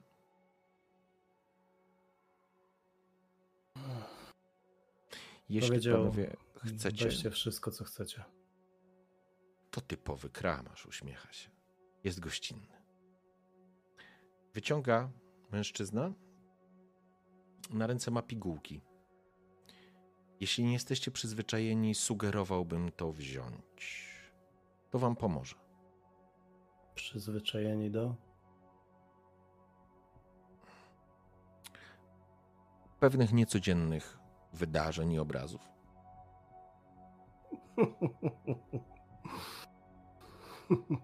Jeśli nie, proszę wybaczyć, że proponowałem. Spogląda się na was. Dobra, mam w ciemno wybrać, czy jest tylko jeden rodzaj? Jest jeden rodzaj, ale są dwie. Biorę. W porządku? A pan? A ja podziękuję. Ja Proszę. bez znieczulenia. Rozumiem. Proszę zatem za mną. Kiedy wziąłeś, Leo, tabletkę, wziąłeś ją? Tak. W porządku. Zatem ruszacie za Seratem. Serat prowadzi was przez tą salę. Tutaj zaczyna się pojawiać muzyka, zaczynają się pojawiać ludzie. Siedzieliście w takiej dosyć intymnej loży, nazwijmy to w ten sposób. Oczywiście kramarz gdzieś zniknął, widać, on gdzieś tam chodzi między gośćmi, ale to nie jest istotne. Prowadzi was Serat. Przechodzicie przez przez tą salę, wchodzicie w jakiś tunel, w tunel, przepraszam, w jakiś korytarz, znowu drzwi, znowu korytarz, znowu się światła rozpalają. Idziecie tym korytarzem, Kazotto idziesz, natomiast Leo, ty zaczynasz, nie to, że coś ci się, wiesz, tobie dzieje, tylko masz wrażenie, jakbyś szedł w jakiejś takiej bańce, która cię, nie wiem, czy to były dragi, może to były jakieś dragi, albo jakiś psychotrop, ale coś, co powoduje, że cię odcina od tej rzeczywistości, jakby obraz był zamazany, jakbyś masz wrażenie, że odbierasz wszystko tak, jak powinieneś, ale realnie jesteś jakby, jakby twój umysł zamknął się w jakiejś bańce. I nie dostrzegasz, no, okej? No, Powiedz, powiedz. I nie dostrzegasz tego, co dostrzega Kazotto. Korytarz, w którym idziecie, jest ciemny, wilgotny i pusty. Drzwi prowadzą, są rozłożone po jednej i po drugiej stronie. Zapachy, które rozciągają się po tym, masz wrażenie, jakbyś szedł opustoszałymi podziemiami. Ale drzwi i elementy i zdobienia, masz wrażenie, że są z wielu różnych miejsc na świecie. To nie jest wschodnia sztuka. To nie jest sztukateria z Istambułu czy z Stambułu, sorry. Dałbyś, w, dałbyś wiarę, że drzwi, które mijałeś po lewej stronie, to drzwi, które miały na sobie wiking, taki emblemat wikingów. Później nawet jakieś rzymskie znaki po chwili. I teraz przejdźmy do Leo. Co chciałeś? Tak, ja też oprócz tego czuję szumienie w głowie, bo przy tym stole niewiele zjadłem. Nie wiem, czy w ogóle coś złapałem. Pomimo tego, że oczywiście apetyt miałem duży, ale jakoś jeszcze cały czas mnie trzymało. Sięgnąłem po ten alkohol, chociaż wiedziałem, że nie mogę, że to jest dla mnie taki mocny wyzwalacz. Mm, Ale miałem po prostu nadzieję, że on złagodzi trochę to, co się dzieje. No i teraz być może w połączeniu tego, tej pigułki, oczywiście to łagodzi, ale moje nogi w pewnym momencie też zaczynają żyć swoim życiem. I ewidentnie to dostrzegasz, Marko. Może nawet łapiesz mnie, kiedy zaczynam się przywracać. Natychmiast, faktycznie, Leo się zatoczył, złapałeś go. Natychmiast Serat się obrócił. E, Mogę panu pomóc? Pomóc panu? Nie, nie, dziękuję. Ja sobie poradzę tutaj z moim przyjacielem. Może. Może odprowadzimy go do pokoju najpierw. Nie, nie. W porządku. Zróbmy to, co trzeba. Proszę zatem za mną. W porządku, wszystko słyszę, wiem, wiem co się dzieje. Po prostu mam gorszy dzień. Coś mam roczesz. E, Ty jesteś świadomy tego, co mówisz, a do ciebie Kazotto dochodzi bełkot, bo nie rozumiesz, co mówi do ciebie. Mężczyzna podchodzi do drzwi, otwiera drzwi i wchodzicie do kolejnego korytarza i tym razem uderza w ciebie Leo. To jest jakbyś był w bańce. To znaczy, widzisz jakby jaskrawe plamy, jakby światło gdzieś uderzało, jakiś dźwięk taki tunelowy, wiesz, dudniący gdzieś, ale bardzo daleko, tak jakbyś w ogóle, wiesz, był wyrwany ze swojego ciała i po prostu szedł, szedł jakimś takim, wiesz, psychicznym światem oderwany od cielesności. Natomiast Kazotto, ty zdecydowanie widzisz to, co tu się dzieje, bo wchodzicie na korytarz, który prowadzi do dużej sali, jaskrawo oświetlonej.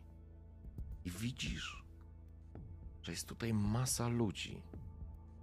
Widzisz jakichś tańczących, tańczącą grupę osób, no tak jakby na dyskotece. Widać podesty, na nich tańczących, roznegliżowanych mężczyzn i kobiety, które są jakby w totalnej orgii. Serat po prostu idzie. Proszę iść za mną. Przechodzicie między ludźmi. Dostrzegasz po prawej stronie niewielki podest, na którym wystawione są jak ciuchy postaci. Są ludzie, zdecydowanie ludzie. Chłopcy, dziewczynki. I widzisz grupę osób bidujących, po prostu je kupujących. Idziesz dalej i dostrzegasz klatkę najeżoną szkłem i rdzawymi kolcami, a w środku bijących się dwóch mężczyzn, poharatanych, poranionych, umierających ku wielkiej radości tłumu, który wokół nich skanduje na stojąco. Widzisz najdroższe szampany, które się rozlewają kobiety w ekstazie oglądające to mężczyzn. I teraz chciałbym, Kazotto, żebyś sobie rzucił na przejrzenie iluzji. W idealnym momencie sam chciałem to zaproponować.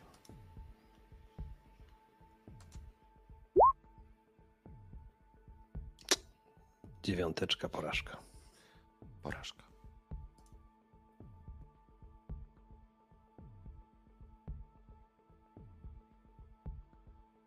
Dostrzegasz dwóch tytanów walczących w klatce. Wokół nich ludzi, nie ludzi, potworne istoty, które skandują, szaleją, oblizują.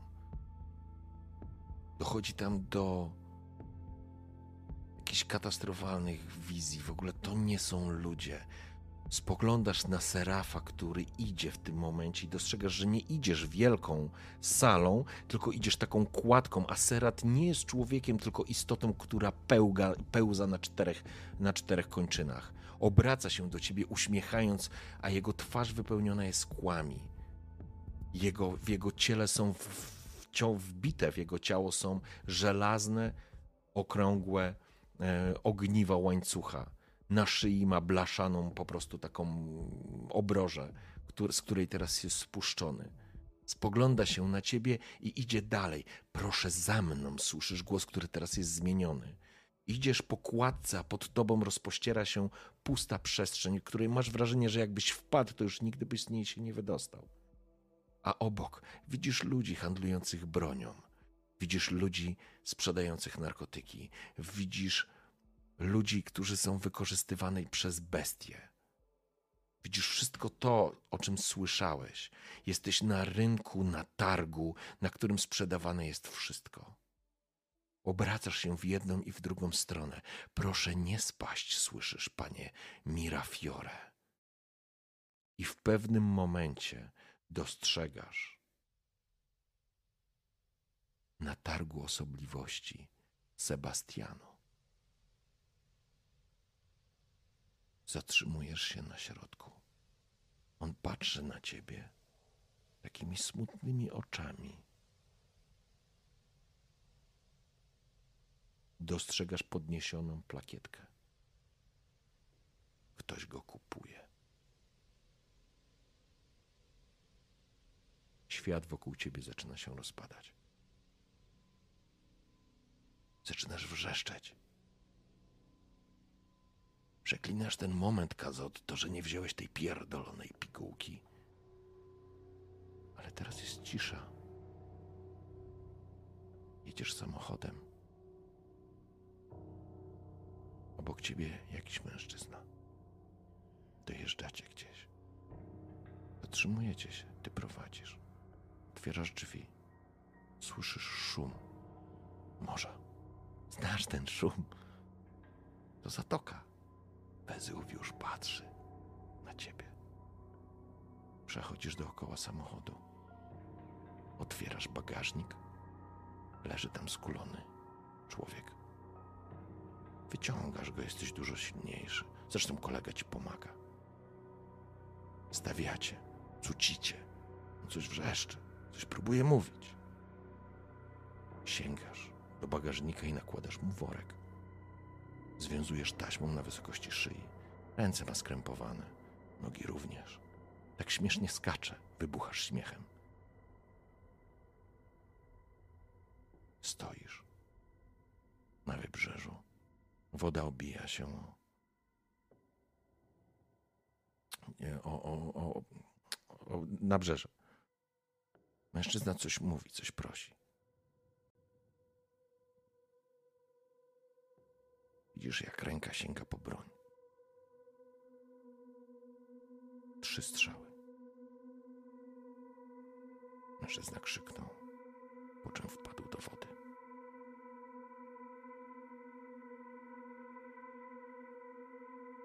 Panie, panie Mirafiore!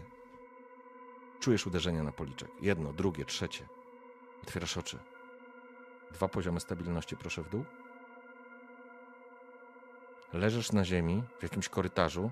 Obok ciebie Leo oparty o, o jakąś kolumnę. Coś bełkocze pod, no, pod nosem. Mężczyzna, który wygląda jak serat i jest chyba seratem. Klepie cię. Panie Mirafiore, wszystko w porządku? Panie Mirafiore. Tak. chy- Chyba tak. Jest pan pewien? Ostrzegałem. Pomagę ci wstać. Leo, coś tam. Leo, w ogóle nie, nie zorientowałeś się, że coś się dzieje.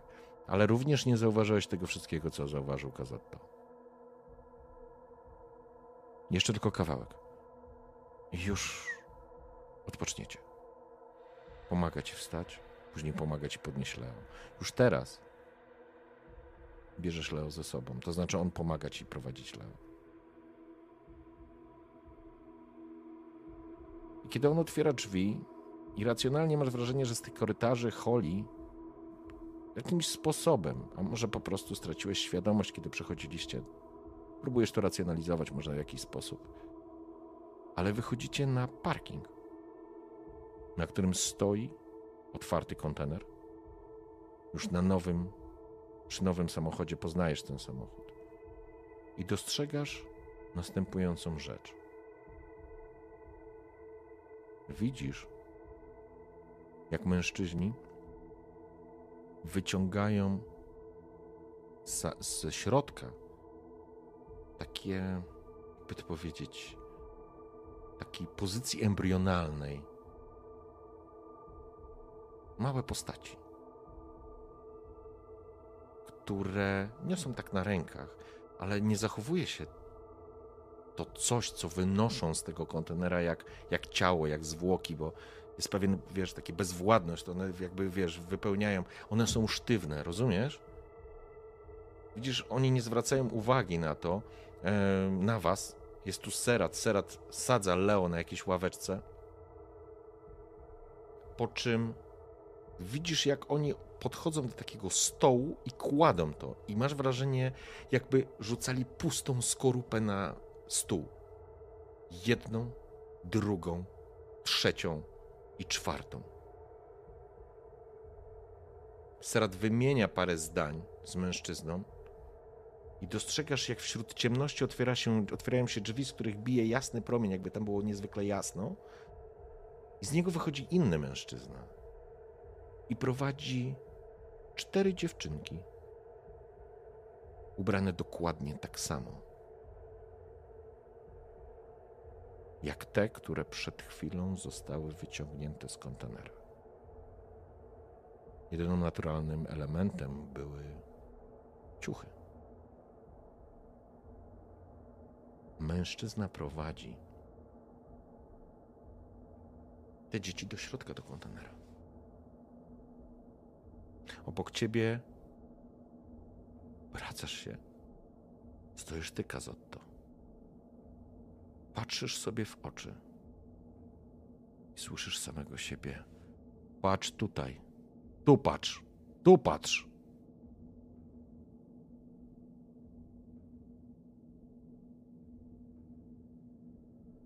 Po chwili wśród ciemności rozpościera się dźwięk zamykanej klapy. Ktoś ci coś daje do ręki. A potem zapada kurtyna. Znajdujecie się w jakimś pokoju, każdy w swoim apartamencie.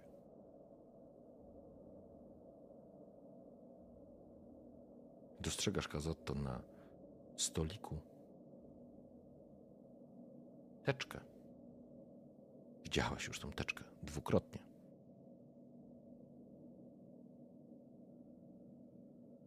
Nie ma nikogo. Jest całkowita ciemność. W głowie się kręci Leo, jakbyś wypił morze alkoholu. Jesteś wielu rzeczy nieświadoma, ale z drugiej strony, Kazotto, sam nie wiesz, czy to, co widziałeś, to była prawda, a może coś było w tych cholernych oliwkach, a może czegoś się nawdychałeś, bo to wszystko oznacza, że. to jakiś pierdolony Matrix.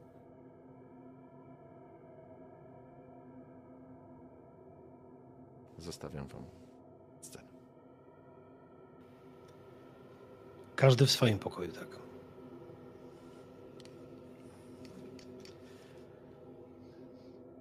Siedzę na łóżku. Dłuższą chwilę. Ile rzeczywistego czasu minęło? Nie mam bladego pojęcia. Rzeczywistego? Co z tego, co widziałem, co czułem, czego byłem świadkiem, było rzeczywiste? Ból w klatce piersiowej i ból mojej głowy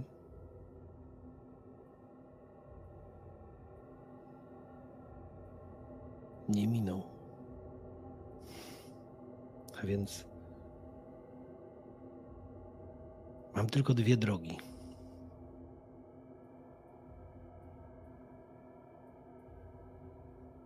Albo iść jak baran, którego mnie prowadzą na zaszlachtowanie, bo moje życie się totalnie kończy.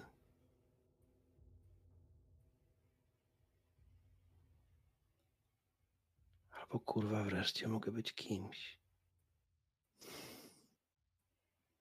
Wreszcie naprawdę u końca mogę być kimś. Przecież nie jestem pierwszym lepszym, jestem wyjątkowy, jeśli doszliśmy aż dotąd. Jeśli to wszystko się udało. A jeżeli te wszystkie obrazy to jest jakaś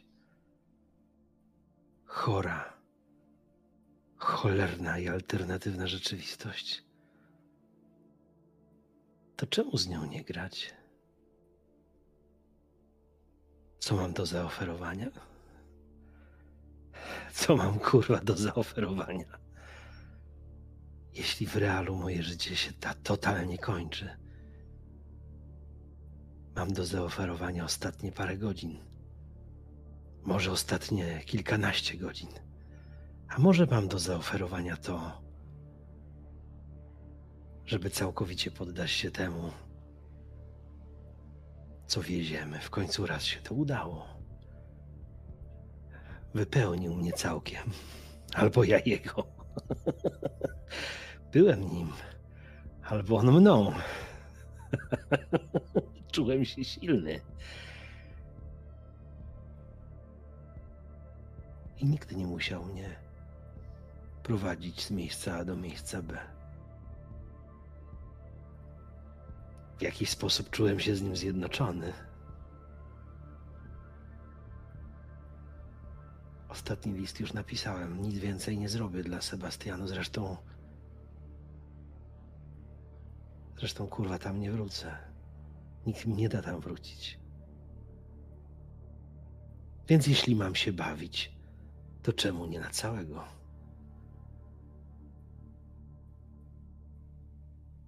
Całkowicie w rzeczywistości. Bez piguł. Bez niczego. Dlaczego nie? Cóż taki serat, kramarz? Mogę być od nich większy. Kto powiedział, że muszę to zawieść? Mogę być jedną całością. Z tym reliktem. Przecież jeśli ktoś pokazał mi te wszystkie obrazy, to chyba po coś, prawda? Marko, chyba po coś. Tak. To ja. Marco Sergio Cazzotto Mirafiore. Konwojent z długim stażem, specjalista w swoim zawodzie. I myślałem, że tak zostanie. Ale nie. Wcale nie. Na koniec naprawdę mogę być kimś. Mogę być naprawdę kimś. Kimś naprawdę wyjątkowym.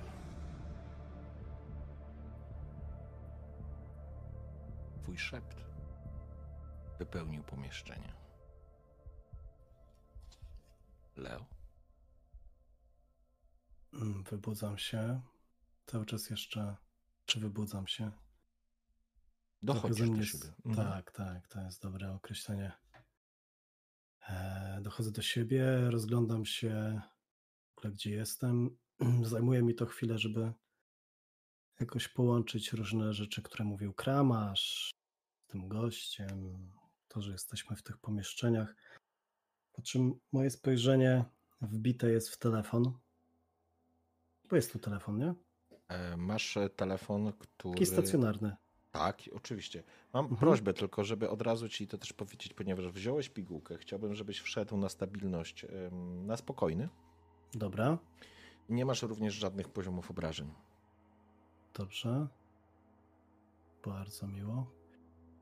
Eee, no to gdzieś tam szumi mi w głowie, oczywiście. Po tych prochach z pewnością. Tak, skurcz żołądka, bo jednak jestem też głodny, ale biorę za słuchawkę telefonu, Mhm. wykręcam numer do Patryka i m- moje ostatnie słowa to jest, kiedy usłyszę, że jest po drugiej stronie, Odbiera po trzecim sygnale. jesteśmy w Stambule, jak mogę cię znaleźć?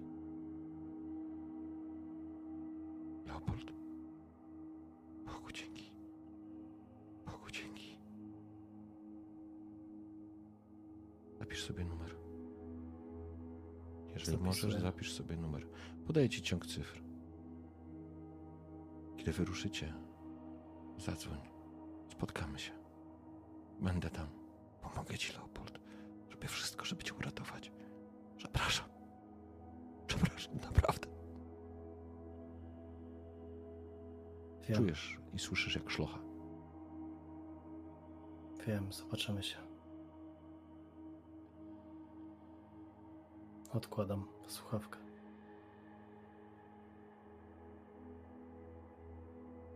I to wszystko, co Leo zrobi tego wieczora. W porządku. Panowie, dziękuję pięknie za dzisiejszą sesję. Zostajemy na noc w Stambule. Tak jest. Znaczy, O, to nie tak. wszystko, bo jeszcze Leo będzie chciał napisać list, ale to już pewnie jak wytrzeźwieje. Okej. E, no tak, ale to już jakby po, że tak powiem, poza kamerą. No, Oj. dziękuję. Huch. Zadziało się. Słuchajcie, bardzo króciutko, bo muszę po prostu do łazienki. Spoko. Ja myślę, że każdy, ka- każdy ma jakiś tam sposób ciśnienie, także e, trochę, Świetnie, trochę naprawdę. przedłużyłem. Mam nadzieję, że, że, że, ten, że, że, że nie jest to kłopotem, ale naprawdę chciałem jeszcze ten Stambuł, żebyśmy zagrali. E, także dzięki Super. piękne. E, ponieważ jest późno, nie będziemy teraz sobie gadać. Najwyżej zrobimy, zrobimy sobie pogaduchy przy kolejnym. O, cicho, cicho. E, Przy kolejnej sesji. Także dziękuję Wam pięknie, bardzo serdecznie za dzisiejszą sesję. Dziękuję Dzięki wszystkim piękne. widzom, którzy dotarli do końca. Widzimy się za tydzień e, na kolejnym etapie podróży. Także dzięki piękne panowie. Dzięki bardzo. Dzięki. Działo się, naprawdę. Dobrej nocy. Oby nam się, trzymajcie się, pupa, cześć, dobrej nocy. Hej.